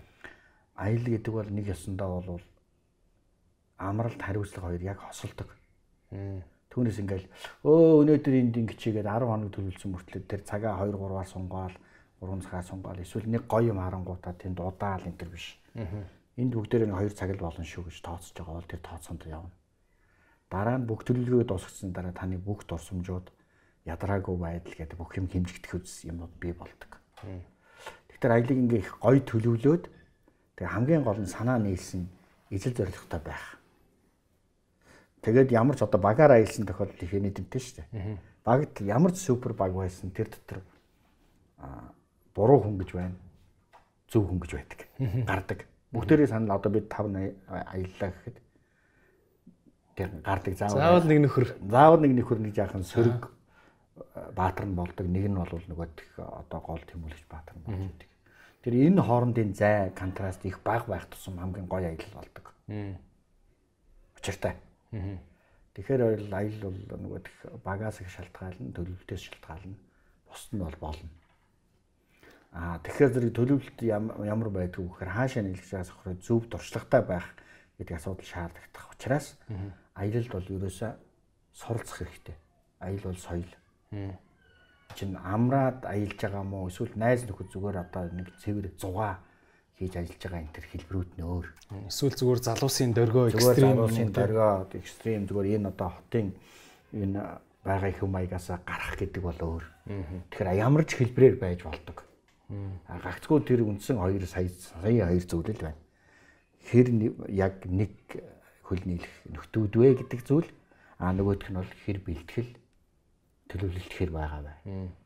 Тэгэхээр тэр бэлтгэл төлөвлөлт ингээд байж байгаа тохиолдолд та нар очих гэж байгаа газрууд чинь урдаас мэдэгдчихэд тийм ээ. Ямар учиртай газар ямар нөхцлүүдтэй энэ төр гэдэг. Тэгээ нэг сэтгэл зүйч нь өөрөө тэрэндээ тасан зогсож байдаг. Урдчилсан гэлбэрээр бэлтгэлтэй, очоод бэлтгэлтэй. За тэгээд үзэж харахтаа ч гэсэн. Ийм байдаг нэг зүйл. Аа тэгээд энэ бол зүгээр ер нь ерөнхий одоо нийтлэг аяллаа тухай ч шүү дээ. А мэдээж мэрэгжлийн спешиал одоо зөвхөн зөвхөн зураг авалтаар аялж байгаа маялж байгаа ч гэдэг юм уу. Экспедит экспедиц аялалч гэдэг юм уу ийм бол арай өөр. Тэр ямар ч тохиолдолд бол явах хүмүүс. Тэр үлээрээ баг болж байгаа бол яг тэрэнд зориулсан төлөвлөл бэлтгэл хэрэгтэй. Гэтэ би нэг зүйлийг хэлмээр байна. Ямар ч тохиолдолд халуун эрс хүүтэн хоёроос хамгаалах бэлтгэлтэй байдаг. Намайг одоо ингээд аялахад манай багийнхан гайхдаг байхгүй. Бадмаага та одоо өвлийн көвөртгнүүдэд хийцэн явж юм халуун говь руу явж явах Тэгэхээр шинэ нэг аял ялдаг яг профессионал энэ сонирхдаг аялагчдын хувьд бол ерөнхий төлөвлөгөө чухал болохоос бас дунд нь дөндөө өөрчлөлтүүд байж болно. Тийм. Нэг сайжруулалтууд хийж болно. Тэгэхээр зэрэг нэг ийм юм тийм учраас манай монголчуудын тэр ууланд очиж архитаад юм уу эсвэл одоо ингээд тавсаар байгаад ядарсан юмтад шүн эрт буухгүй ингээл одоо ядарч үдрээд хүүхэд жоохот уйлаад ингээ явж байгаа чи ерөөсөө л төлөвлөж чадахгүй сураагүй Аа тэгээд тэр аялын бэлтгэл тэр баг юмнуудаа бодоогүй нэмтэл холбоотой байгаа нэг тэр. Хоёрдугаарт ингээд зөвхөн нэг хоёр хүний хүсэлт хөдлөгдөд явцдаг. Тэгээ бусд нь одоо цутардаг. Нь гоё кафе аваад улам онгот нь ороод идэг тий. Онгот нь ороод байдаг. Тэгээд тэгсэн чинь бусд нь болохоор зэрэг биш болчиход байдаг. Тийм учраас гэр бүлээр төлөвлөж байгаа бол тэр бол чиний аял биш гэр бүлийн аял байхгүй. Тэгэхээр гэр бүлийн хэм маягаар төлөвлөх гэдэг чинь юу юм? А ер нь бол зүгээр аяллаа хэмнэл яаж явах хэвээр гэх хэрэг. Хэрвээ жаахан байгальтайгаа харьцаж ажиллах гэвэл майхан тонхогоо олон байгаад дунд нь заавал кемп авна. Чинь усанд орох хэвээр амрах хэвээр нэг тухтай болох хэвээр үйлчлэгээ сайрус авах хэвээр. Ер нь Монголд бол нэг нэгэ дэмжиж аялах хэвлэлбэр маш чухал. Аа. Одоо ихэнх хүмүүс ингэж байдаг байхгүй. Аа кемп дээр боохгүй одоо нэг отог дээр боохгүй. Тийм. Мөнгө хэмрэх гэдэг юм нэг тийм. Аа тэгээд одоо ингэ явчихна гэхлээр зэрэг өөрсөндөө их ачаал цотролт ядралтууд үүсгээд байдаг. Хит хол сонгоод байдаг. Тийм. А гэтэл би одоо сүүлийн сүүлийн үед гэж ер нь одоо аялал жуулч хийж явах сахбуулаад аялалтаар отог дээр бууж гэдэг зөвлөдөг юм. Тэр юу юм бэ гэхээр энэ монголчууд хамтарч амьдрахтай холбоотой. Яагаад юм гэхээр тэнд нэг хүн аялал жуулчлалын кемп ажиллуулад мөнгөтэй шүү мөнгөгүй ч вэ хариуцлага бизнес хийж байна. Дэмжиж нэг ч гэсэн Монгол очиод дэмжиж.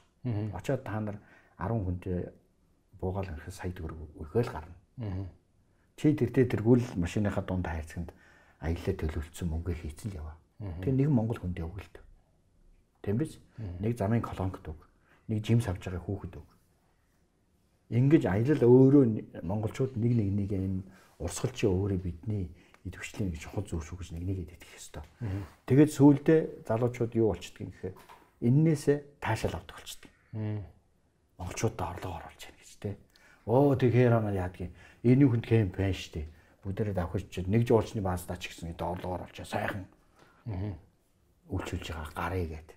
Ядаж хоолд ч тухалж байгаа гарна шүү дээ. гарна. Дээр нь болохоор кемп дээр жуулчны одоо хотог дээр очиод нөгөө арх дарс шүн чин дуулаад муулаад хондог тэр архит мэрэлтийн хэм маягуудаа монголчууд хайж эхэлж байгаа. Энд их баярлж байгаа. Яг тэгэхээр эхнээсээ дуулдаг энэ дандаа шүн зодтолтдог энэ баашин барилга ивчих гад байдаг. Тэгээ гадаад жуулчин байж хад хүн амраадгүй гэдэг одоо монголчууд байгаа гадуурхаж үзэх тэднэр нь гадуурхагдсан байх интерес монголчууд хамтдаа хагцж байгаа. Одоо ингэж жуулчны бол юм уу сайхан чимээг ончоол гоё хоолндоо нэгдчихэл талархлаа илэрхийлчихэл сүүлдээ одоо жуулчны баазууд юу болж эхэлсэн гэхээр гадаад жуулчнаас илүү монголчууд авч юм. Байна. Монголчууд амар гоё соёлтой болчихж дуртай тэгээд бүрж гадаадынхаас илүү орлого оруулдаг болчихж шөнө нэг вискигээ тавиад нэг манай лангуунаас нэг юм аваа уучдаг болчихж энэ төр гээд тэгээд сүүлийн үед ингээ амьдрал ингэж өөрчлөгддөг. Хог хаягч яг адилхан. Хуучин цагт ч монголчууд их хог хайдаг байсан. Хог хэргэлдэггүй байсан учраас тэр л дээ. Ер нь бол одоо бол хэргэлдэг болгон хог болчихлоо хэцүү болсон. Тэгээ хогоо авдаг болж байна хог хайдаггүй болж байна бусд нь шаарддаг болж байна гэдэг амьдрал нэг дор гинт гоё болчихгүй. А бид зүгээр энийг хэвшүүлээл бусдаа үлгэрлээл ингээл яваад ирэхэд зүтгэлээ тий. Тийм зүтгэлээ тий. А Монголд нэг хоёр гоё юм байгаа гэж би боддгийг. Би мэдээг юм байна л дэрэг.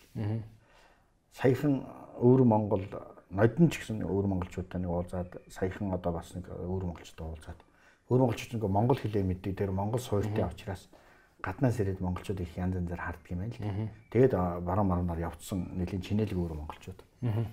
Тэгээд эднэрээс Монголд одоо ямар давуу тал байна? Мэдээж хэрэг одоо та нарт Монгол хүнд бол Монгол орон мэн энтергээ сонир юм байгаа. Тэгэхээр хүндлэгээс хэлчих биднэрт авахаар гоё зүйл байна гэдгсэн чинь. Монголд нэг их гоё чанар байна гэж. Тэр юу вэ нөхөр монголчууд ерөөсө хараал хэлдэг юм байна гэж. Юу юм? Тийм үү? Юу ярьж байгаа юм би тэр чинь. Амар шүү дээ. гэж тэгж би тэгж бодож штэ. Тэгээ тийм үү гэдгсэн чинь нэрээ тийм байна. Би за бүр амьдарч байгаа Монгол оюутан хүртэл өөр Монгол оюутан хүртэл ямар хятад намд хэлж өгөх юм биш тийм ээ. Монголчууд хараал хэлдэг онцлог гэж хэлээд. Зөө зөө. Тэгэхээр нөгөө хятадын хараалыг эцэстэн тултал мэддэг өөр Монгол өөр Монголынхаа хараалыг мэддэг тийм ээ.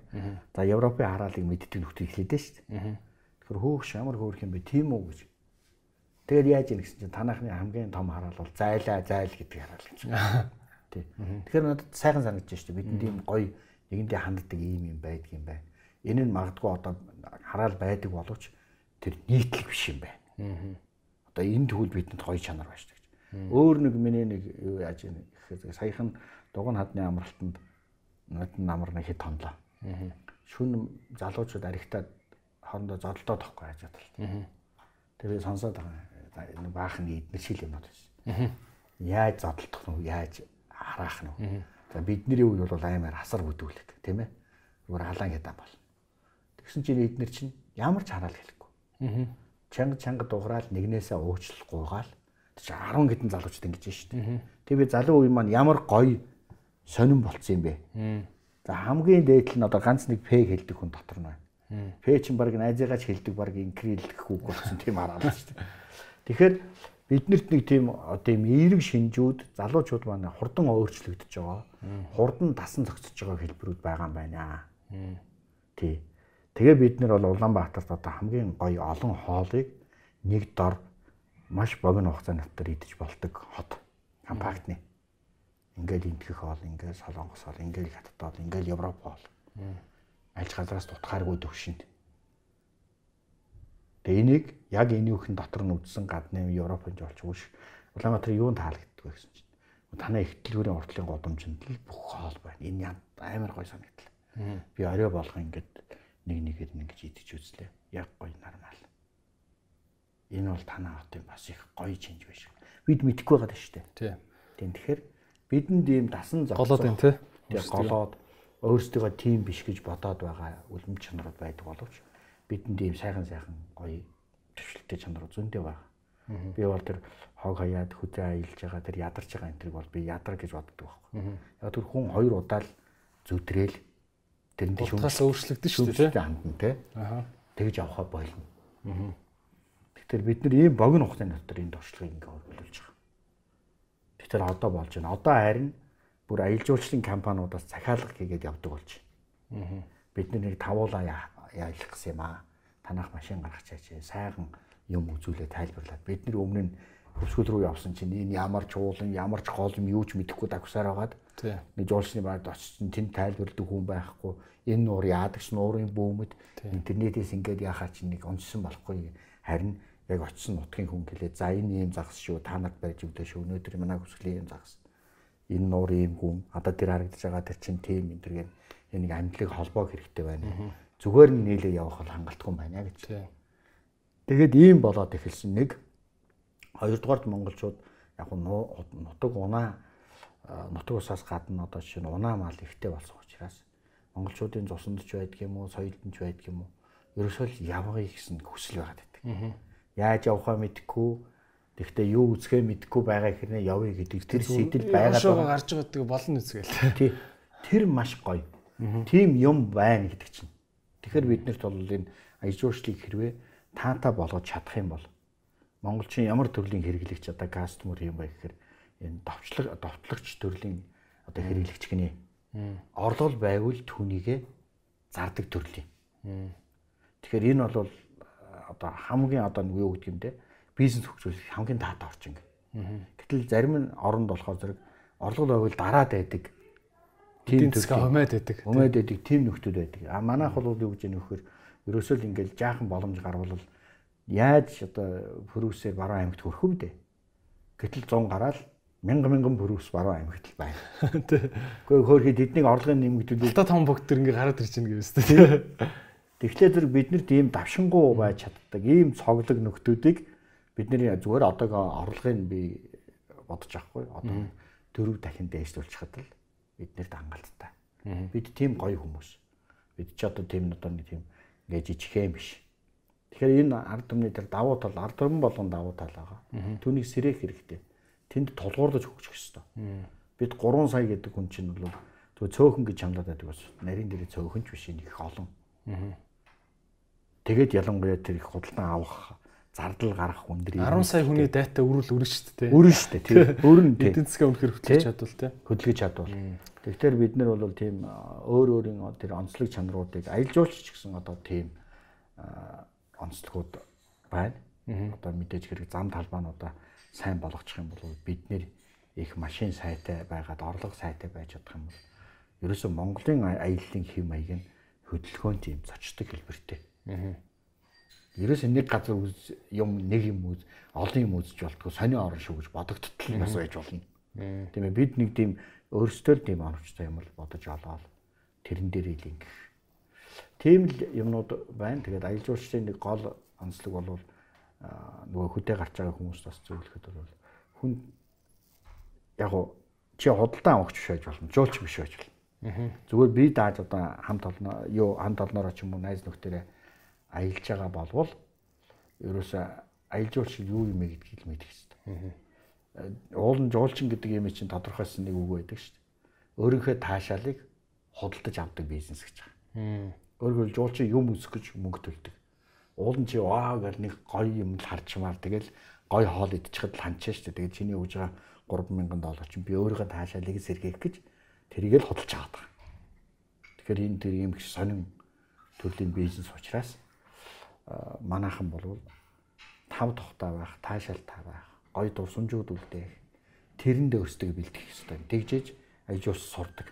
Түүнээс л нэг баахан хөглөрсөн юмнууд л нэг л тийм л нэг л газар очих гол үзэг. Ханаа там цам л тий, тий. Хуралдаал гэдэг тий. Ингээд байж ерөөсөө болохгүй. Тийм учраас өөрсөндөө яаж тав тухтай байх вэ? Хүүхдээ яаж, эхнэртэй яаж тав тухтай байх вэ гэдгийг доо өөрийнхөө хэрээр гоё бодсон байх хэвээр.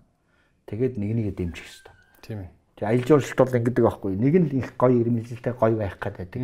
Бус нь нормагаар тэрийгэ дэмжиж өгөхгүй, нээлэхгүй ингээл байвал аялал жуулчлалт нөгөө хэмнэл унаал байхгүй болчдөг. Ийм л төрлийн. Тэгэхээр өөрсдөө л гоё өөдрөг таашаалтай байдлаар хамтдаа зохион байгуулдаг тийм хэлбэрийн юм шүү аялал болвол. Аа тэгвэл аялал бол хэтэрхий задгаа сонж руу хариуцлагагүй байх тусам муухай болдог. Гэл.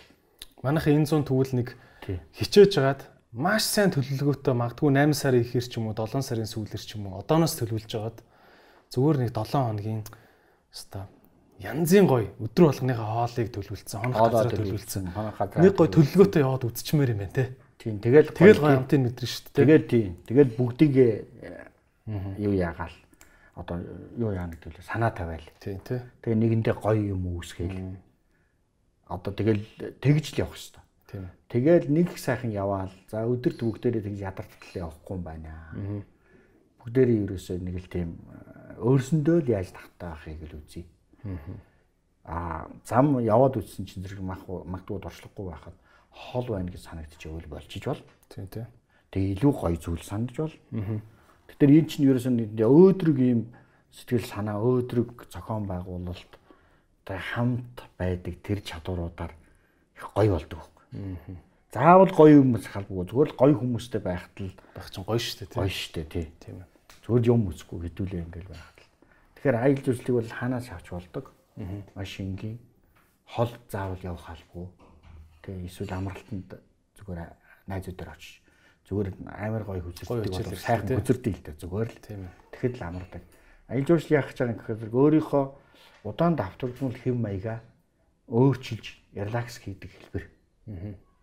Амардаг хэлбэр.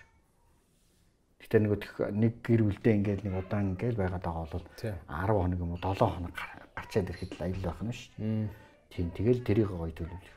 Аялал жуулчлал өөр нэг хэлбэр бол юу гэхээр зэрэг ийм суурьшмал хэлбэр юм байж болдог. Заавал явах ш. Өгдөр энэ зун ёстой гоё амарнаа. Амарна гэдэг чинь аялал шүү дээ.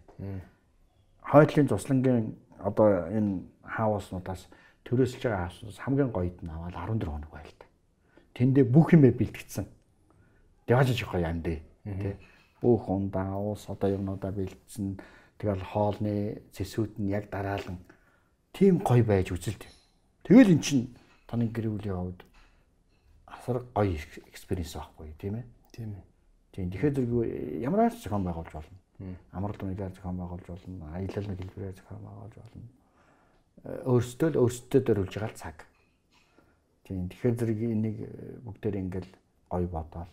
Тэгээ ингээд дандаа аялал жуулчлал ингээд аялаад аялал жуулчлал хүмүүсийг их нөгөө ердийн орчноос нь их гаргадаг. Төлөвлөхөөс авахгүй л энэ чинь бөөн баяр баясгалан байдаг. Хүмүүсийг юмд оруулчихж штэ.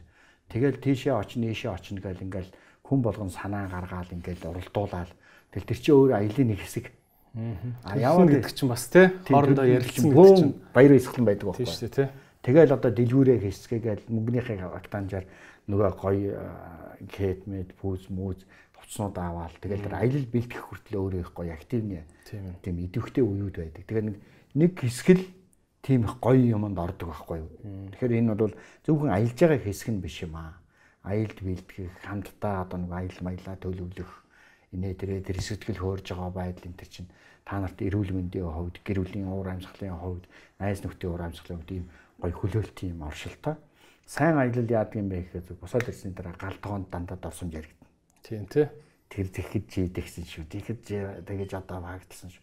Тэр гоё хэсэг шүү гэдэг. Тэгээд сайн аялал бас яадаг юм бэ гэхээр хожим компьютерудаа нээхэд гэр бүлийн цомгоо нээхэд тэр нь дурсамж хэвээр байдаг. Ийм гоё. Мөнхийн баялаг шүү дээ тий. Тийм мөнхийн баялаг. Тэгээ өөрсдийнхээ оюун санааг баяр баясгалаар тижээ хэрэгсэл гэж бас үздэг аялал жуулч тийм. Учраас энэ аялал жуулч бол амьдралын одоо жишээ нь өнгө төрхийг илэрхийлдэг. Өөрөөр хэлбэл аз жаргалтай байгаа хүмүүс өөрсдөө жаргал бэлгэлдэг чадвартай байна гэж байгаа. Энэ нь юу юм бэ гэхээр чи аялдаг байна. Дэлхийн ертөнцийг үзнэ. А Далай ламын хэлснээр бол жилдээ нэг газар үз. Ядаж гэж байгаа шүү дээ. Тийм тий. Тэгэхээр ингээд энэ бол чиний өөртөө бэлгэлэх цаг юм. Баяр баясгалан үйлдвэрлэж чадаж өөртөө өгч байгаагийн нэг жишээ бол гэр бүл аялдаг байх явдал гэж хэлдэг. Тэр наашаа наамаагүй тий гэр бүл нэг нэгэндээ баяр баясгалан өгдөг орон олон хэлбэрүүдийн нэг бол аялал. Энийг гэр бүлийн хэв маяг болгоно. А ингээд гоё юм суралцдаг. Ийм хэлбэрүүд л те. Тэгэхээр зэрэг энэ аялалд заавал аялал одоо гоё байхын тулд ямар байдгийг юм бэхээр аялал заавал гоё хоолтой байх хэрэгтэй. Хизээ нэгэн цагтан шүү дээ. 7 хоногийн турш гоё биш байж болно. Нэг газар нэг гоё хайсан байх юм. Дурсагдах хэмжээний хоол те. Дурсагдах хэмжээний хоол байх хэрэгтэй. Тэгэхээр тэрийг аав ээжүүд боддог Нооцхон яриад. За хоёулаа хүүхдүүдтэй яг тэгэхэд ямар хаал гэж юу. Яг яамаар байна гэдэг. Тэ? Гэхдээ нэг 7 хоног явцсны дараа Солонгос хоол бүр ингээд бүр яг жинхэнэ бүр ингээд идмээр орж идмээр байхгүй гарч ирнэ. Тэнгүүд хоёулаа нэг орой яг өста хамгийн гоё амттай Солонгос хоол гэж үгэж гэдэг юм уу. Тийм Тэгээ ингээ нөгөө гэр бүлийнхаа нөгөө юуг мэдж байгаа шүү дээ. Хэдий нэг 7 хоноод нэг ингээ юм аяг ингэдэг. Нэг 14 хоногт нэг ресторан гэдэг юм уу 7 хоногт ингэдэг штэ гэдэг хэмнэлээ мэддэг учраас тэрэндээ зориулсан юмудаа хийдэг. Ингээд а тэгээд дургу хүүхдүүд нь зарим нь аяллаас залхахдаг ч гэдэг юм уу аялал дургу байгаа бол тэрийг яаж тэрэндээ татан орцуулдаг байх юм энэ төр гэдэг аргуудтай ийм л юм. А тийм учраас Европын суурьшмал иргэн шилтэй орнууд ялангуяа германууд одоо хамгийн их хаягламтгай байдгийн учир юу гэхээр зэрэг ер нь гэр бүл бол нэг юм тогтмол одоо хэв маягтай байгаа зүйлийг хамгийн их өөрчилж гэрэл салхи оруулдаг зүйл бол аялал гэж үздэг учраас гэр бүлийн жилийн төсөвт заавал аялал байдаг. Заавал одоо тийм сюрприз юунууд. Таны ер нь хувийн төсвийн хэдэн үн аялалд явах вэ? За яг одоо ид ТV аялал хийж яхад бол тэрэндээ 70 80%. Хөөс хамгийн аялал хамгийн аялал цацах шүү дээ. Тэг нэг тоног төхөөрөмж, хувцс, хомор, бензин, тос тэгэл нэг багийн цалин малин гэл бүх юмд явна. Яг одоо нэг ид аялж явах үе чинь 98 онд би аяллаа эхэлсэн гэж бодоход тэр үед Монгол улсад одоо хажуугийн сумандж телевизийн үндэсний телевиз хажуугийн сумандж Төв аймгийн сумандч хурц сурвалжлага хийж чаддгүй бензинээр дутагддаг үе байлаа шүү дээ. Тэгэхэд би чинь дэлхийд тойрон Монголыг тойрно гэж төлөвлөсөн итгэхэд. Амбицлэг нөхөр тий. Тий амбицлэг нөхөр 25 мянган төгрөгийн цалинтай. Тэгээ хааганаасаа яаж аялах гэж юм бэ? Тэгээ тэр бүхэн зөвхөн хүсэл байж чадвал дийлж болдгийм байна, давн туулж болдгийм байна гэдгийг би өөрийнхөө амьдралаар үзсэн хүний нэг л дээ. Тэгээ олон жил аялцсны дараагаар зарим нь юу гэж хэлдэг байсан гэхээр зарим хүмүүс намайг шүүмжлэхтэй энэ улсын хөрөнгөөр нэг л нөхөр яваад байдаг. Монгол улс мөнгөгүй гэдэг. Үндэсний телевизийн нэг нөхөр өчигдөр Японд явжсэн маргааш нь Израиль явж. Энд чи ямар даварцсан нөхөр одоо энэ төр гэж одоо ер нь цаана энэ нэг ер нь улсын хөрөнгө идээд байна гэж бодоод байна шүү. Тиймэрхүү маягаар тэр бүхэн ингээд эрмэлзэл байвал хүн юуч даван дуулдгийг ямар ядуу үед эхлэхтэй нэг жишээ нь хальсны хэмжээний цалинтай шүү. Нэг хальсны хэмжээ. Тэгвэл би яаж 20 хальсыг бий болгож чадаад бүхэл бүтэн техник тоног төхөөрөжтэйгээ яаж Японы гэдэг нь зүүн өмнөд Азийн аяллыг хийгээд чаддаг байсан бэ? Гэдг нь өөрөө одоо ингээ бодохоор өөртөө урам өгмөр. Та яадаг үсэн тэр спонсор энэ төр босгохдаг үсэн юм уу те? Тэ одоо яг уу хөцөлтөл төсөв гаргуулах улсын байгууллагууд ивент итгэгчид түншүүд тэгэл янз янзаар тийм ээ. тэгэл бүр одоо ингээд орон нутгийн юмар явж шít одоо ингээд за өрөө хүртэл автобусаар явчих. Цаашаа орон нутгийн гал тэргээр явчих.